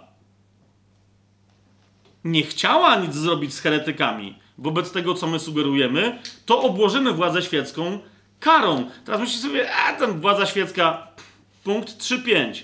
Co to oznaczało? Jeżeli pan świecki, wzywany i upominany przez Kościół, zlekceważy oczyszczenie swej ziemi skalającej tę ziemię herezji, zostanie spętany węzłem ekskomuniki przez metropolitę oraz pozostałych biskupów tejże prowincji. Jeżeli w ciągu roku nie dopełni tego, powiadomi się papieża, aby mógł ogłosić, że odtąd jego wasale zwolnieni są z wierności wobec niego i udostępni się jego ziemię innym katolikom, którzy wypędziwszy heretyków są jej posiadaczami bez możliwości jakiegokolwiek sprzeciwu. Rozumiecie o co mi idzie? My nic nie robimy, to świeccy przecież się tym zajmowali, ale gdyby jakiś świecki się tym nie zajął, to straci całą ziemię. Jeżeli jest Panem, który może o tym decydować i nie napuści na heretyków swoich siepaczy, to my napuścimy jego siepaczy na niego i przestanie być Panem. Punkt 3.6. Katolicy zaś, którzy po przyjęciu znaku krzyża przyczynią się do wytępienia heretyków, niech się cieszą odpustem i świętym przywilejem, których udzielono udającym się na pomoc do Ziemi Świętej. Krótko mówiąc, jak się sami tym zajmiecie, bez żadnych sądów, jeszcze lepiej. Macie wszystkie przywileje, takie same jak ludzie na krucjatach. A jakież to były przywileje? Czy warto było ryzykować? Punkt 71-25. My zaś ufni w miłosierdzie wszechmogącego Boga oraz w powagę świętych apostołów Piotra i Pawła, mocą władzy związywania i rozwiązywania udzielonej nam przez Boga jakkolwiek niegodnym, udzielamy odpustu zupełnego za grzechy to była jedna z nagród dla krucjaty. Obiecujemy im, że w dniu wynagradzania sprawiedliwych otrzymają pełnię zbawienia wiecznego. Ja nie wiem, czy to nawet w ramach nauczania Kościoła rzymskokatolickiego było właściwe nauczanie. Wiecie o co mi chodzi? Punkt 71-26. No bo ktoś powie, dobra, ale to oni dostali tylko e, odpust zupełny i musieli tam w miarę żyć, żeby mieć punkt 71-26. Udzielamy też pełnego odpuszczenia grzechów tym, którzy nie wezmą udziału w krucjacie osobiście, ale wyślą tam na swój koszt, stosownie do wielkości swojego majątku oraz rangi osoby, odpowiednich ludzi. Jak również i tym, którzy wezmą w niej udział osobiście, ale na koszt innych. Pragniemy i zezwalamy, by w tym odpuszczeniu grzechów, stosownie do rodzaju udzielonej pomocy, mieli udział również ci wszyscy, którzy będą służyć Ziemi Świętej wsparciem ze swoich majątków, albo ofiarują jej w potrzebie radę i stosowne środki obrony. Jasne to jest? To było przymuszenie, to był szantaż nawet na władcach świeckich, którzy nie chcieli nic robić, nie mieli nic wspólnego z krucjatą, tak? A potem też udzielenie ekstra odpustów, rozgrzeszeń wieczystych i innych kwestii, po to, żeby się zajęli heretykami. Grzegorz IX w dokumencie Excommunicamus et Anathematizamus, czyli ekskomunikujemy i obkładamy anatemami, zezwala bardzo wyraźnie na tortury, na karanie śmiercią i w ten sposób się zaczyna yy, Inkwizycja. Papież Paweł VI, właśnie Karafa, niesławnej pamięci. Specjalny, bo wiecie, y, okazało się, że niektórzy, nawet inkwizytorzy w XVI wieku zaczęli wymiękać wobec tego, co się działo, bo wiecie, y, nie zabijali, może i nie wyrywali rąk, rąk czy nóg, ale jedną ze sławnych ich tortur było to, że wieszało się człowieka, podciągało się go, w sensie składało mu się ręce z tyłu, zawiązywało i podciągało na linię, a potem gwałtownie opuszczało i dopiero zatrzymywało, blokowało tuż nad ziemią, tak? To ci nie wyrwało rąk. Ale wiecie o co mi chodzi. E, no i inne rzeczy. Torturowanie rozpalonymi żelazami genitaliów, zwłaszcza kobiet, wyrywanie im piersi i tak dalej. I niektórzy stwierdzili, że okej, okay, może ich nie zabijamy, ale trochę chyba jest to dogięcie. Wtedy pojawił się dekret papieża Pawła IV 29 kwietnia 1557 roku, w którym e, czytamy: Ponieważ zdarza się często, że w kongregacjach, które zajmują się sprawą herezji, obecne są osoby duchowne, często biskupi, arcybiskupi, a nawet kardynałowie, i bywa tak, że z ich głosowania bądź wyroku wynika kalectwo, przelanie krwi, a nawet śmierć, my, to jest Paweł IV, dla bezpieczeństwa i spokoju ich sumień udzielamy im władzy nie tylko wydawania postanowień dotyczących badania i tortury, ale także władzy wydawania wyroków z karą okaleczenia, przelewania krwi i śmierci włącznie, i to bez popadania w jakiekolwiek cenzury i nieprawidłowości kanoniczne z tego powodu. Okay? Później 28 października jeszcze poprawił, bo chyba niektórzy nie zrozumieli tego samego roku, udzielił generalnej dyspensy całemu personelowi świętego oficjum inkwizycji, żeby nie czuli wyrzutów sumienia, kiedy będą stosować e, tortury. Bardzo jasno e, im to przedstawił. Kapujecie o co mi chodzi? Jak potem, e, co, co, czytamy, Sobór Watykański II, co, co mówi? Nieraz pojawiał się sposób postępowania nie dość zgodny z duchem ewangelicznym, a nawet mu przeciwny, zawsze jednak trwała w kościele nauka, że nikogo nie wolno przymuszać do wiary? Katechizm kościoła, co tu mówi? Yy, mimo tych godnych pożałowania faktów, Kościół zawsze pouczał o obowiązku łagodności i miłosierdzia? No chyba wobec torturujących. Sprawdźcie sobie sami tę historię. W momencie, kiedy w 1933 roku bodaj późniejszy papież e, Pius XII, wtedy nie papież, ale legat papieski w hitlerowskich Niemczech, podpisywali e, konkordat z hitlerowskimi Niemcami, go podpisali, dzięki czemu hitlerowskie Niemcy w ogóle zyskały na arenie międzynarodowej. W trakcie podpisywania tego konkordatu wyobraźcie sobie na pytanie, że czy rzeczywiście polityka niemiecka musi być taka ostra wobec Żydów, chyba nawet sam Hit, nie Hitler, tylko Goebbels powiedział legatowi papieskiemu, mówi przecież my tylko próbujemy kontynuować to, co Kościół rzymskokatolicki robił z Żydami od półtora tysiąca lat. Na co legat papieski przyjął to splunięcie ciężką flegmą w twarz milczeniem. Niektórzy mówią, że tak nie było. Jest parę dokumentów, które wyraźnie to yy, yy, zapisują, że tak było. Dlaczego legat, bo tak bardzo chciał podpisać konkordat, yy, tak zareagował? Nie, po prostu Goebbels powiedział mu prawdę. Czy to był tam któryś tam z nich? Powiedział mu prawdę. Nie, nie chcę nawet tego tematu poruszać bo to jest kolejna yy, ostra kwestia, ale yy, jedną rzecz wam tylko przeczytam. 14 lipca 1555 roku ten sam Paweł IV nie tylko, że pozwolił na wszystkie tortury i tak dalej, ale wydał na przykład bullę cum nimis absurdum, to dobrze się nazywała, w której yy, określa bardzo wyraźnie, nie po raz pierwszy w Kościele Rzymskim, ale to jest oficjalny dokument nieomylnego papieża, yy, określa warunki utworzenia getta dla Żydów. To nie Niemcy wymyślili w Warszawie, ok? Czy w Krakowie. Ponieważ, cytuję, ponieważ jest głupiem i niestosownym, by Żydzi, których Bóg skazał na wieczną niewolę, mieszkali razem z, chrze- z chrześcijanami, przeto rozkazujemy, że wszyscy Żydzi winni mieszkać w jednej dzielnicy. Ulica, względnie kwartał żydowski, mają być otoczone murem i winny mieć tylko jedno wejście. Nadto może się tam znajdować tylko jedna synagoga, wszystkie inne muszą być zburzone. Swoje posiadłości za kwartałem żydowskim mają Żydzi odsprzedać chrześcijanom. Odsprzedać. Wznawia się dawny przepis, by mężczyźni nosili żółte kapelusze, żydowscy, żydowscy, by mężczyźni nosili żółte kapelusze, a kobiety żółte welony dla odróżnienia od chrześcijan. Zabrania się im wszelkiego handlu, nawet żywnością. Żydom wolno handlować jedynie starzyzną. Mogą sobie coś znaleźć na śmietniku i tym mogą handlować. Jak coś zarobią, to Rozumiecie o co mi chodzi? Bo to, bo to jest kwestia. tak, zrobię teraz krótką dygresję, bo słyszycie, co się dzieje, tak? To jest, ja już nie mówię, co i dzisiaj Kościół Rzymski powie, potwierdzamy, że Paweł IV był nieomylny, kiedy, kiedy ustanowił nie, e, swoim, swoją smutną bullą e, zamknięcie Żydów i żeby chodzili jak kretyni w żółtych czapkach, żeby z daleka było widać, że idzie, że idzie trendowaty Żyd e, albo Żydówka. Myśl, myślisz, że dzisiaj Kościół potwierdzi, że to się, że to oni mówią po, po Holokauście, powiedzą, że tak, tak, się zgadzamy. To jest wstydliwe, tak? Chodzi mi tylko o to, że ten kościół cały czas mówi, że jest kościołem chrześcijańskim, jedynym prawdziwym, który założył Chrystus i który kontynuuje nauczanie Chrystusa. Rozumiecie o co mi chodzi? I potem ludzie, ty idziesz do kogoś i mu mówisz Pismo Święte, a on ci pluje i mówi, jasne, najpierw wskrześ tych wszystkich Żydów, co się pomordowali. Ja ich nie mordowałem. Jak to nie? Przecież chrześcijanie to robili. I okazuje się, że cała historia tego, co chrześcijanie porobili i jak nagorszyli ludzi, to jest historia Kościoła Rzymskiego, tak? A, a, a nie historia chrześcijan. Dlatego jestem taki poruszony.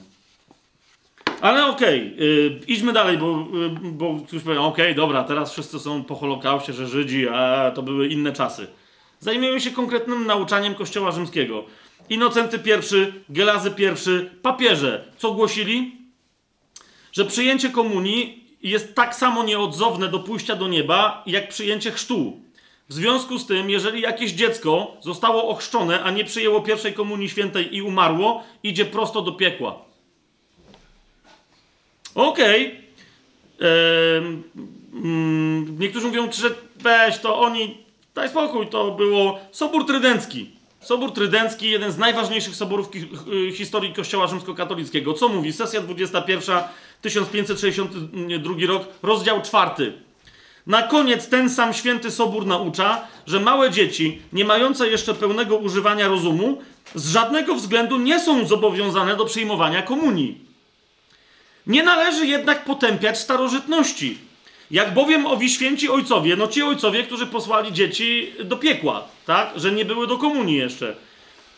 Jak bowiem owi święci ojcowie ze względu na swoje czasy mieli do tego chwalebny powód, Jaki w sensie masz chwalebny powód? Do czego? Jak mieli do tego chwalebny powód, tak też trzeba bezspornie wierzyć, bezspornie trzeba wierzyć, że z pewnością nie uważali tego za konieczne do zbawienia. Krótko mówiąc, masz dwóch papieży, ludzie ich słuchali, rozumiecie, ktoś ochrzcił szybko dziecko, ale ono umarło. Nie, wiecie, bo ja już pomijam, że ten chrzest to i tak jest do niczego nie Ja pomijam, że i tak te dzieci, Bóg się nimi zajął i są w niebie. Rozumiecie, i czekają na powszechne zmartwychwstanie. Ale chodzi mi o to, że bo musiały się spotkać. Nikt, nikt nie może e, być sądzony, nie mając możliwości spotkania się z Chrystusem. Ale to nie jest temat dzisiejszego spotkania, tak? Krótko mówiąc, a, a, ale musiały się zdarzać sytuacje, że jakieś dziecko było ochrzczone i te, wreszcie ci ludzie, którzy nie mieli pisma, mieli ten swój kościół tylko rzymskokatolicki, się dowiedzieli, że ale jak dziecko nie dostało komunii, to poszło do piekła. Rozumiecie? Te, wyobraźcie sobie te wszystkie matki, tak? Po czym Kilkaset lat później Sobót Trydencki mówi, nie, goście się machnęli. Najwyraźniej mieli chwalebne do tego tam sprawy, a na pewno nie mieli na myśli to, co nam się wydaje, że mieli na myśli. Powiedz to tamtym babom, kobietom. Rozumiecie o co chodzi? A więc yy, nie ma zmiany w nauczaniu? Cały czas się w kółko jednego i tego samego naucza? Honoriusz papież yy, wydał bardzo konkretne, napisał bardzo konkretne listy, w których się przychylił do czegoś, co ostatecznie zostało w Kościele Rzymskim uznane za herezję tak zwanego monoteletyzmu. Już nie, nie będziemy teraz tłumaczyć, o co chodzi tam jednowoli, ale monoteletyzm, tak? Po czym Sobór Ekumeniczny Konstantynopolski III spalił te jego listy jako heretyckie. Tak? Y, niektórzy mówią, że nie, to nie o to chodziło. Jak nie o to chodziło? Sobór Konstantynopolitański III, 680 rok, punkt 8 dekretów jego. Tam jest powiedziane, że szatan, a on jest tam bardziej opisany, że siewca konkolu i coś tam, coś tam. Szatan znalazł odpowiednie narzędzia do wykonywania jego własnych zamysłów. I teraz Sobór stwierdza, mamy na myśli Teodora, byłego biskupa Faran, Sergiusza, Pyrrusa, Pawła oraz Piotra, byłych zwierzchników kościoła cesarskiego, a także Honoriusza, papieża starożytnego Rzymu. Cyrusa, biskupa Aleksandrii i Makarego, który ostatnio był biskupem Antiochii oraz Stefana, jego ucznia. Tamtych wszystkich pomijam, tak? Bo ponoć im wolno błądzić. Ale tu się okazało, że chłop, wiecie, coś napisał, a ci stwierdzili, spalili wszystko i powiedzieli heretyku. Oni jeszcze nie wiedzieli, że papież jest nieomylny, także przesadzili. Dzięki pomocy tych ludzi, punkt dziewiąty, szatan nie zaprzestał urządzać w całym kościele zasadzek, wprowadzania w błąd poprzez stosowanie nowych określeń i rozsiewanie pośród prawowiernego ludu herezji. Celestyn III y, stwierdził, że jeżeli ktoś jest y, żonaty z heretyczką albo, here, y, albo katoliczka jest żonata z heretykiem, to że to samą, samo siebie przez samego faktu, że to rozluźnia węzeł małżeński i sobie można znaleźć kogoś innego. Po czym Inocenty III anulował tę de decyzję, stwierdził, że trochę przesada, to nie, bo nauczanie o sakramentach kolego było inne, a Hadrian VI następnie tamtego papieża nazwał heretykiem. No to nauczał, no ale tamten nauczał przecież w nieomylnym, tak? Katechizm świętego Piusa X o paleniu Biblii heretyckich. O paleniu Biblii heretyckich. Co? Pius X, jesteśmy prawie że, prawie, że, prawie, że dzisiaj. Yy, to były takie czasy, że w katechizmie się było pytanie i była odpowiedź, tak? Żeby ktoś za długo nie musiał myśleć. Czy wolno jest czytać Pismo, Pismo Święte w każdym przekładzie? Odpowiedź. Wolno jest czytać Pismo Święte w takich tylko przekładach, które uzyskały potwierdzenie od Kościoła i zaopatrzone są w objaśnienia od tegoż Kościoła pochwalone. Pytanie: dlaczego wolno jest czytać Pismo Święte tylko w przekładach uznanych przez Kościół? Odpowiedź: wolno jest czytać Pismo Święte tylko w przekładach uznanych przez Kościół, dlatego, że on jeden jest prawym stróżem Pisma Świętego oraz tłumaczeń i wszystkich. Tylko tu jest właściwe, dobre, niepodważalnie, bezbłędne tłumaczenie Pisma Świętego. Mam tu przy sobie Biblię y, Jakuba Wójka, bardzo ładnie wydaną. Y, uważajcie, bo, bo, to mówimy, to jest Pius X, ale to, to jest Biblia wydana w 1962 roku za czasów, y, bo to jest Kraków, za czasów Karol Wojtyła jest tu podpisany jako główny biskup. Tak? 1962 rok.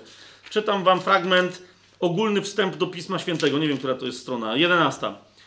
Tylko Kościołowi przy 1962 rok. Tylko Kościołowi przysługuje prawo orzekać, które wydania i które przekłady są zgodne z oryginałem i dlatego bezpiecznie czytane być mogą. Czytanie wydań nieopatrzonych aprobatą kościelną jest wiernym surowo wzbronione. Krótko mówiąc, i potem jest powiedziane, że tutaj się Karol Wojtyła podpisał, to jest właściwe tłumaczenie zgodne z oryginałem. Ponieważ jest zrobione na podstawie wulgaty. Podam wam tylko parę przykładów, jak nieomylny Kościół nie zauważył y, historii. W Księdze Rodzaju, y, trzeci rozdział, 15 werset, tak zwana protoewangelia, y, oficjalne, uznane przez Kościół nieomylny, najlepsze możliwe tłumaczenie brzmi ipsa conteret caput tuum et tu insidia beris calcaneo eius. Ona zmiażdży ci głowę, a ty czyhać będziesz na jej piętę. E, do tego stopnia ten tekst był istotny, on, że został przypisany tak zwanej Maryi i stąd później macie masę na... Do dzisiaj e, katolicy się modlą e, o tam jakaś niezwyciężona niebios królowo i pani aniołów, nie pamiętasz tego. Ty, która otrzymałaś od Boga posłannictwo i władzę, żeby zetrzeć głowę szatana. Tak? Maryja na jakiej podstawie dostała? No bo Pismo Święte nieomylne, w, przez nieom, w nieomylnym przekładzie nieomylnego kościoła tak mówi.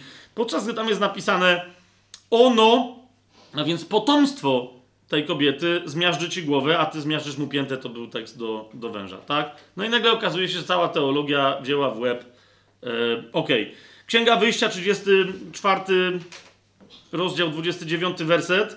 E, tłumaczenie tam się znalazło na temat e, Mojżesza.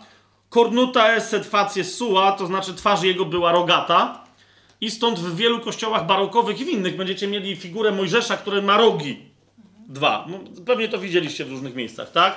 No bo skoro twarz jego była rogata, no okej, okay, tylko okazuje się, że tam się ktoś machnął i źle przetłumaczył um, termin e, karan. Myślał, że to jest keren i że to są rogi, a karan znaczy świecić. Chodziło o to, że twarz jego rozświetlona była, tak? No ale spoko, ale Mojżesz był rogaty. W Ewangelii... Słucham? rzeźby już powstały. W Ewangelii Łukasza macie na przykład, jak anioł przychodzi Gabriel do Marii i mówi jej e, bądź pozdrowiona, kecharitomene po grecku tam się pojawia, co zostało przetłumaczone na łacinę jako gracja plena, to znaczy pełna łaski, tak? Ale pełny łaski na przykład jest e, w Ewangelii Jana, jest nazwanym w ten sposób Pan Jezus, to jest inne określenie po grecku. Kecharitomene znaczy w najlepszym wypadku, jak znalazłem, że powinno być przetłumaczone gracjoza, a, a więc obdarowana łaską, albo wręcz niektórzy mówią, że powinna być szczególnie umiłowana, tak? E, bardzo ulubiona, że tak powinno być to, to przetłumaczone, a nie, że jest pełna łaski, a stąd potem macie, wiecie, niepokalana pełna łaski i te wszystkie historie. I tego to by można było mnożyć, ale widzicie jeszcze w 60 latach XX wieku cały czas jeszcze nie wolno było katolikom czytać innych, do dzisiaj zresztą, tak? To coś parę lat temu przecież episkopat polski wydał rozporządzenie, że tłumaczenie gedeonitów, że gedeonici to jest sekta i że w ogóle przeklęte jest to tłumaczenie, a ktoś dopiero potem im doniósł, że ale to jest e, Biblia Warszawska, no nie? To nie przeklinaliście warszawskiej, a to jest to samo tłumaczenie. Aha. Okej, okay, ale to już sekta. Cały czas, wiecie, dzisiaj nawet normalną książkę zawsze jest pytanie, a imprimatur ma? Jak jest książka o wierze. A, a, a jaką ty Biblię czytasz? A to katolicka jest Biblia, czy sekciarska? Wiecie, no, no ty masz, no nie, no nie katolicka, Bogu dzięki, no. Sekciarska. Um. Dobra, chciałem jeszcze coś pogadać o Janie 23, ale mm, chyba tu zostaniemy. W każdym pamiętacie tego Jana 23, tego tam z XV mm, wieku. E, ten sobór, jak już tam sobie poradził z tym Janem 23, obczajcie, wymyślił taką rzecz, e, co jest niezgodne z nauczaniem dzisiejszym Kościoła katolickiego, że, że sobór ma jednak władzę nad papieżem. Tak?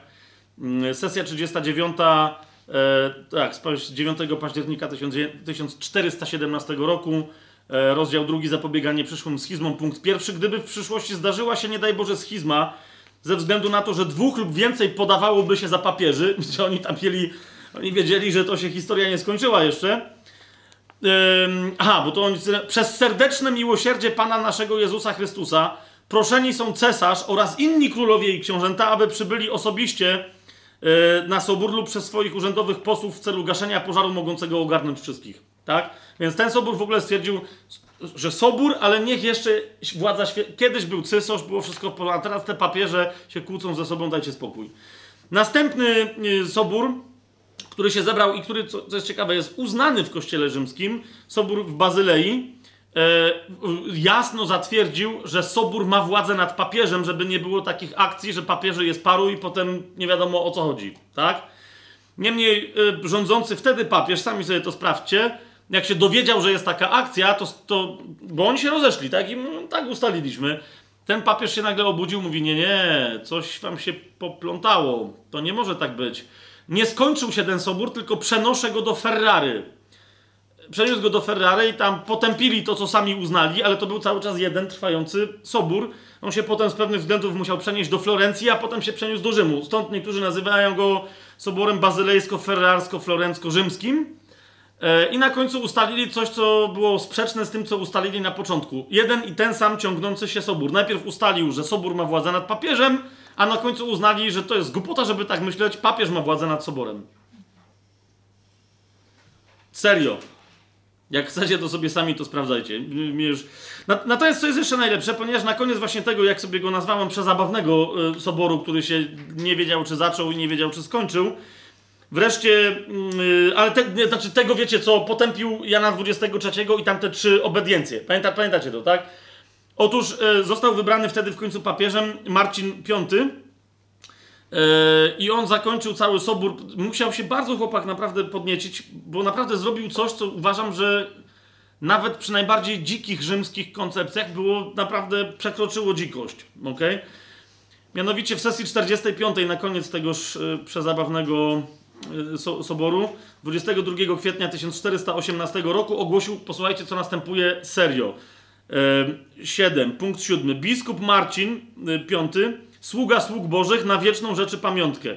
I teraz uważajcie, on to autentycznie z radości, że jest sam jeden i nie ma żadnego kontrpapieża, ogłosił, że udzielamy każdemu, kto w tym soborze uczestniczył i zajmował się jego sprawą, pełnego odpuszczenia wszystkich grzechów na życie.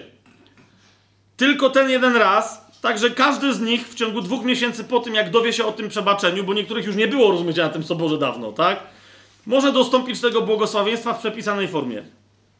Podobnego odpuszczania grzechów udzielamy na chwilę śmierci. To jest dzika jakaś myśl, że on odpuszcza, wiecie, odpuszczenia grzechów na całe życie, ale chwila śmierci jakoś czymś się różni, to on jeszcze dodatkowo także tam udziela. Naprawdę nie wiem o co tu chodzi. Punkt dziewiąty. Rozumiemy ten akt zarówno w odniesieniu do panów, jak i do członków ich rodzin, w ten sposób, że od dnia uzyskania wiadomości o tej łasce dla zyskania odpuszczenia grzechów na życie będą pościć w każdy piątek przez jeden rok, a dla zyskania odpuszczenia grzechów w chwili śmierci jeszcze przez jeden rok. O ile nie powstrzymuje ich przeszkoda prawna. W tym przypadku muszą spełnić inne y, uczynki pobożności.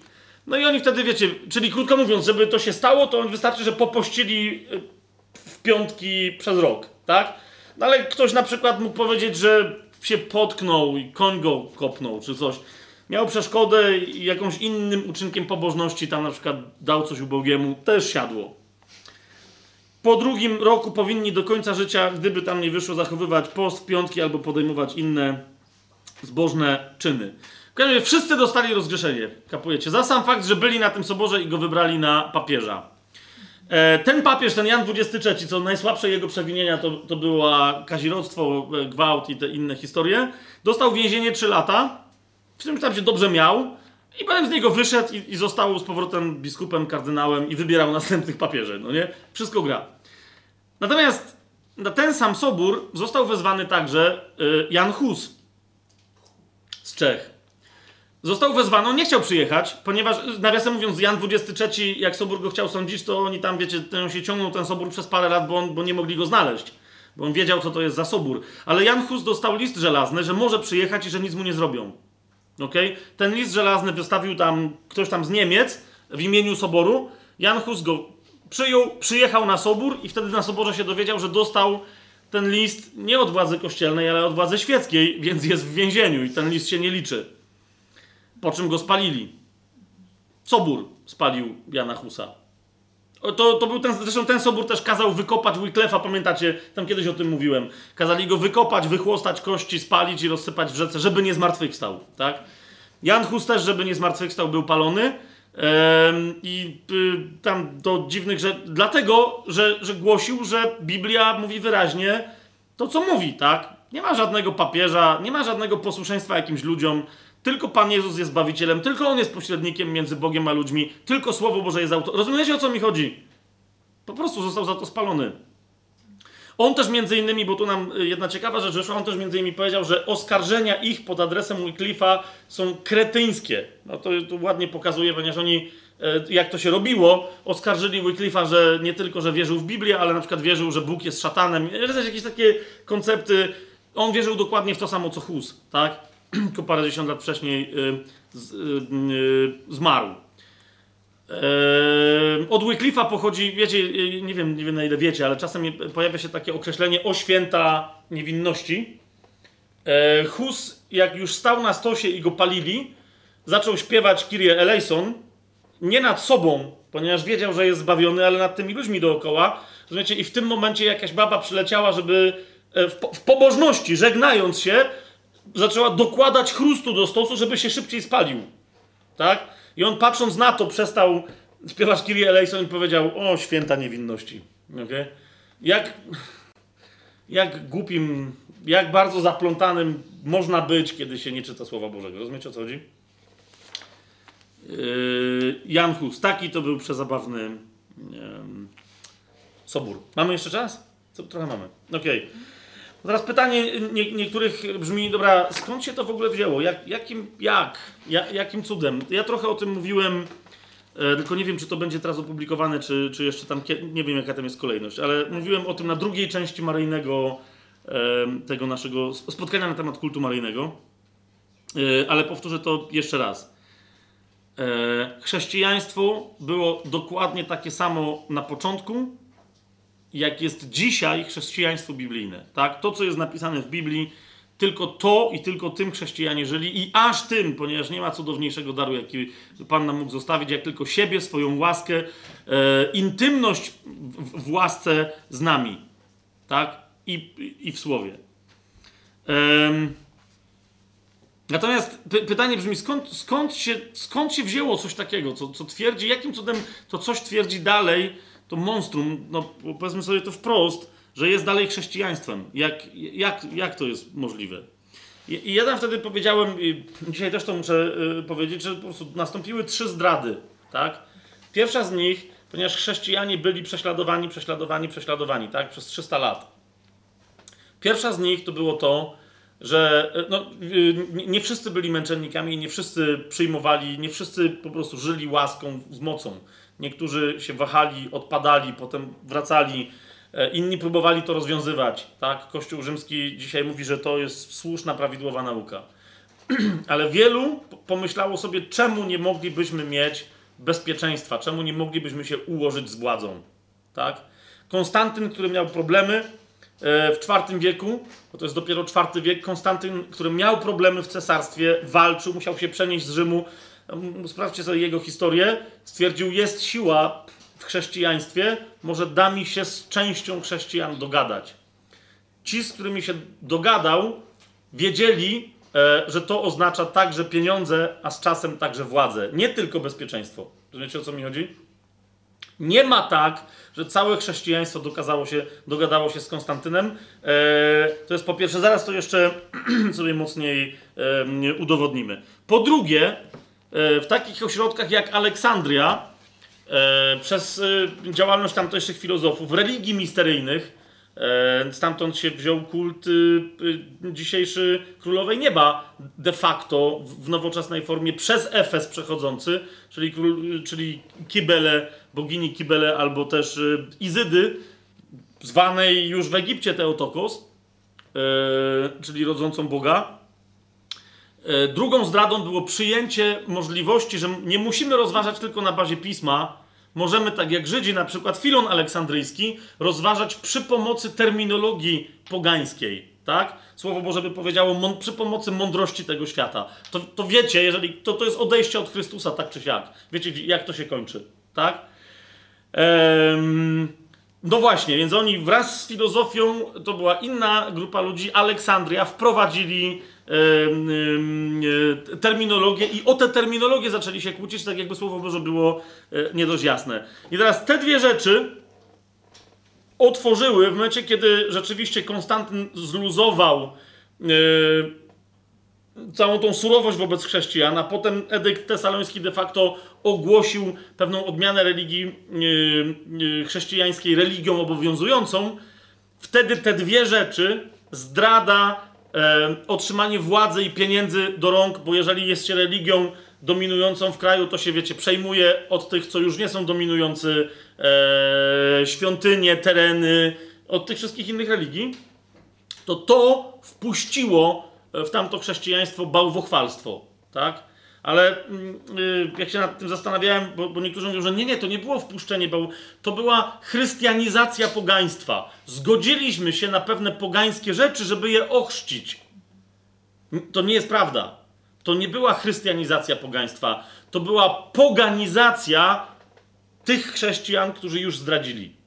Wiecie o co mi chodzi? To była poganizacja. W wyniku tej poganizacji się pojawił kult Maryi, kult obrazów, kult ty, tych wszystkich dziadostw. To nie, nie była chrystianizacja pogaństwa. Poganizacja tych chrześcijan, którzy yy, zdradzili. Zauważcie, pierwszy sobór nicejski, yy, pierwszy uznany przez Kościół rzymskokatolicki jako sobór powszechny, był zwołany przez Konstantyna, który nawet nie był ochrzczony. Miał to gdzieś. On wiedział, że jest władzą dominującej religii. Tak? I on ma prawo zwoływać jakichś gości, którym pozwala się zebrać jakąkolwiek religię, by reprezentowali. E, Zresztą Sobór Nicejski to potwierdza. Krótko że, że, że jest władzą tego soboru, tym, który go zebrał, który zapłacił za jego spotkanie, który go chroni, jest Konstantyn, cesarz, poganin. Mamy oczywiście te, wiecie, te bajendy o tym, że Konstantyn się nawrócił i tak dalej, i tak dalej. Ten sobór e, jako heretyków uznał Arian e, i uznał, że to są odszczepieńcy, my będziemy rządzić, my jesteśmy prawdziwymi katolikami. Po czym Konstantyn pod koniec życia, jeśli się ochrzcił w ogóle, to się ochrzcił u Arian właśnie, którzy byli heretykami. Tak? Dlaczego? Bo mógł, bo był cesarzem. Em, Natomiast będąc poganinem, e, no właśnie, bo żeby udowodnić tezę o tym, że, że ci chrześcijanie zdradzieccy byli poganizowani, tak? E, Ponieważ był poganinem i wyznawcą mitry, no między innymi do dzisiaj biskupi rzymskokatoliccy noszą dosłownie mitry na tych swoich, y, te, te, te, takie czopki swoje, wiecie, takie w kształcie pyska ryby. Ale dobra, bo to jest y, pierwsza rzecz, którą zrobił Konstantyn, który nawiasem mówiąc nienawidził Żydów. I to się tu zaczęło, tak?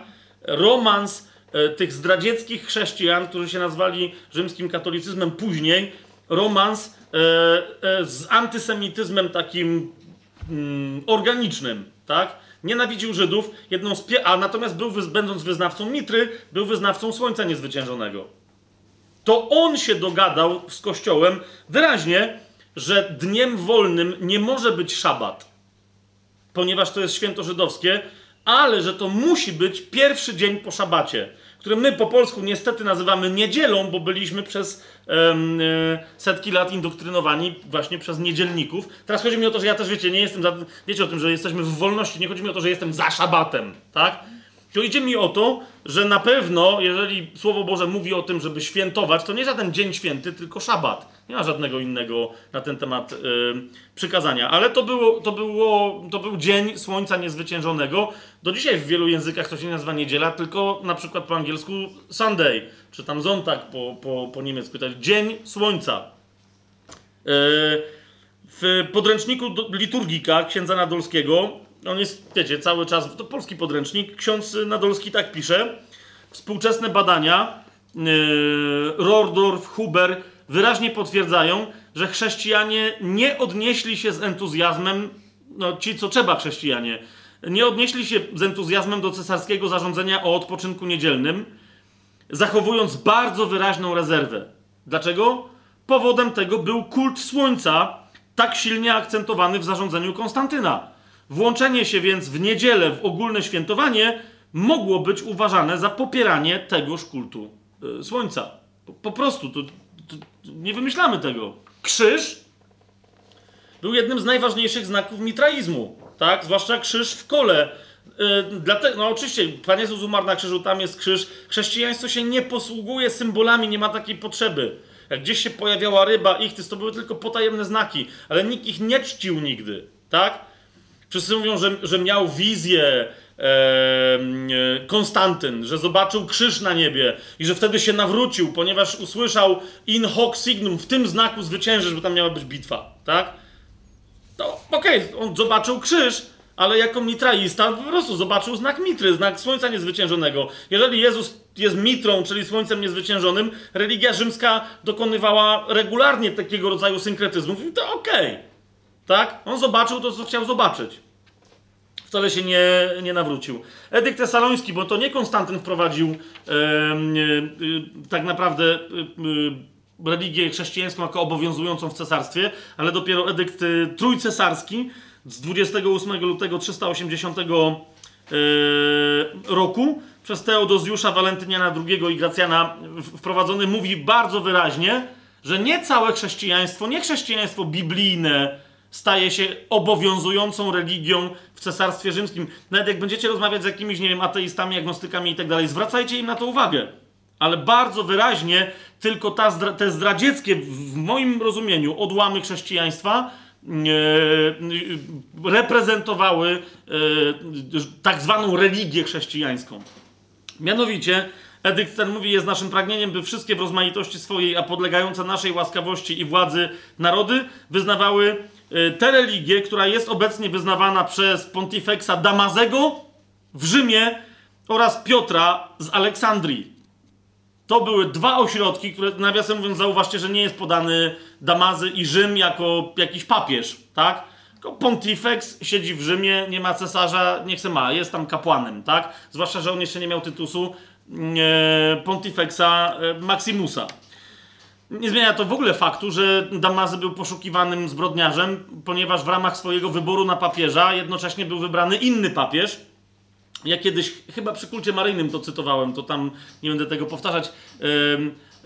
W brewiarzu nawet katolickim macie napisane, że po prostu zorganizował rozruchy, żeby ten drugi papież wiedział, co jest grane, e, w ramach których zginęło i to on tam prawdopodobnie też lał, jak, y, jak mu to pod rękę podszedł. E, 170 parę osób, teraz nie pamiętam, zginęło, a on sam był oskarżony przez 4 lata, trwał proces o morderstwo. Tak?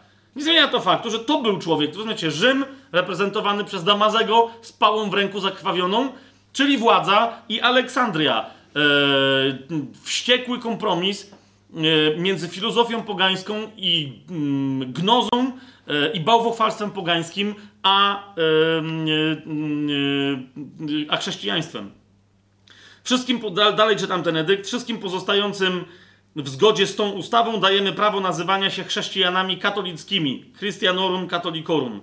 Co się zaś tyczy pozostałych, skoro według naszego mniemania są ogłupiałymi szaleńcami, zarządzamy, by określani byli haniebnym mianem heretyków. Nie chodzi, rozumiecie, nie chodzi tylko o ludzi wyznających, tutaj nie chodzi o ludzi wyznających inne religie, bo oni się mieli nawrócić, tak? Ale chodzi o innych także chrześcijan, którzy się nie zgadzali wcale z tym, co reprezentował Damazy albo yy, Piotr z Aleksandrii. Jasne to jest? Okej. Okay. Teraz e, kolejna rzecz, e, która e, chcę, żeby wam pokazała, to dla niektórych znowu będzie szokujące, zwłaszcza jeżeli jesteście katolikami albo nawet by, byłymi. E, co wyraźnie pokazuje, że jak sukcesywnie, e, ale bardzo szybko Kościół rzymskokatolicki przestawał być chrześcijaństwem, a stawał się starą religią rzymską. Tak? Przyjął całą. Przestudiujcie sobie kiedyś, jak, jak, jak chcecie to dokładnie sprawdzić E, na czym dokładnie polegała religia rzymska, ale konstrukcja, struktura, teologia dzisiejszego kościoła rzymskiego to jest tylko um, unowocześnienie, 500 e, lat po, po Chrystusie, unowocześnienie starej religii rzymskiej. Papież w pewnym momencie bardzo szybko zrozumiał, że powinien się nazywać Pontifexem Maximusem i mieć wszystkie jego prerogatywy dokładnie tak jak cesarz rzymski. Yy, Ciało jurydyczne, które pomagało cesarzowi rzymskiemu, pontifexowi Maximusowi, e, składało się z pomniejszych pontifexów, nazywało się kolegium i do dzisiaj e, tak się też nazywa kolegium e, kardynalskie, tak? które wybiera papieża i tam jakieś inne kwestie mu doradza. E, tak bardzo charakterystyczna dla katolicyzmu, związana z tak zwaną Eucharystią, hostia jest elementem pochodzącym z religii rzymskiej hostia to była mała wiktima, tak? A więc ofiara przebłagalna.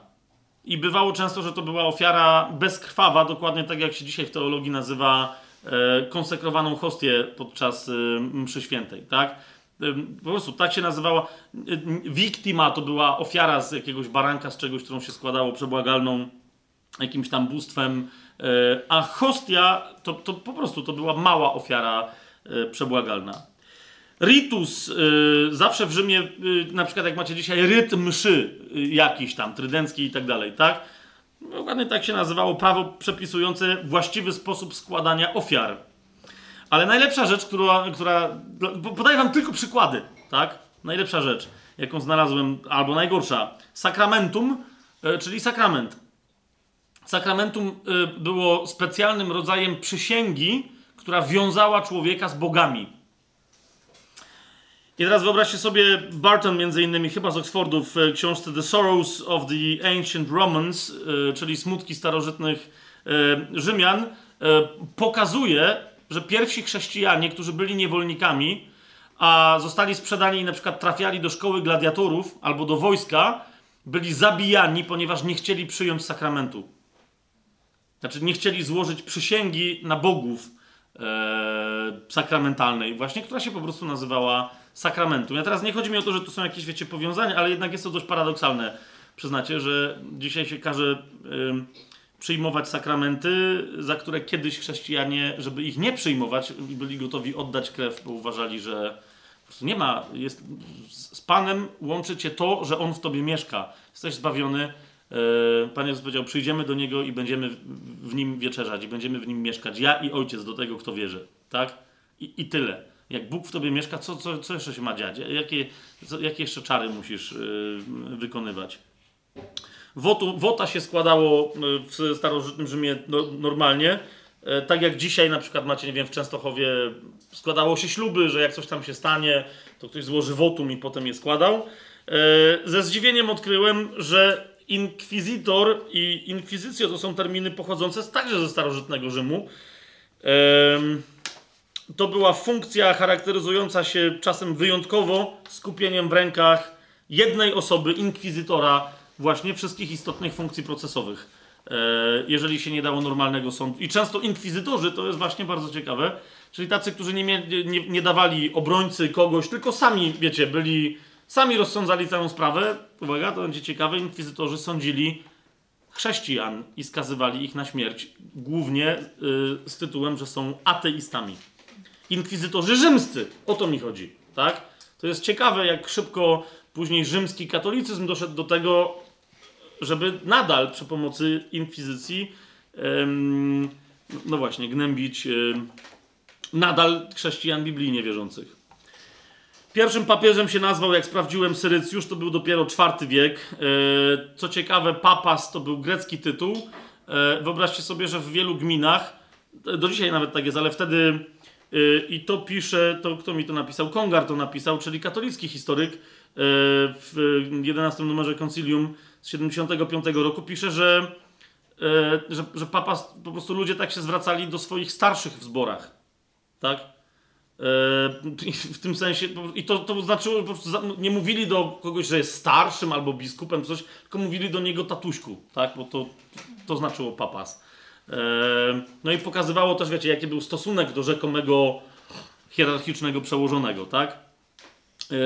E, Tenże sam Kongar w tym samym fragmencie, nie będę go wam całego cytował, pisze, że Syrycjusz zaczął się zachowywać, no właśnie, e, jakby był Rzymem i e, jak, nie wiem, proste rzeczy ktoś tam do niego napisał, że cześć, co słychać, a on e, wy- wydawał dekret albo responsum, co spowodowało, że zaczął Rzym funkcjonować jako kuria rzymska, cesarska. Potem się pojawił Leon Wielki, ten, o którym wam mówiłem, pamiętacie, Yy, że, że nadał sobie tytuł Pontifexa Maximusa. Yy, powiedział, że papież ma pełnię władzy, zwłaszcza jak go Sobór odrzucił, powiedział, że Egipcjanie nie muszą nic do ciebie pisać, ani ci się tłumaczyć.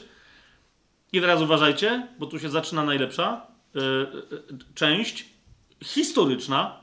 Mianowicie Leon chciał pokazać, że jest ciągłość. On pierwszy zaczął z tą historią, że jest ciągłość papieży. E, i opublikował list papieża Klemensa, o którym twierdził, że był następcą Piotra. Potem pamiętacie, się okazało, że Ireneusz twierdził co innego.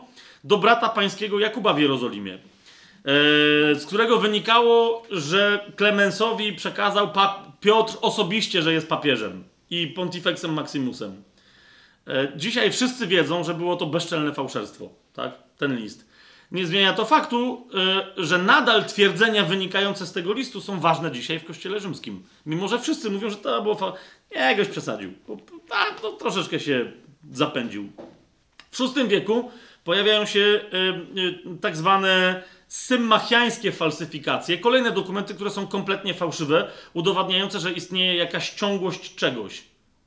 Okej? E, To papież Symmachus, to był e, V wiek, e, upublicznił między innymi e, akta soboru z jakimś Sineusa, e, który się nigdy nie odbył, jak się potem okazało. Wymyślili sobie, że był sobór i coś tam. Natomiast e, te listy e, między innymi stwierdzały prima sedes ennemine judicatur, to znaczy pierwsza stolica nie jest przez nikogo sądzona. I to były początki stwierdzenia, że skoro tak, to znaczy, że stolica, yy, że Watykan, Rzym, papież są nieomylni, dlatego nie wolno ich sądzić. Jeszcze raz, kompletnie sfałszowane, yy, ale to kompletnie sfałszowane yy, akcje. W, w VIII wieku następnie niejaki Pepin Krótki, e, chyba ojc, on był ojcem chyba Karola Wielkiego. E, no Krótki e, on stworzył potem Wielkiego, ale w każdym razie e, walki toczył, z, znaczy, z których później Karol Wielki skorzystał i ogromne imperium e, w jego rozumieniu rzymskie odtworzył. Mm, e, Żeby Stefan II mu mm, papież pobłogosławił, e, dał mu ziemię. Ale, jak powiecie, trzeba było, no ale na jakiej zasadzie Kościół ma mieć ziemię? I wtedy e, powstało jedno z najbardziej ordynarnych e, oszustw w historii e, piśmienniczej. Mianowicie powstało coś, co się nazywa, możecie sobie to sami posprawdzać, donacją konstantyńską albo donacją Konstantyna. Okay? E, która to donacja, e, e, znaczy, jak powiecie, to jest ósmy e, wiek, tak? Oni tam podrobili, że Konstantyn, jak się nawracał na chrześcijaństwo, ówczesny papież Sylwester go naw- nie nawrócił, tylko uzdrowił. Potem, jak go uzdrowił, to Konstantyn się nawrócił, oddał mu Rzym i wszystkie inne tam historie. Przeczytam wam to, bo, to jest warte tego. E, biskup Rzymu przeze mnie, jako tam Konstantyna, e, jako następca świętego Piotra, zostaje uznany za ważniejszego od biskupów Antiochii, Aleksandrii, Konstantynopola, Jerozolimy oraz wszystkich pozostałych biskupów świata. To jest to. Kompletnie sfałszowany, sfałszowana donacja, tak? Dlatego, że dawała papieżowi ziemię, które wtedy stały się tak zwanym państwem papieskim, tak? Ale teraz słuchajcie, co tam jeszcze było, bo jak już ktoś fałszował, to ten miał rozmach, tak? Mianowicie stwierdził, że Konstantyn nie tylko dał papieżowi ziemię, uczynił go najważniejszym papieżem, y, biskupem na świecie, ale najważniejsi duchowni Rzymu otrzymują te same przywileje i insygnia, co rzymscy senatorowie. Papież otrzymuje te same insygnia i odbiera te same honory, co cesarz. Wśród nich prawo do noszenia korony cesarskiej, purpurowego płaszcza i tuniki. Niemniej według tej donacji y, Sylwester ponoć był bardzo skromny, taką po prostu dziewiczką był i mówi, że nie, on nie będzie nosił korony. Więc wtedy Konstantyn ustanowił specjalną świętą czapkę. Mówi, dobra, nie chodź w koronie, jesteś bardzo skromny, to taką sobie dużą czapkę y, załóż. No i to była tiara. Chodzi mi o to, że w ramach nienoszenia korony papież zaczął nosić trzy w ramach swojej y, skromności. E, papież i jego następcy otrzymują pałac laterański, Rzym z jego prowincjami, dystryktami i miastami Italii oraz wszystkie regiony zachodu. Tak? No i na tej podstawie Pepin Krótki stwierdził, że a, bo znalazł się ten, ten. Tam zresztą, wiecie, y, ordynarność tego fałszerstwa polegała na tym, że tam Konstantyn się podpisał i że w ogóle y, on to składa w grobie świętego Piotra, który jest y, ponoć do dzisiaj gdzieś na Watykanie. I oni to znaleźli, powiedzieli, Wow, konsta- no jest, bo wszyscy wiedzieliśmy, że gdzieś jest ten dokument. Był podpisany chyba w 315 roku w Konstantynopolu przez Konstantyna, a Konstantyn założył Konstantynopol 15 lat później. No, nie, niż ten dokument powstał, ale rzekomo. Ale okej, okay. także teraz obczajcie jeszcze jedną rzecz.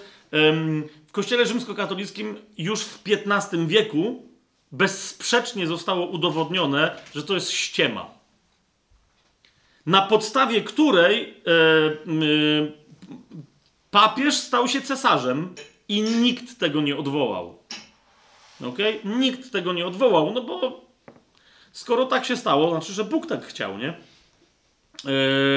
Mikołaj I, ten dopiero przywalił. Możecie sobie znowu sami posprawdzać, bo to, to, to już jest odlot e, na, na granicy ludzkich możliwości w tamtych czasach w IX wieku stworzył tak zwane dekretalia pseudo-izydoriańskie, dlatego pseudo, no właśnie, bo tam jakiś Izydor, rozumiecie, 17, 700 bitych e, drobnym e, maczkiem stron, które udowadniają ciągłość papieży właśnie od Piotra, udowadniają, że zawsze papież był papieżem. E, wszystkie te rzeczy, które dzisiaj Kościół twierdzi, były tam udowodnione, ale później okazało się, że z tych 700 stron chyba 13 tylko było odwzorowaniem czegokolwiek prawdziwego i było nie na temat. Okazało się później, że to frankońscy biskupi spreparowali te dekretalia, e, bo chcieli mieć więcej władzy we Francji, e, ale przy okazji nadali tyle władzy papieżowi, że oni potem z tego nic nie mieli, no bo cesarz frankoński ich nie gnębił, ale, ale papież zaczął ich gnębić. Yy, Furman ein, y, pisze w y, Einladung ins Mittelalter, pisze, wiele praw kościelnych opiera się dziś na fałszywych aktach, na przykład prawo papieża do zwoływania soboru, jeszcze do drugiego soboru watykańskiego było uzasadniane tylko sześcioma tekstami. Trzema pochodzącymi z pseudo-izydoriańskich fałszerstw i trzema, które z nich, czyli z tych fałszerstw, zostały bezpośrednio wyprowadzone. Kompletnie sfałszowane prawa kompletnie sfałszowane. Dlatego powiedziałem wcześniej, że dojdziemy do momentu, w którym się okaże, że pierwszych parę wieków po prostu nie ma niczego takiego. E, sprawdźcie sobie hasło, nawet i chociażby na Wikipedii, walka czy spór o inwestyturę. E, cesarz, jeszcze nie cesarz, chyba nie był cesarzem wtedy, e, Niemiec, Henryk chyba IV, tak, podskoczył papieżowi Grzegorzowi VII i powiedział, że on będzie mianował, tak jak zawsze było, e, biskupów i tak dalej, a, nie żeby se papież coś mianował.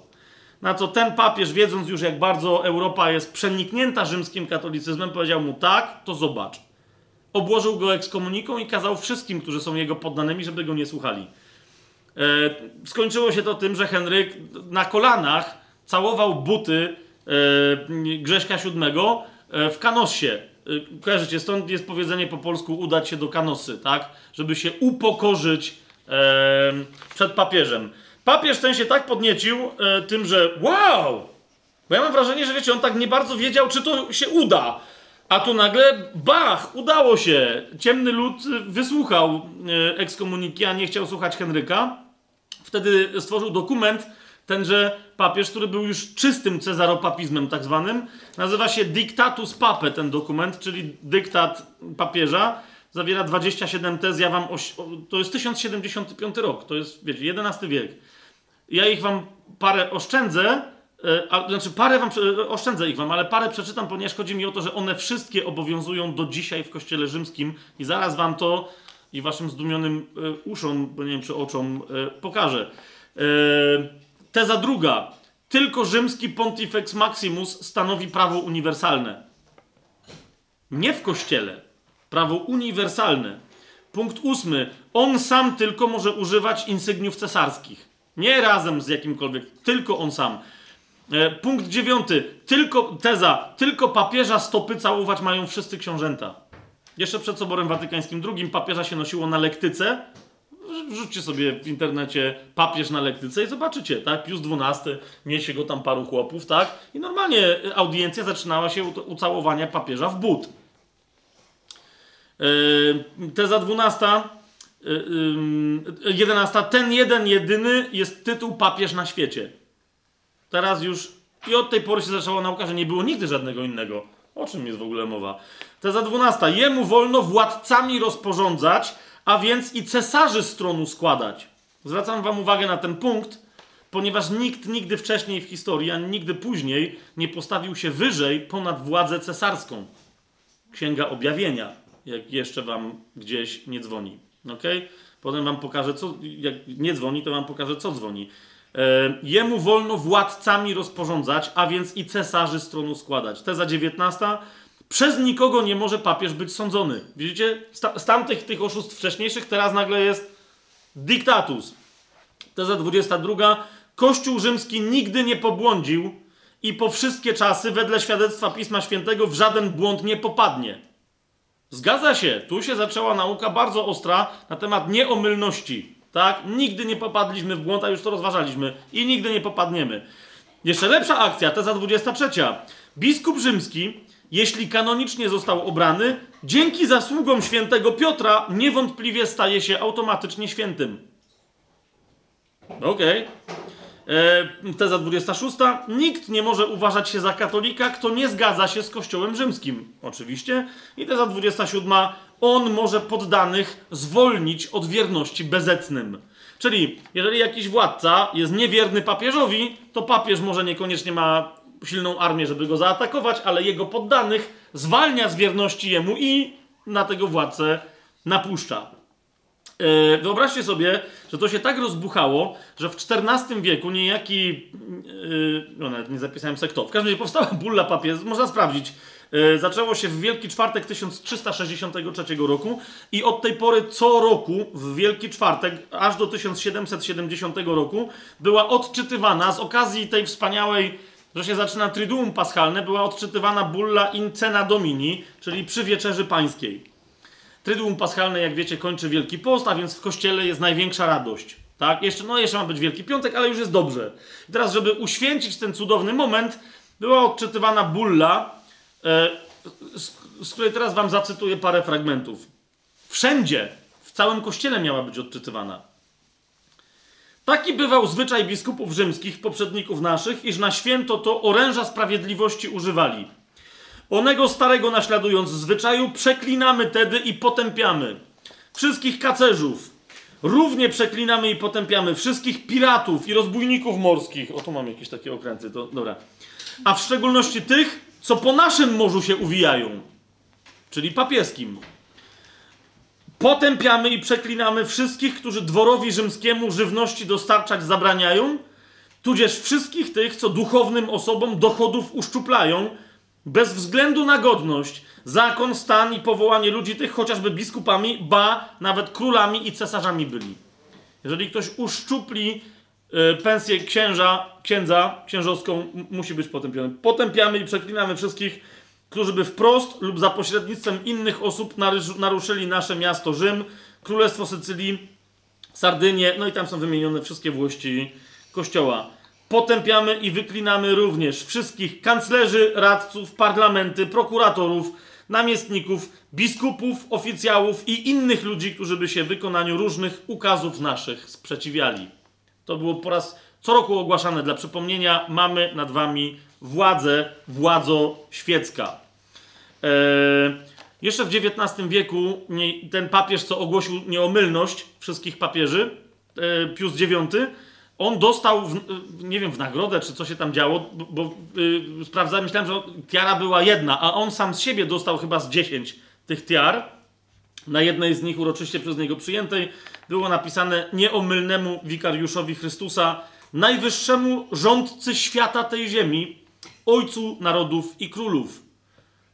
Papież. E, w XIX wieku tenże papież więc e, wydał encyklikę, a więc mamy dalej oficjalne papieskie nauczanie, tak? Nazywała się Quanta Cura, w którym przypomina, Kościół katolicki z postanowienia i nakazu swojego boskiego założyciela winien bez żadnych przeszkód wywierać wpływ aż do skończenia świata, tak na poszczególnych ludzi, jak też na narody, ludy i ich władców Związek i wzajemna łączność pomiędzy władzą kościelną i władzą świecką dla interesów jednej i drugiej strony zawsze okazywały się korzystne i pożyteczne.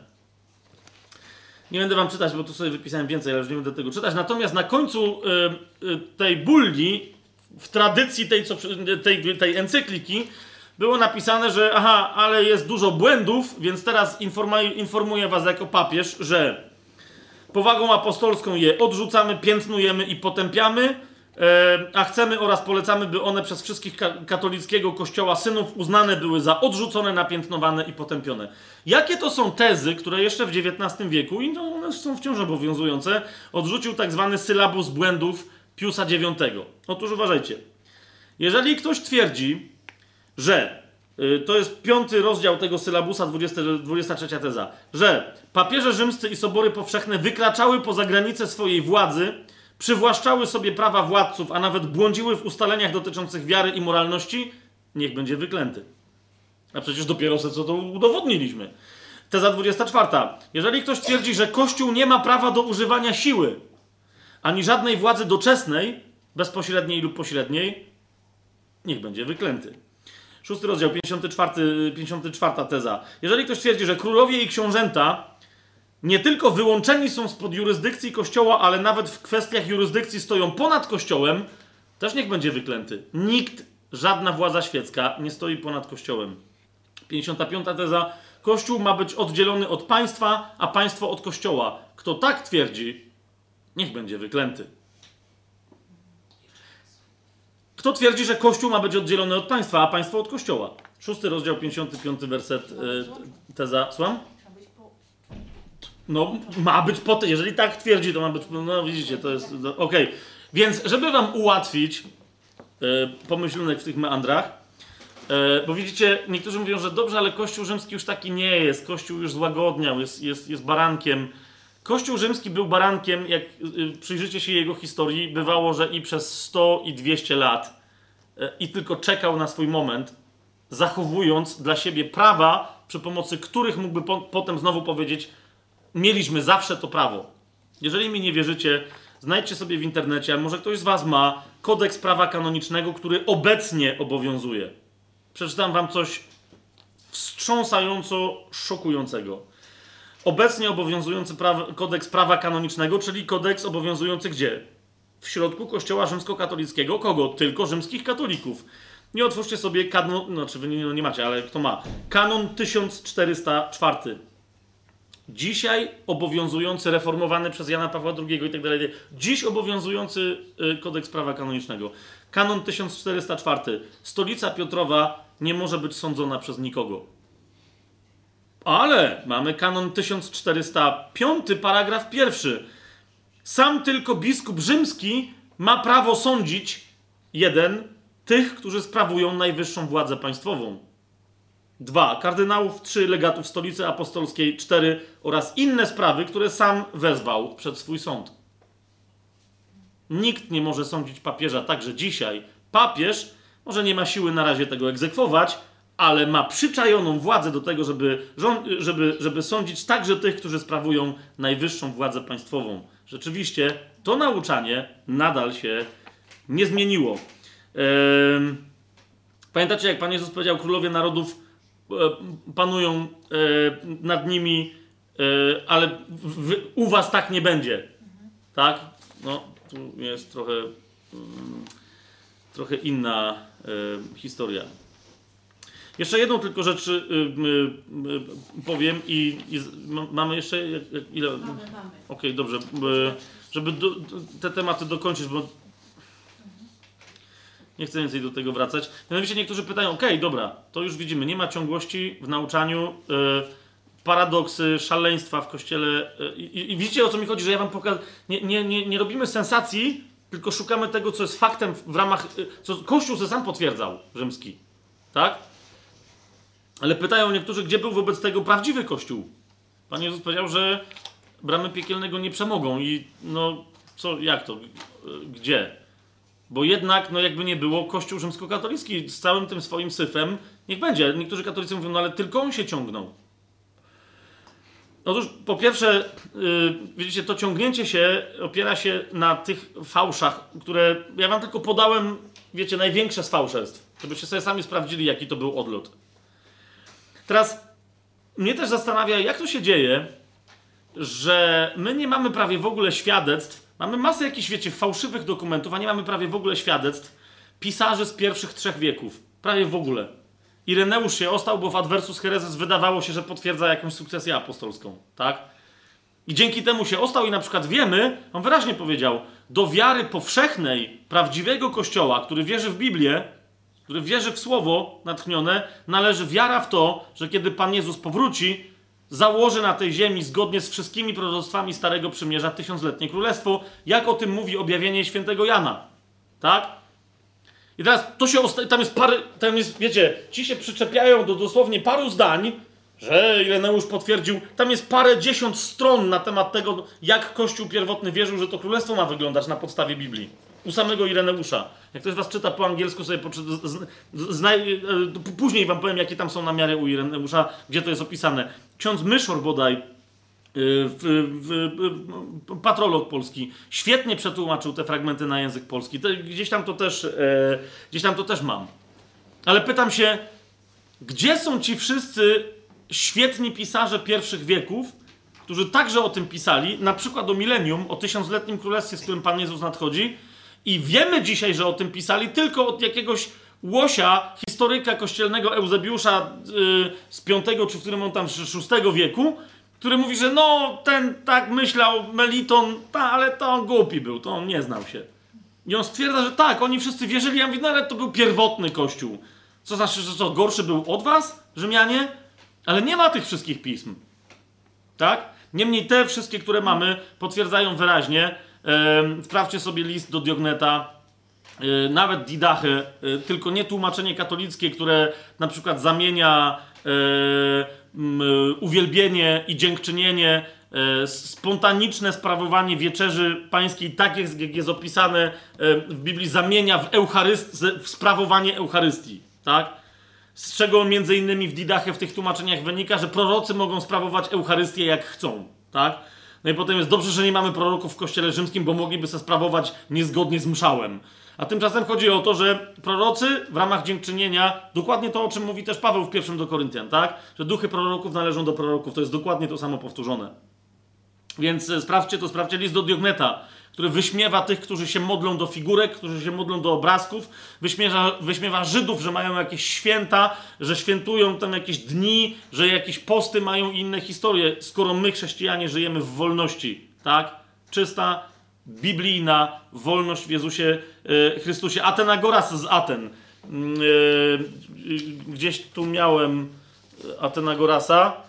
E, to, to pamiętacie, to był ten, ten gość, który się nawrócił, filozof, który chciał zaatakować chrześcijaństwo i potem napisał paru dziesięciostronnicowy list, między innymi do Marka Aureliusza, wyjaśniający mu, że chrześcijanie to nie są ateiści, tylko po prostu są niereligijni. No nie, nie mają żadnych obrzędów i tak dalej, wierzą tylko w słowo, ale to nie znaczy, że nie wierzą w Boga, tylko że wierzą w jednego, tak? Który w dodatku e, jest w trzech osobach, wcielił się jako Jezus w Nazarecie, umarł, zmartwychwstał, dokonał odkupienia całej ludzkości. E,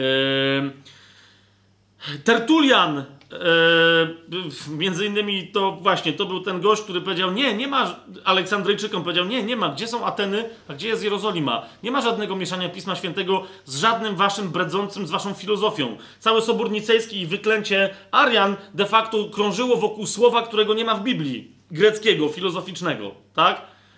Tertulian y, y, wyraźnie, właśnie w preskrypcji przeciwko heretykom w części 38 mówi, czym jesteśmy, tym jest od samego początku i Pismo Święte. Wyrośliśmy z Pisma Świętego, przedtem nie byliśmy innymi niż teraz jesteśmy. Jesteśmy niezmienni jak Pismo Święte. Kapujecie? To, to Tertulian, i teraz o co chodzi? Bo, bo, niektórzy się powołują w Kościele Rzymskim na Tertuliana, ale mówią, ale potem Tertulian zwariował, przyłączył się do sekty montanistów. Wiecie, kto to byli montaniści? Charyzmatycy. Wierzyli, że Duch Święty działa. ok? A e, potem e, powstała koncepcja, że nie, nie, oni wierzyli, że Montan, czy tam ktoś, że jest wcieleniem Ducha Świętego. Mm, mm, mm, Lecą muchy, wiedzą co robią, wie, wiecie co robią, będzie trawa lepiej rosła. Jasne. Zresztą z tego okresu montanistycznego, jak poczytacie teksty Tertuliana, to właśnie on widząc religijność, która się pojawiła, widząc brak gorliwości, widząc brak miłości w chrześcijanach, właśnie tych, którzy zaczęli flirtować z władzą, e, zaczyna ich gromić i mówić: Nie, nie tak. Żyjemy tylko i wyłącznie według tego e, i, i, nie ma żadnej innej możliwości, tylko i wyłącznie według tego, co mówi Pismo Święte. E, Epifaniusz z Salaminy e, to jest. Który to jest wiek? Czwarty wiek, ale koniec czwartego wieku. Tak? Czyli już wiecie, już istnieje ten, on jest w kościele rzymskim uznany za świętego. Tak? Co pisze o kulcie maryjnym i, i o czczeniu posągów i obrazów? Mówi, diabeł skrycie wchodzi do umysłów ludzi i ubóstwia śmiertelną naturę. On kształtuje posągi, które mają ludzkie podobieństwo po to, aby ludzie mogli czcić zmarłych. Tak nie może być. Mówi. Mary, Maria mówi tak, istotnie. Dziewica była dziewicą i to czcigodną, ale nie została nam dana po to, żeby ją uwielbiać. Ona uwielbiała tego, którego urodziła ze swojego ciała, tego, który jest wszakże z nieba i z łona Ojca. Tak? Święty Kościoła Rzymsko-katolickiego, Epifaniusz Salaminy. E, dalej mówi, niech Maria będzie poważana, ale niech Ojciec i Syn i Duch Święty będą czczeni, a niech nikt nie czci Marii. Niech te rzeczy zostaną wymazane. Niech pożądanie posążków będzie wytępione z ich oczu. Niech stworzenie znowu powróci do swojego mistrza. Niech Ewa i Adam powrócą do oddawania czci samemu Bogu. Niech nikt nie będzie prowadzony głosem węża. I potem mówi, że uważa za jeszcze gorszą, y, to jest Panarion, tak się nazywa to jego dzieło, za jeszcze gorszą rzecz uważa, że ktoś nie dość, że czci, chce czcić Marię czy jakichś świętych na obrazkach, to jeszcze chcą malować Pana Jezusa. I on mówi w ten sposób. Słyszałem także, że niektórzy zapowiadają malowanie niepojętego Syna Bożego. Słyszeć o tym jest straszne, uwierzyć, że to prawda, haniebne. Niektórzy twierdzą, że skoro Chrystus stał się prawdziwym człowiekiem z Maryi, to możemy go przedstawiać jako człowieka. Lecz czy dlatego stał się człowiekiem, abyś tego, który jest nieuchwytny i przez którego wszystko się stało, mógł ty przedstawiać twoimi własnymi rękami? On dalej tak, gdzie nakazał ci ten, który przyszedł na ziemię, czynić swoją podobiznę, oglądać ją i czcić? Jest to raczej nakaz złego, abyś w ten sposób, czcząc wizerunek, gardził Bogiem. Trzeba go, raczej żyjącego, jak zresztą sam powiedział, czcić w duchu i w prawdzie.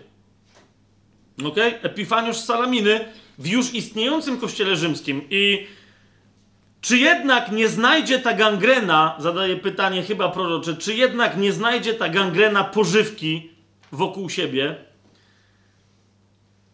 I przypominam, nie możemy służyć dwom panom, jednemu żywemu, a drugiemu martwemu. Przeklęty niech będzie, jak mówią, ten, który czci stworzenie przed Stwórcą. Jest świętym w kościele rzymskokatolickim. Tylko oni chyba nie wiedzieli, że on takie rzeczy napisał. I teraz już został, to wiesz, nie są zbyt rozpowszechniane. To jest jedna rzecz, tak? Pier w pierwszych wiekach chrześcijanie, wszyscy, potem ci, co zdradzili, przyłączyli się do władzy, do pieniędzy, do filozofii pogańskich, e, przejmowali Rzym. Ci potem mieli. Ale teraz pytanie brzmi, czy gdzieś zostali biblijni chrześcijanie? Słuchajcie, my patrzymy cały czas na Kościół Rzymski, tak jak on chce przedstawiać historię, jakby wszystko się działo na Półwyspie Apenińskim. Pamiętajcie, że był wschód. Pamiętajcie, że były starożytne kościoły, tak? Nawet jeżeli Efes się popsuł, to greckie kościoły, Korynt, Tesaloniki, tak? Pamiętajcie, że była Antiochia, która cały czas, do dzisiaj najwięcej e, oryginalnych tekstów, my przy innej okazji, przy wprowadzeniu do Pisma Świętego będziemy o, będziemy o tym mówić, ale właściwy tekst Pisma Świętego mamy z tradycji nie aleksandryjskiej, e, ale z tradycji antiocheńskiej. Tam byli chrześcijanie, dla których najważniejszym było kopiowanie, kopiowanie, kopiowanie oryginału Pisma Świętego i życie tylko i wyłącznie mm, e, według niego. Zresztą fakt, e, że tak było i że tam, co nie tylko, że oni tam żyli na wschodzie, ale że się podnosili, rozumiecie, do władzy dochodząc i wtedy obalali Kościół rzymskokatolicki. Teraz serio mówię. Wystarczy, że sobie wpiszecie w internet i poszukacie hasła ikonoklazm, albo obrazobórstwo.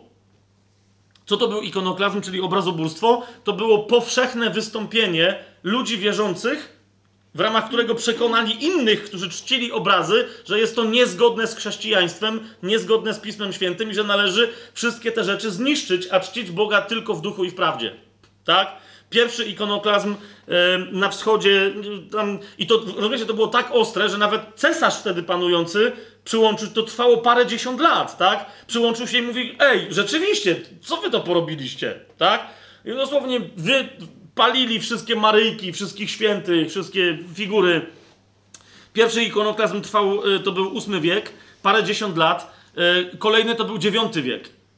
I, i, I później Kościół Rzymski, rozumiecie, ogłaszał, mówi, że nie, to są heretycy, jak wreszcie wracał do władzy. Że nie, Bóg kazał czcić obrazy. Tam co trzeba, powiecie, po, po, powymazywali, tak? Co, co, co ciekawsze, e, bo to nie tylko, widzicie, Ireneusz był skąd? Z Lyonu. To jest, e, no, znaczy on oryginalnie e, wyszedł ze wspólnoty efeskiej, którą bardzo często pozdrawiał, znał Rzym, ale był na południu Francji. I teraz ta mocna tradycja trwała tam, naprawdę trwała tam. Nawet jak się ikonoklazmy na wschodzie skończyły, to yy, od, od, jeszcze sprzed Karola, tam, oni mieli tam cały czas ikonoklazm na południu Francji, on trwał aż do X wieku. W X wieku e, powstało coś, co Kościół rzymskokatolicki nazwał herezją e, e, albigensów albo katarów. Tak? Wyobraźcie sobie, że, że tamten kościół, bo dla mnie to był kościół, zaraz wyjaśnię dlaczego, rozrósł się tak bardzo, że jak tam pojawił się w kościele rzymskim uznawany za świętego bodaj Grzegorz, Bernard z, chyba z Clairvaux, jak się pojawił, to zauważył, że stoją jakieś kościoły, ale nikt do nich nie chodzi. W ogóle nic tam się nie dzieje, wszystko, nie ma w ogóle księży, nic nie ma. Rozumiecie? Całe wioski, miasta, wszystko heretyckie. No i między on, między innymi Dominik Guzman, od którego powstał zakon dominikanów, y, który sprowadził różaniec między innymi do Europy muzułmańską modlitwę, tylko na której się zaczęli modlić do, do Maryi tak zwanej. Przyszli tam, zaczęli głosić kazania, żeby ponawracać ten zidiociały lud, a ludzie ich wyśmiali. Dlaczego? Bo powiedzieli im, ej, ale co wy głosicie? To jest Pismo Święte, wy w ogóle tego nie znacie. Chłopaki się przerazili, że tak wspaniali mówcy, a oni nas nie słuchają, nie znają nauczania Kościoła rzymskiego, to między innymi właśnie przeciwko nim Innocenty III, ale potem jeszcze inni wysłali jednych na krucjatę, innych, co wrócili z krucjaty, im tam nie poszło, nic nie wygrali, nic nie zyskali, wysłali na południe Francji przeciwko Katarom, przeciwko Albigensom. Dlaczego? Ponieważ ośmielili się nie wierzyć w prymat papieża, w to, że on jakieś w ogóle władzę ma, ponieważ ośmielili się wierzyć w Pismo Święte. Niektórzy mówią, nie, to jest nieprawda, to była bardzo groźna sekta, bardzo groźna to był, bardzo. Oni byli bardzo, to byli gnostycy, to byli manichejczycy, tak samo jak bogomilcy na przykład w Bułgarii, to było to samo. My bardzo dobrze znamy poglądy tych ludzi. Skąd? Bardzo dobrze znamy poglądy tych ludzi tylko i wyłącznie z dokumentów inkwizycji, z tortur. Teraz w dodatku z dokumentów po tym, jak zaczęła się rzeź na południu Francji tych ludzi. Inkwizycja bardzo mocno potrzebowała potwierdzić, że rzeź jest słuszna, ponieważ oni są gnostykami. Ponieważ oni mówią, że nie wolno, małżeństwo jest złe, że nie wolno się rozmnażać. Ciekawe, jak przez paręset lat tam żyli, nie rozmnażając się. Że głoszą, że są jacyś doskonali i. Po... To słowo jest w Biblii, tak? Cały czas jesteśmy pouczani, żeby być doskonali, jak Pan jest doskonały. Rozumiecie? Żeby być czystymi, jak On jest czysty. Jest w paru miejscach dosłownie to słowo, od którego się wzięli Katarzy. Yy, w paru miejscach, mówicie, sprawdźcie to sobie sami, bo mnie aż się po prostu coś w środku dzieje. W paru miejscach, jak wchodzili krzyżowcy razem yy, z inkwizytorami i z wojskiem yy, lokalnym tam króla, czy tam jakiegoś władcy, wyobraźcie sobie, że są dokumenty, w których ci ludzie opisują, że się wycofali. Ponieważ wejście krzyżowców do, do miasta było wejściem kombajnu na ludzi. Tak? Mężczyźni, starcy, kobiety, dzieci byli rozpłatywani na miejscu. Tak? Y, w jednym, niektórzy mówią, że nie, on tego nie powiedział. Legat papieski powiedział. Mamy niezależne parę źródeł, w których wyraźnie no nie, nie mógł tak powiedzieć. Powiedział, y, bo padło pytanie, ale ej, ale może tu żyją katolicy. To zwłaszcza, że Albigensi nie nawracali nikogo na siłę. To wiecie, żyli z nimi Żydzi, żyli z nimi też ludzie, którzy jakiś tam rzymski katolicyzm wyznawali. Powiedział wyrżnąć wszystkich. Bóg pozna swoich. Dzisiaj się mówi, nie, on tego nie powiedział. Nie zmienia to jednak faktu, że wyrżnęli wszystkich. Powiedział czy nie powiedział. Tak? Takim mieście, jeżeli mieszkało 20-30 tysięcy ludzi, nikt stamtąd nie wychodził. A jakby nawet chciał wyjść, bo był ranny, podpalali całe miasto, jak już wzięli wszystko, co, co miało jak, jakąkolwiek wartość. Chociaż okazywało się, że zwykle to byli ludzie, którzy po prostu żyli ewangelicznie, więc po prostu, wiecie, mieli jedzenie, picie i tak dalej, ale nie mieli bogactw, których oni się spodziewali. Tak? Eee, ekstremalne źródła podają, że wymordowali na południu Francji tych, według mnie, jeszcze raz powtarzam, biblijnie wierzących ludzi. Dlaczego tak uważam?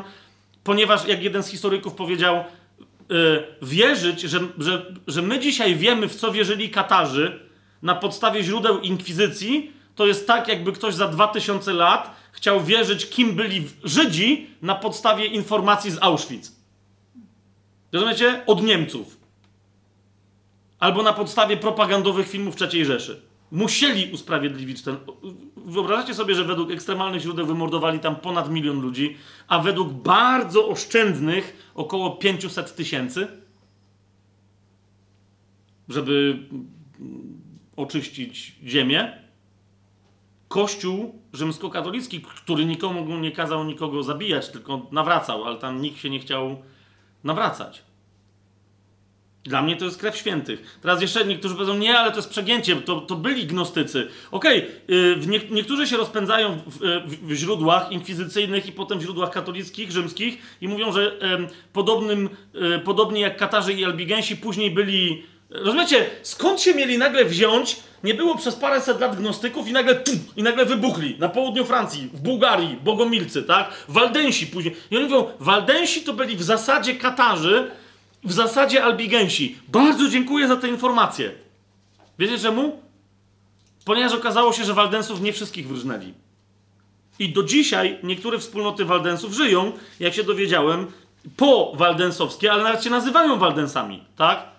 Żyją w Piemoncie, w Sabaudii, w szwajcarskich kantonach, jako, uważajcie, zgromadzenia przyłączone do kościoła reformowanego. Kalwińskiego i protestanckiego. Krótko mówiąc, w którym momencie ci Waldensi przestali być gnostyckimi albigensami? Wiecie o co mi chodzi? Kolejna rzecz. E, e, templariusze też byli gnębieni.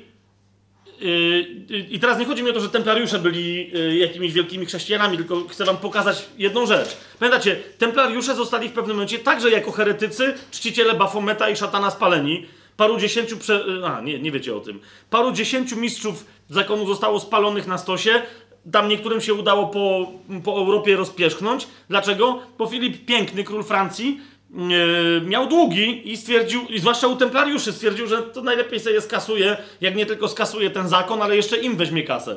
Namówił papieża yy, i papież po prostu popalili ich wszystkich. tych najwyższych e, tam szefów. Teraz, no i, i tyle. Niektórzy mówią, nie, naprawdę, oni, to był szatan, tam szatan. Oni czcili szatana, głowę, rozumiesz, szatana.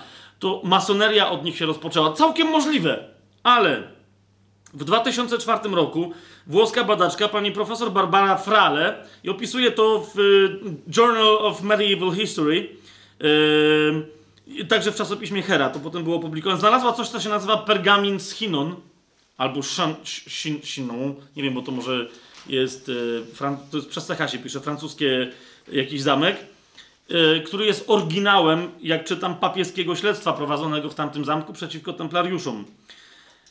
Dowiadujemy się z niego, że papież wiedział o różnych nadużyciach w zakonie, ale nigdy nie uważał templariuszy za odstępców od wiary. Nie zmienia to jednak faktu, że 3 kwietnia 1312 roku papież Klemens V na soborze w Wienne bulą Vox in excelso zdecydował o kasacie zakonu templariuszy. Jego majątki we Francji zostały skonfiskowane. Wielu templariuszy poniosło śmierć przez spalenie na stosie, w tym wielki mistrz Jakub de Molay i 54 innych dostojników zakonnych, choć później po iluś tam latach pokątnie zostali zwolnieni z odpowiedzialności za herezję. Na tej podstawie twierdzę, że jak ktoś, wiecie, mi przekazuje, że albigensi to, co zostało jasno udowodnione, to, że nie chcieli słuchać papieża i trzymali się Pisma Świętego, nawet jeżeli ich rozumienie było złe, mieli do tego prawo, a mam wątpliwości, czy ich rozumienie było złe. Wiecie o co mi chodzi? Następną rzecz, którą możecie sobie sprawdzić, to są beginki. W pewnym momencie pojawiły się kobiety w Europie, e, które e, nie chciały być zakonnicami, ale czytały Pismo Święte. Byli też od, odmienni tam jacyś zawodnicy, którzy się nazywali begerami chyba, e, ale to od tych beginek, nie, że, chyba, że byli żebrakami, nie wiem. E, I teraz o, oni czytali pismo, mieszkali w domach, ale nie mężczyźni z kobietami, tylko osobno, tak? Beginki osobno, służyli ludziom, czytali pismo święte, e, zostali oskarżeni, że są odszczepem, e, e e, odszczepieńcami sekty wolnego ducha. E, jedna z beginek napisała, nie pamiętam jak ona się, mówię, sprawdźcie to sobie sami, napisała książkę pobożną, coś w stylu o naśladowaniu Chrystusa, tylko było coś innego. Do dzisiaj w niektórych klasztorach ponoć, bo nie wszyscy ona to napisała pod pseudonimem, y, stanowi lekturę pobożną. Tak? Niemniej zostali oskarżeni, Beginki i Begerze zostali oskarżeni, że są skończonymi szmaciarzami, odstępcami, że jak można, w ogóle co się tam dzieje, czczą szatana. Y, ta pani właśnie od tego, nie pamiętam jak ona się nazywała, oczywiście spłonęła na stosie, nie bardzo w ogóle wiedząc, nie bardzo wiedząc, ale jak to? Mówi przecież Duch Święty działa, my nic nie robimy złego, służymy ludziom. Czytamy Pismo Święte.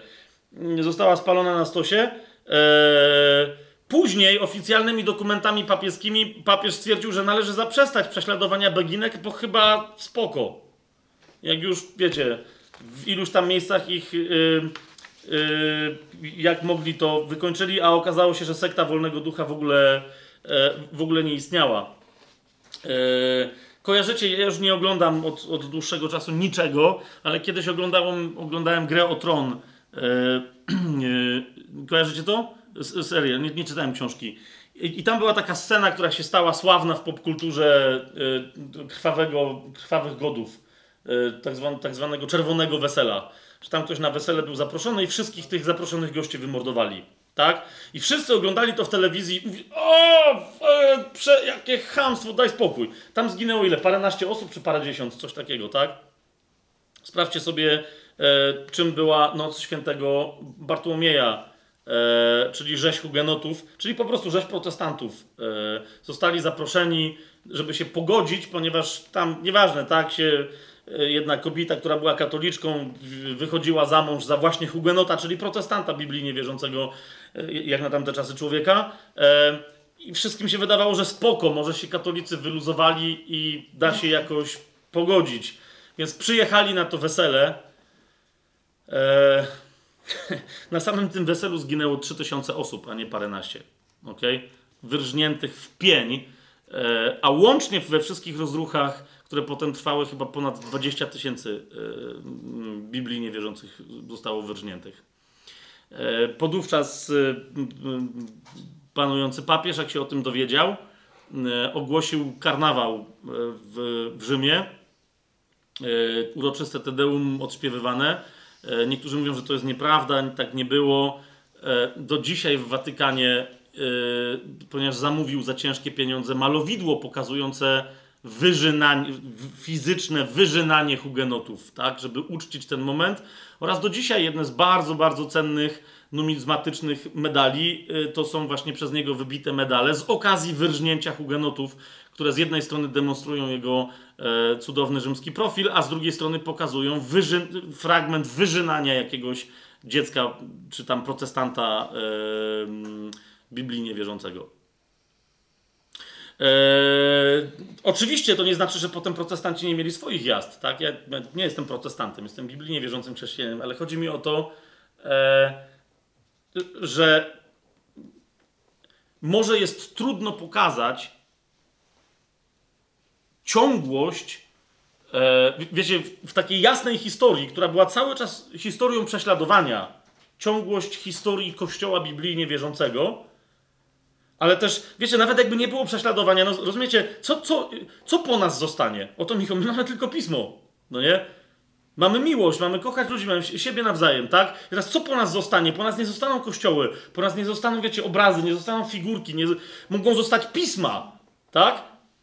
No po prostu, ale, ale to jest wszystko tak? No to teraz będzie trudniej te pisma wykosić, ale wiecie, w tym, w tym dawnym czasie, a jednak jak widzicie, cały czas wiara biblijna się podnosiła i była krwawo tłamszona. Podnosiła i była krwawo tłamszona. Yy, I z całym szacunkiem, ale ze względu na to, co jeszcze chcę dzisiaj powiedzieć, bo w trakcie przygotowywania się do, do, do, do tego wykładu miałem taką myśl, z całym szacunkiem, ale jednak e, Kościół rzymski wszedł w buty Cesarstwa Rzymskiego, jak widzicie bardzo wyraźnie. Papież chce chciał być i chce nadal być uznawany nie tylko cesarzem rzymskim, ale kimś, kto stoi ponad cesarzem i wszystkimi władcami świata. Tak? Więc wchodzi także, tak jak dzisiejsza Polska Rzeczpospolita, um, um, ma zobowiązania wobec, y, jako kraj, wobec tych, którzy je zawiązywali jako PRL w, w Polskiej Rzeczpospolitej Ludowej. Wiecie o co mi chodzi? W PRL-u ktoś zasłużył sobie na emeryturę i dzisiaj Rzeczpospolita Polska, skoro kontynuuje tamtą historię, to te emerytury płaci. Tak?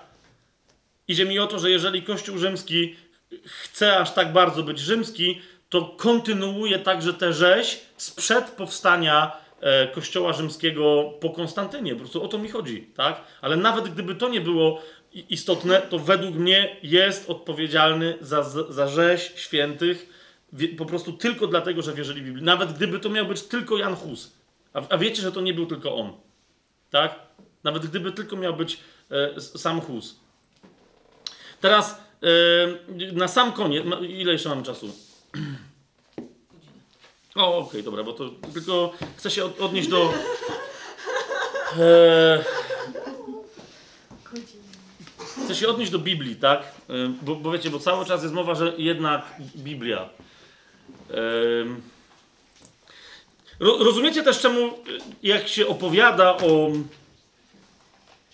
historii, gdzie był prawdziwy kościół, e, to trudno się opowiada historię kościoła, który był wyżynany.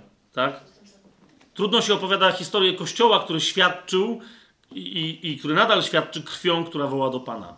Tak więc. E, jak chcecie, to sobie sami dalej tego szukajcie. Ale chcę się e, po prostu tylko teraz krótko odnieść biblijnie do, e, do tego tekstu, na którym w zasadzie najczęściej mówią, że ale nie, papież jest biblijny. Papież jest biblijny. To jest 16 rozdział Mateusza, 17 e, werset. Pan Jezus powiedział do Szymona, Bariony, czyli do Szymona, syna gołębicy,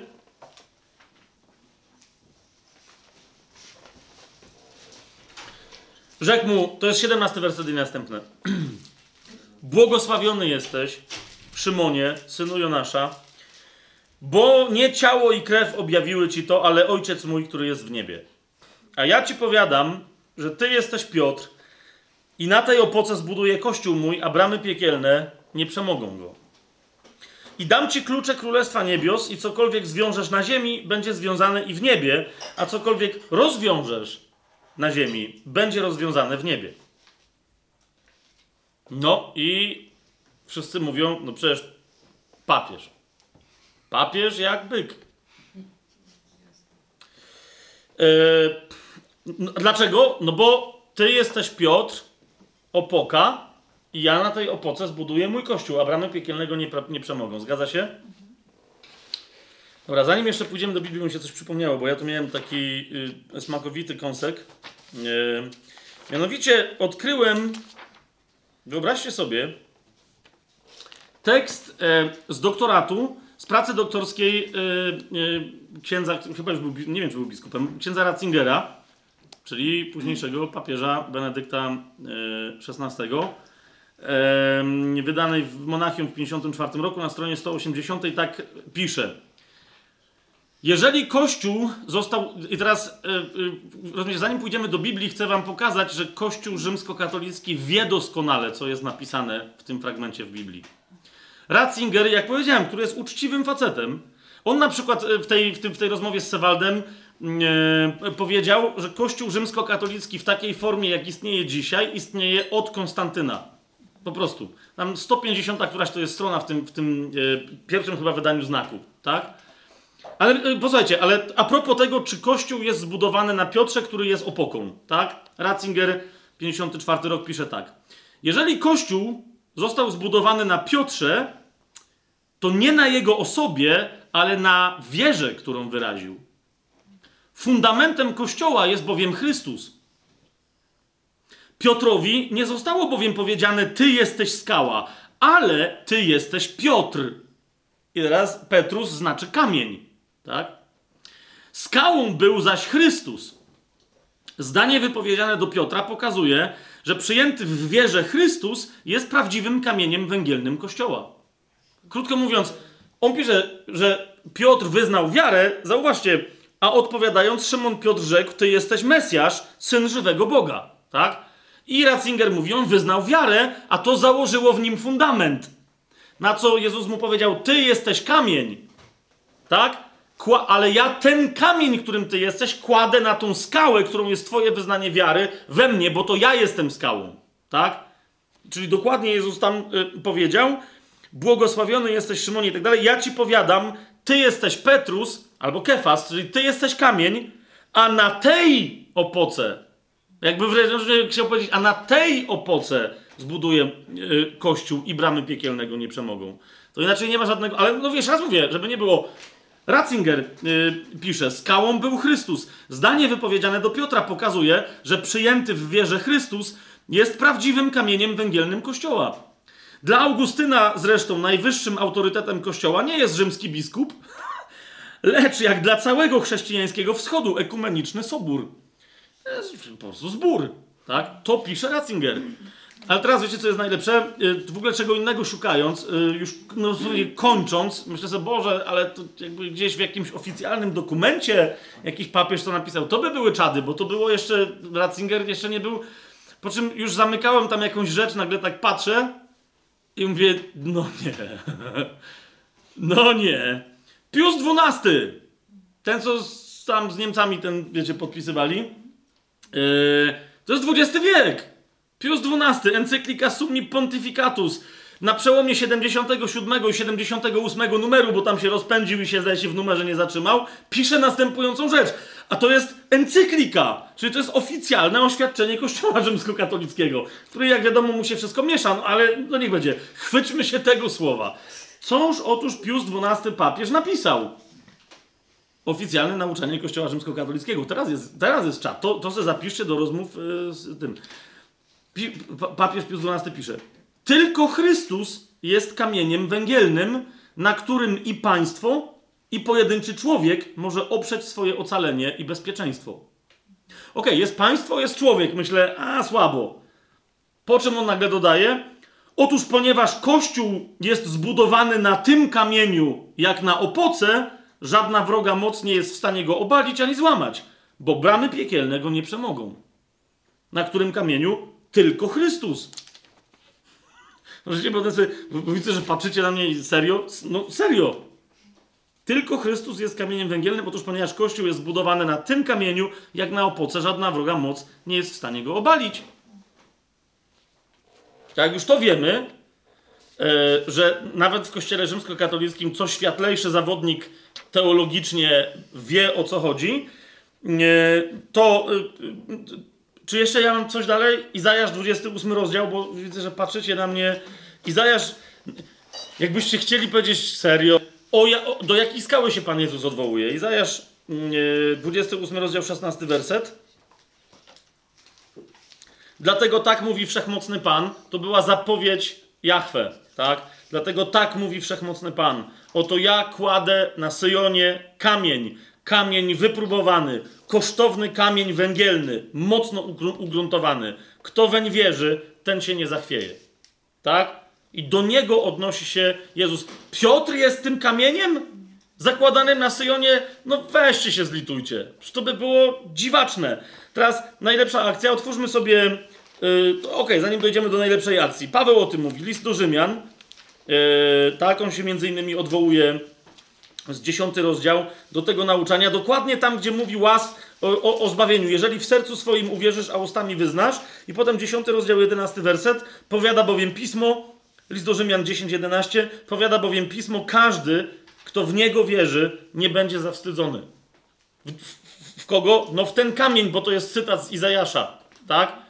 A wcześniej powiada, bo jeżeli ustami swoimi wyznasz, że Jezus jest Panem i uwierzysz w sercu swoim, że Bóg wzbudził go z martwych, będziesz zbawiony. Tak? I teraz o co mi idzie? Yy, pierwszy do Koryntian. Ok, pierwszy do Koryntian, trzeci rozdział. Dobra, jeszcze idźmy. Pierwszy do Koryntian. leczymy się z tego. Amen. Pierwszy do Koryntian, trzeci rozdział.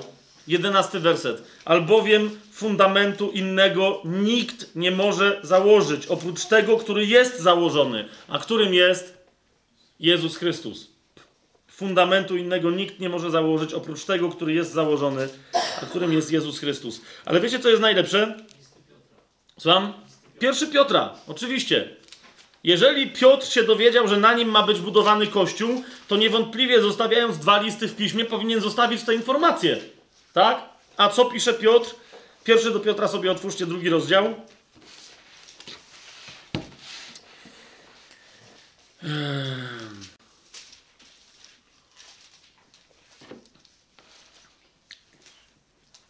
Czwarty werset. Przystąpcie do niego, do kamienia żywego, przez ludzi wprawdzie odrzuconego, ale przez Boga wybranego jako kosztowny. Tak? On to mówi, wiedząc o czym, że on jest pierwszą cegłą, bo on pierwszy wyznał, tak? On jest pierwszą cegłą, ale co mówi piąty werset? I wy sami, jako kamienie żywe, wszyscy jesteśmy kefasami w tym sensie, jak i on jest kamieniem, tak? Położonym na tej skale. I wy sami, jako kamienie żywe, budujecie się w dom duchowy, w kapłaństwo święte. Czy, czy, czy, czy ktoś ma większe kapłaństwo niż ty w Chrystusie? Nikt, żaden papież, żaden biskup, żaden ksiądz, żaden nikt. Wy sami jako kamienie żywe budujecie się w dom duchowy, w kapłaństwo święte, aby składać duchowe ofiary przyjemne Bogu przez Jezusa Chrystusa. Dlatego to, szósty werset, powiedziane jest w piśmie, oto kładę na Syjonie kamień węgielny, wybrany, kosztowny, a kto w niego wierzy, nie zawiedzie się. Piotr wyraźnie te, również o tym mówi. Jeżeli tu mówi, to i wtedy wiedział, tak? Ty jesteś kamień, a ja jestem skałą, na której zbuduję kościół przy pomocy takich kamieni jak ty, Kefasie. I bramy piekielnego nie przemogą. Mamy jasność? E, dalej mógłbym to kontynuować, to potem sobie zobaczcie, tak, co się tam dalej dzieje. Dla, siódmy werset i następne. Ale w tym samym liście otwórzcie sobie piąty rozdział. Eee, gdzie Piotr nie tylko na początku tego listu mówi, że to Chrystus jest fundamentem, Chrystus jest skałą, na nim jest zbudowany Kościół, ale do przełożonych mówi coś wręcz przeciwnego niż Kościół rzymskokatolicki kiedykolwiek pokazywał. Tak? Piąty rozdział pierwszego listu Piotr, i to Piotr pisze od pierwszego wersetu. Starszych więc wśród was napominam, jako również starszy i świadek cierpień Chrystusowych oraz współuczestnik chwały, która ma się objawić Paście trzodę Bożą, która jest między wami, nie z przymusu, ale ochotnie, po Bożemu, nie dla brzydkiego zysku, ale z oddaniem. I nie jako panujący nad tymi, którzy są wam poruczeni, ale jako wzór dla tej trzody.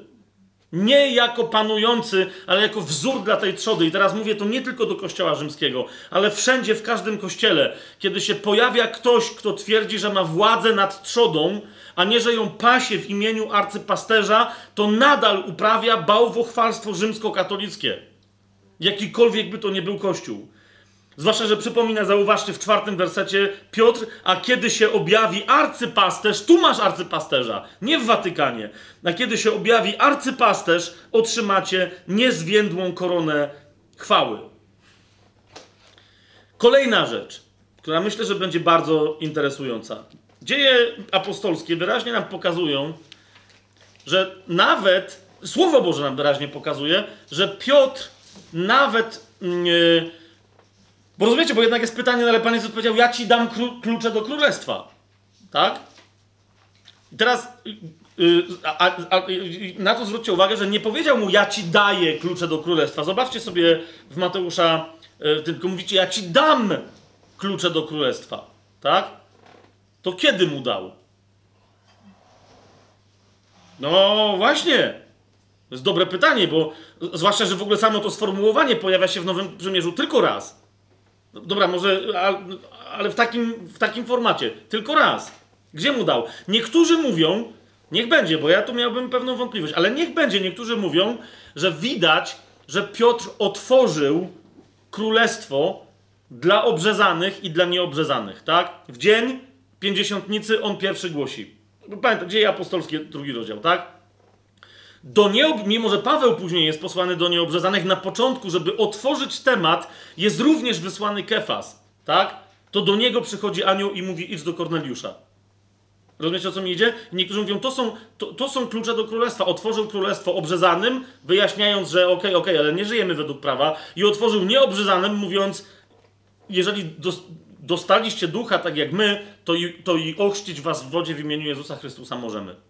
Tak? Że to są te, te klucze. Ale ja teraz y, to, to zostawiam, tylko ja chcę wam pokazać, że w zasadzie, jak dobrze czytam dzieje apostolskie, to się okazuje, że Piotr w ogóle nie był, w ogóle nie był głową kościoła, yy, nawet w Jerozolimie. To jest ciekawe. Otwórzcie sobie 12 rozdział yy, yy, dziejów apostolskich. Yy, w tym 12 rozdziale yy, Piotr jest prześladowany, jest ścigany Niektórzy mówią, że właśnie dlatego, że był głową kościoła. Dobra, całkiem możliwe, że dlatego, tak? Ale może dlatego właśnie, że jak ewangelizujący apostoł, że chodził, a nie był pasterzem trzody w Jerozolimie, tak? I teraz zobaczcie 17 werset. Jak wyszedł z więzienia, e, to poszedł dalej, ale co, co powiedział, żeby co się stało? Zobaczcie 17 werset. Dawszy im znam, znak ręką, aby milczeli, opowiedział im, jak go Pan wyprowadził z więzienia i rzekł, powiadomcie o tym Jakuba,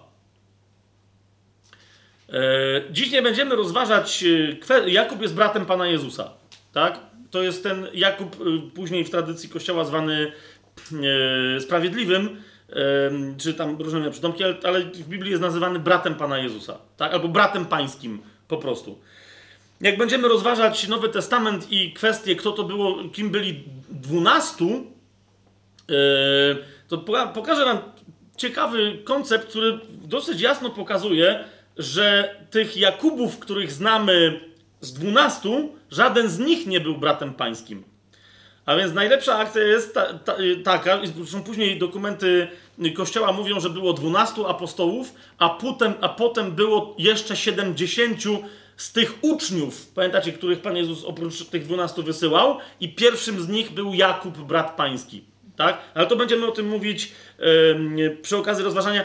Bo, bo, załóżmy, że, bo niektórzy mówią, nie, to był Jakub, yy, to był Jakub, no okej, okay, nie, nie, niech będzie, że to był jeden z tych apostołów. Nawet jeżeli był, tak? Nawet jeżeli był, to zauważcie, Piotr każe poinformować szefa, yy, nie szefa, tylko pasterza, no szefa, już mi się katolicyzm odpalił, pasterza, tak? który jest odpowiedzialny za tę trzodę. Powiadomcie o tym Jakuba i braci. Potem wyszedł i udał się e, na inne miejsce. Zobaczcie, 15 rozdział. To jest tam, kiedy dochodzi do spotkania w Jerozolimie. Bo Paweł twierdzi, że poganie się nie muszą e, chrzcić. I, e, nie, nie, nie muszą się obrzezywać, tylko muszą się ochrzcić to wszystko. Tak? A tam Żydzi zaczynają mówić, że nie, jak to muszą przejść na judaizm. Zobaczcie, e, siódmy najpierw werset.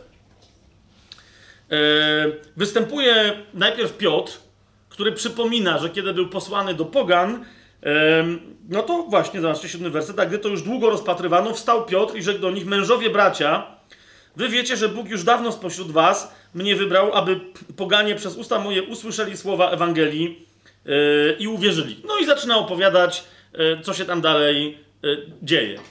Ale zwróćcie uwagę, czyli jest Piotr na zgromadzeniu, ale zwróćcie uwagę, trzynasty werset, kto dokonuje konkluzji i podejmuje i, później nakłania Kościół do decyzji. Trzynasty werset.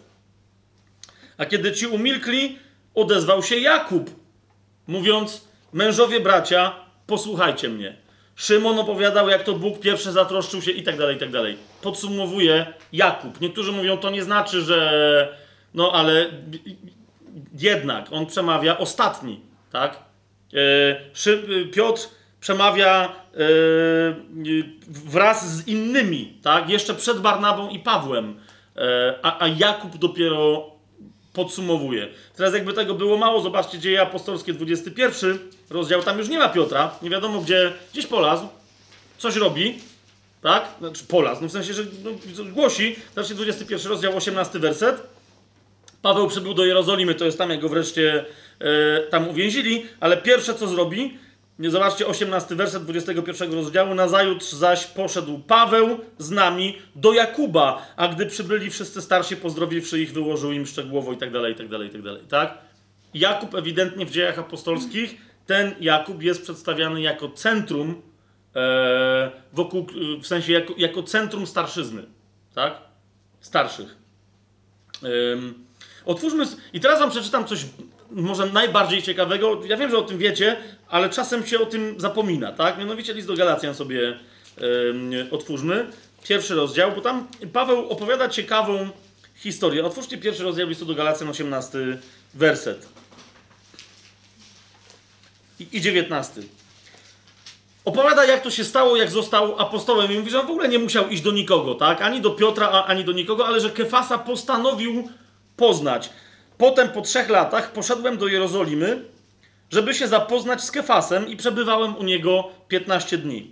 A innego z apostołów nie widziałem, tylko Jakuba, brata pańskiego, widziałem. Jak? Jest, jest to ciekawe, że, że uważa Paweł, że należy to zaznaczyć, że się z nim widział. Zobaczcie drugi rozdział, dziewiąty werset. Otóż, bo potem się znowu dzielił z nimi po iluś tam nastu latach, tak? wyraźnie wskazuje, że istnieją filary Kościoła. Ale kto to jest? Otóż, gdy poznali okazaną mi łaskę, Jakub, zauważcie, wymienia go na pierwszym miejscu już w tym momencie, Jakub i Kefas i Jan, którzy są uważani za filary, podali mnie i Barnabie prawicę na dowód wspólnoty, abyśmy szli do pogan, a oni pójdą do obrzezanych. Widzicie, o, o, o co mi chodzi? To w ogóle nie jest ale teraz, żeby już zupełnie rozwiać wszelkie wątpliwości, e, że on miał jakiś prymat i jakąś nieomylność i cokolwiek Piotr, tak? Zobaczcie wersety 11-14. A kiedy przyszedł Kefas do Antiochii, to była ostra wspólnota, e, to był ostry kościół, oni zostali nazwani chrześcijanami, e, oni cały czas pilnowali, żeby Pismo Święte było właściwie przekazywane, tak? Kiedy przyszedł Kefas do Antiochii, przeciwstawiłem mu się otwarcie, bo też okazał się winnym. Jakiś, wiecie, Pawełek papieżowi? To był Piotr.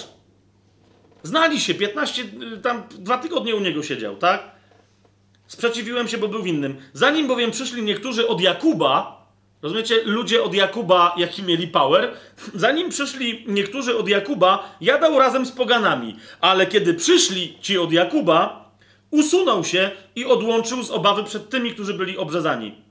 A wraz z nim obłudnie postąpili również pozostali Żydzi, także i Barnaba dał się wciągnąć w ich obłudę.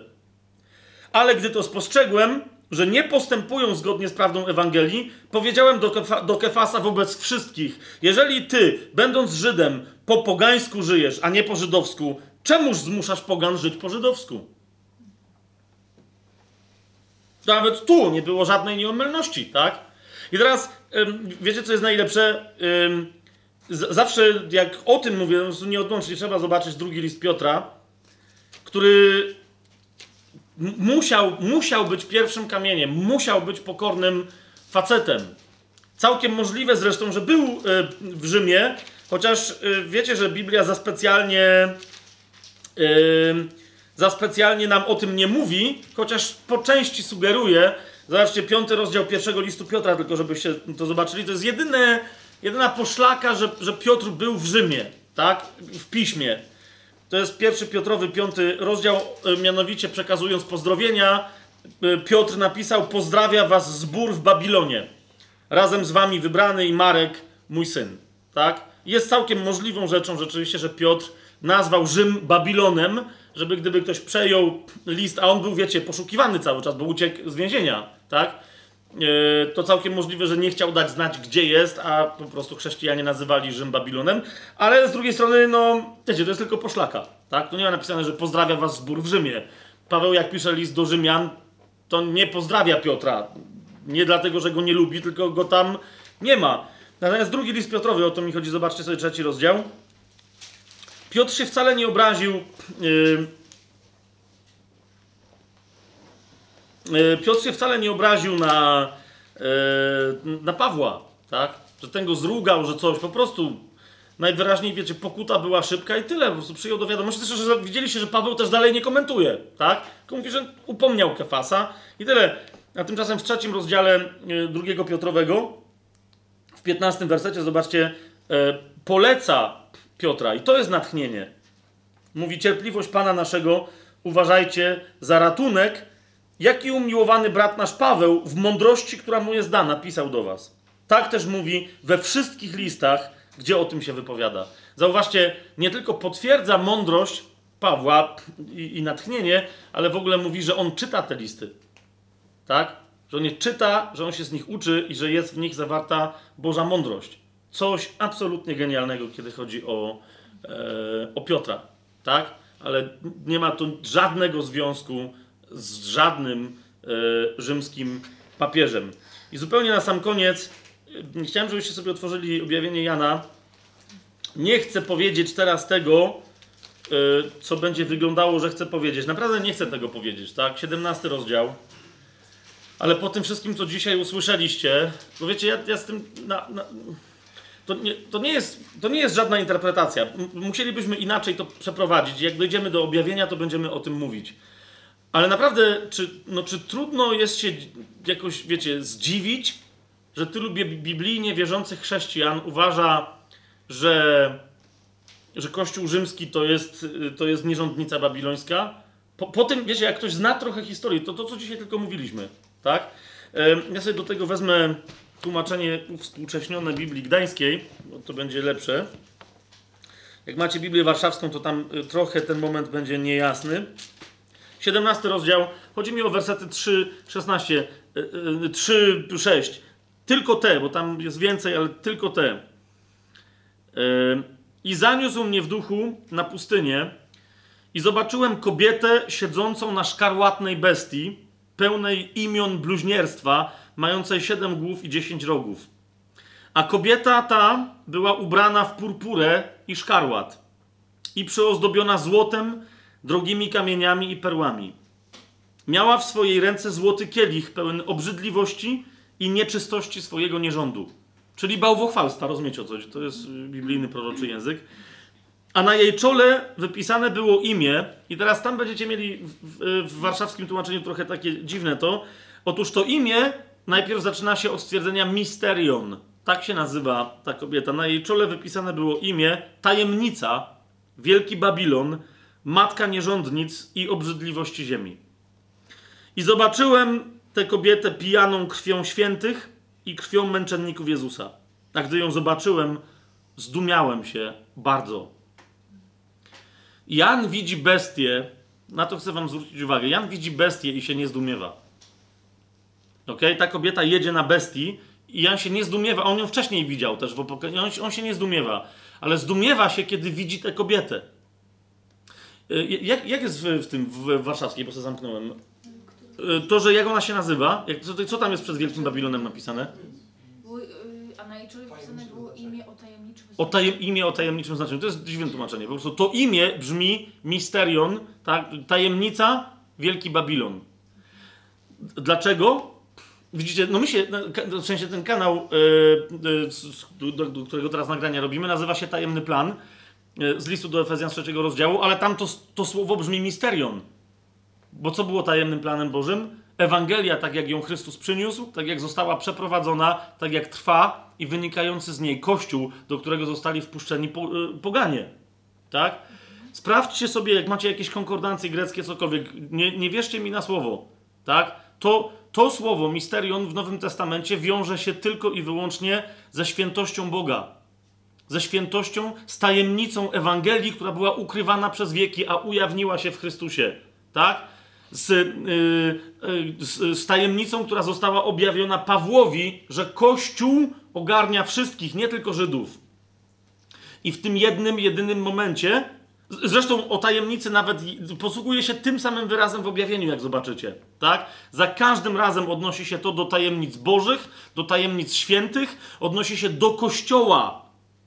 I w tym jednym, jedynym miejscu misterion ma wypisane na czole kobieta, która się upija krwią świętych, która bluźni, która ma bluźniercze imiona na bestii, na której jedzie wypisane i która, yy, i, i, która pije nierząd bałwochwalczy. Tak? I, i, i podawała ten nierząd innym, yy, yy, innym do picia. Teraz chodzi mi o to, chodzi mi o to, że ta naz- to jest kobieta, która się nazywa tajemnica, E, Izrael jako, jako oblubienica Boga jest przedstawiony e, w objawieniu. Tak? To jest ta kobieta z 12 rozdziału, która rodzi Jezusa. Oczywiście, że to jest Maria, tak? ale potem te, e, cały opis wyraźnie pokazuje, że to jest Izrael. E, oblubienicą, tak? która idzie na gody baranka, jest Kościół w objawieniu i w, i, w ogóle u Jana, tak? W, w całym Nowym Testamencie. Tu mamy jedną kobietę, która przypisuje sobie imię Misterion, przypisuje sobie imię tajemnicy Bożej, a jest matką wszystkich nierządnic. Rozumiecie?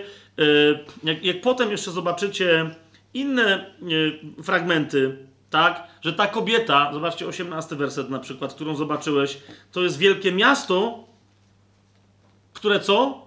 Króluje nad królami ziemi.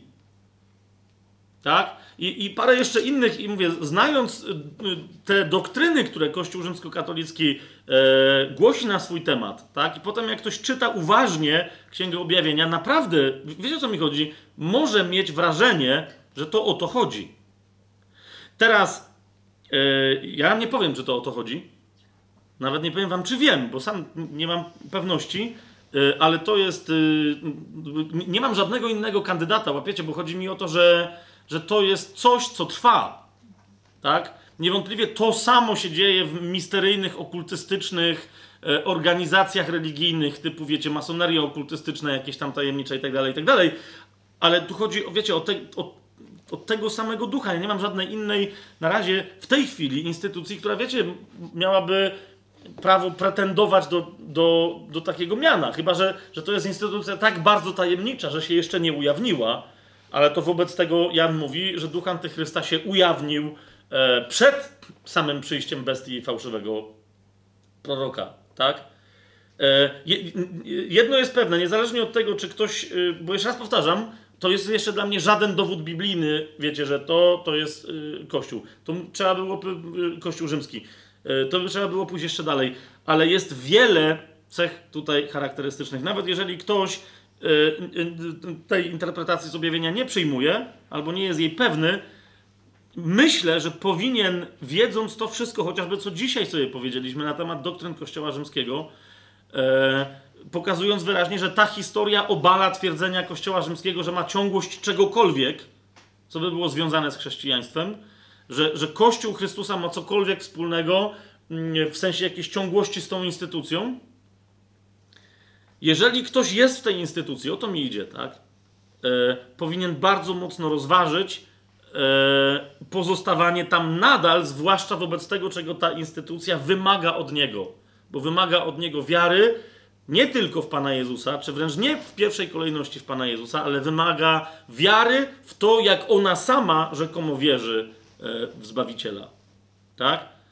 A zatem, y, jeszcze raz, ktoś może w ogóle zdenerwować na mnie i tak dalej, ale jeszcze raz, e, te wszystkie fakty, o których mówiłem, a jest ich znacznie, znacznie, znacznie więcej, nie w takiej krótkiej konferencji, y, y, w sensie konferencji, czy zebraniu tych informacji, tak?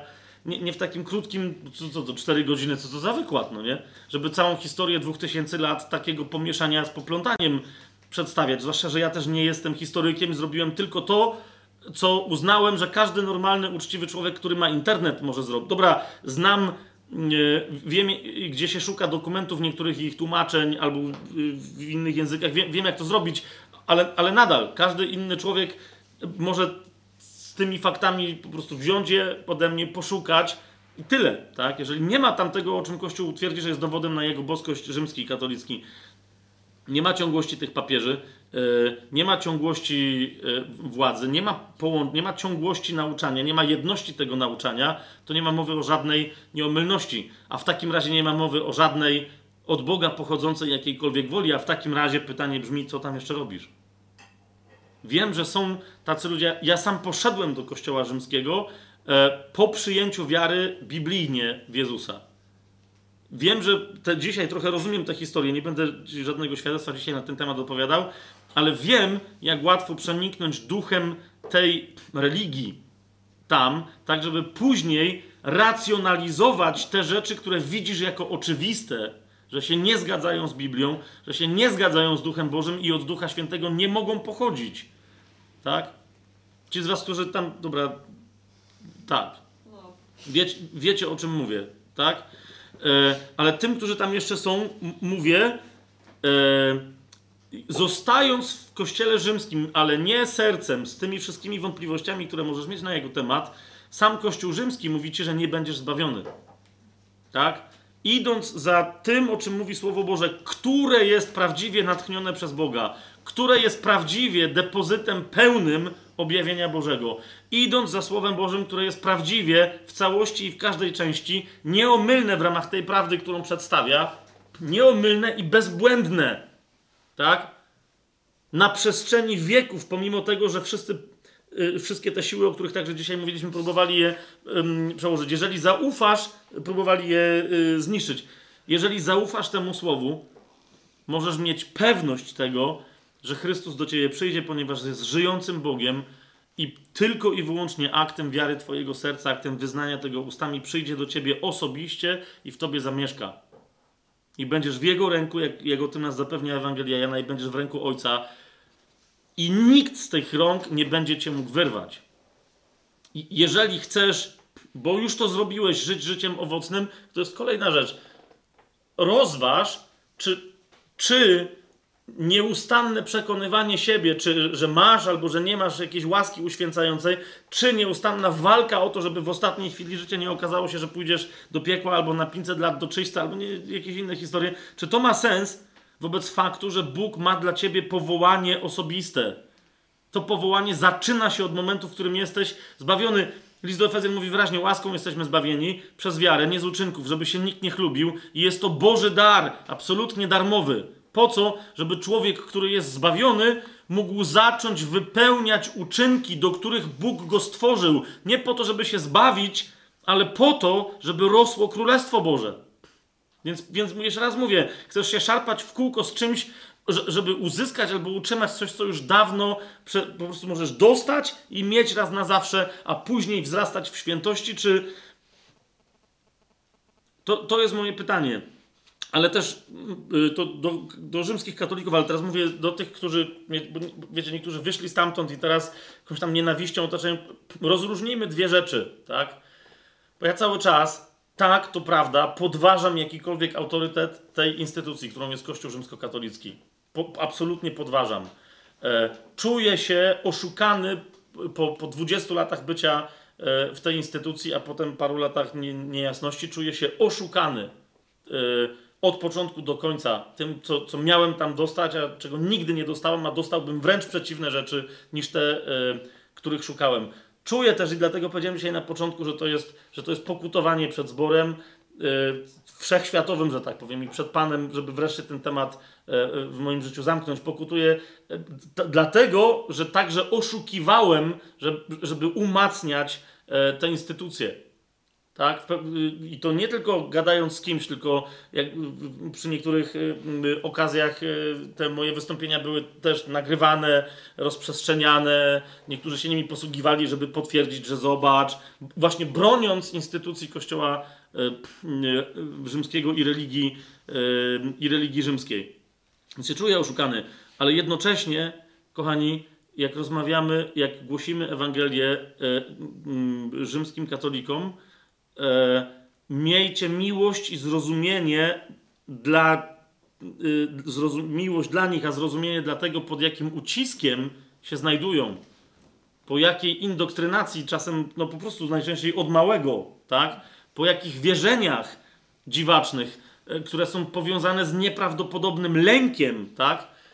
Miejcie świadomość tego, że jeżeli rozmawiacie z kimś, ten ktoś ma rodziców, a ci rodzice się boją o jego zbawienie wieczne, bo tak to Kościół rzymski przedstawia, tak? że tylko będąc w Kościele rzymskim i ci starsi ludzie, babcie, dziadkowie i tak dalej, to wszystko wierzą.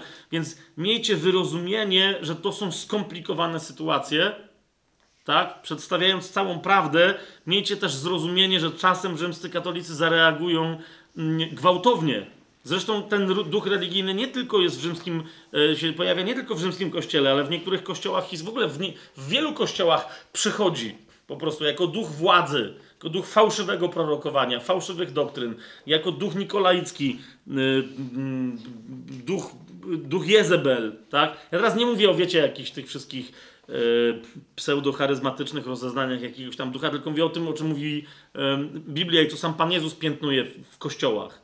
Tak? E, więc miejcie wyrozumienie, że czasem ci ludzie zareagują, dajcie się zranić, jeżeli, jeżeli rzymski katolik e, rani cię, kiedy mu głosisz Ewangelię, ale chcecie dalej słuchać, to daj się zranić i głoś mu dalej. Nie obrażaj się, nie unoś się dumą, nie unoś się jakimś tam, wiesz, a tępy katolu, jakiś w ogóle... Zrozum to, zrozum to.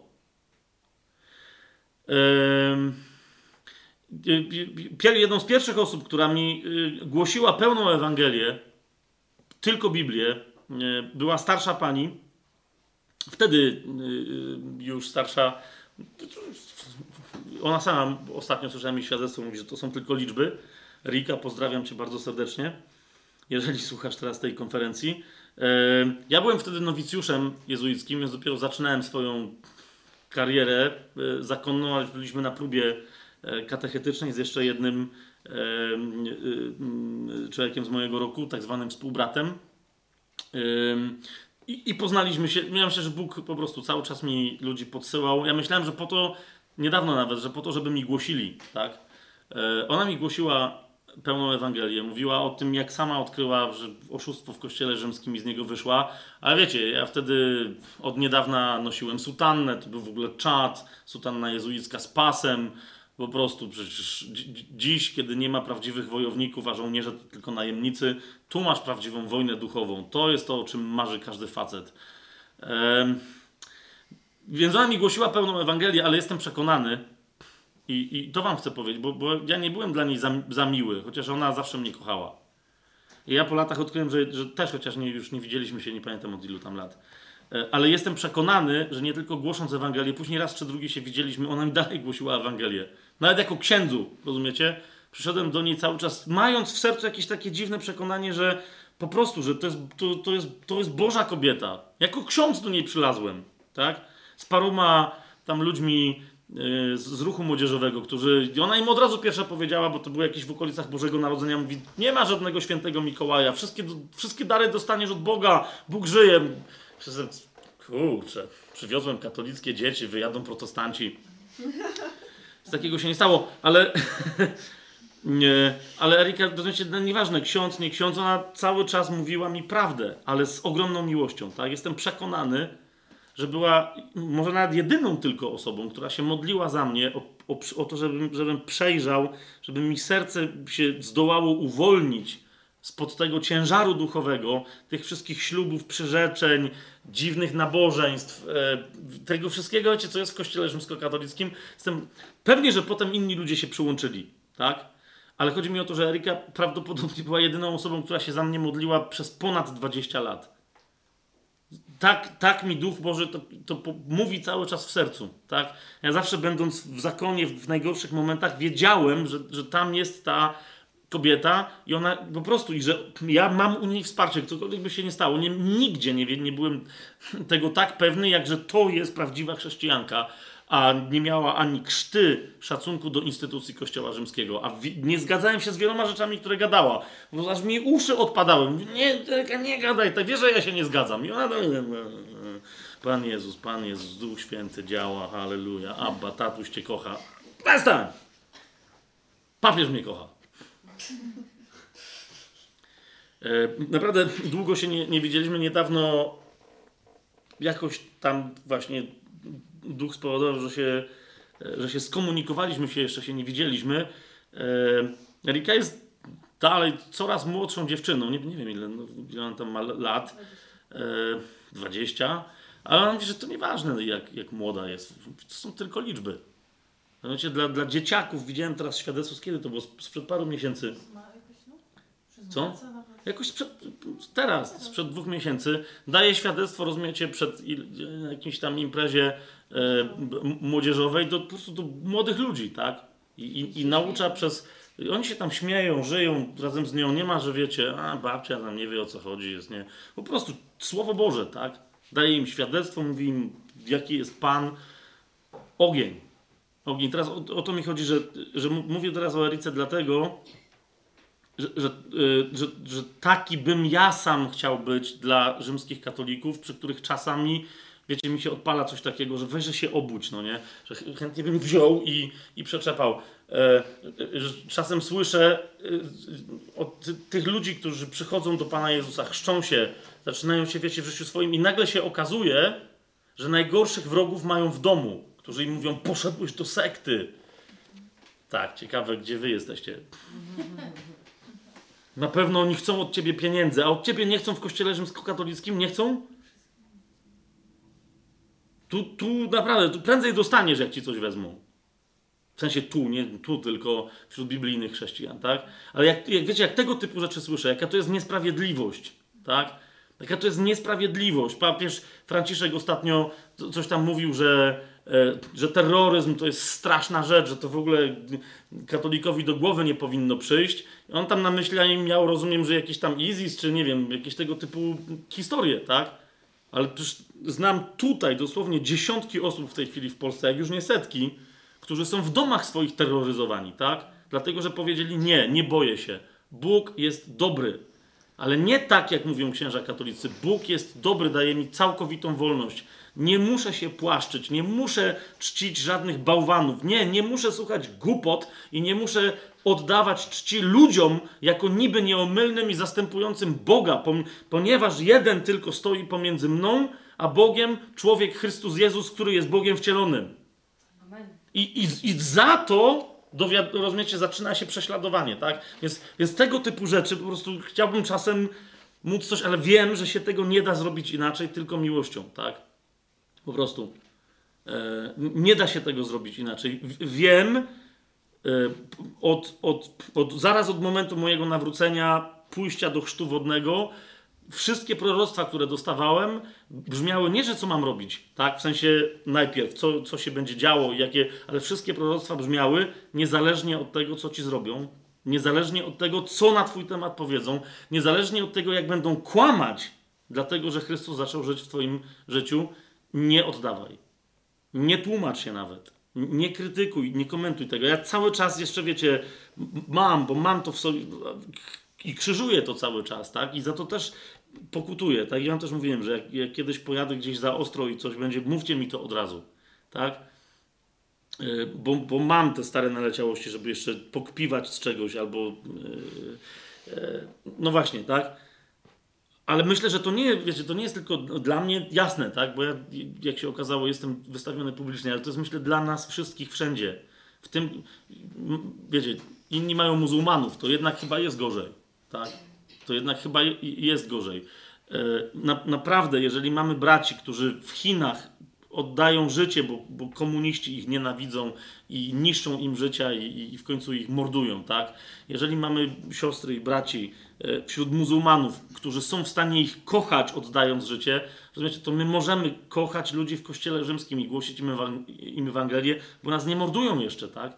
Znaczy, jest, mam nadzieję, że nigdy do tego nie, czegoś takiego nie dojdzie, to nie, nie, nie tego słowa, tak?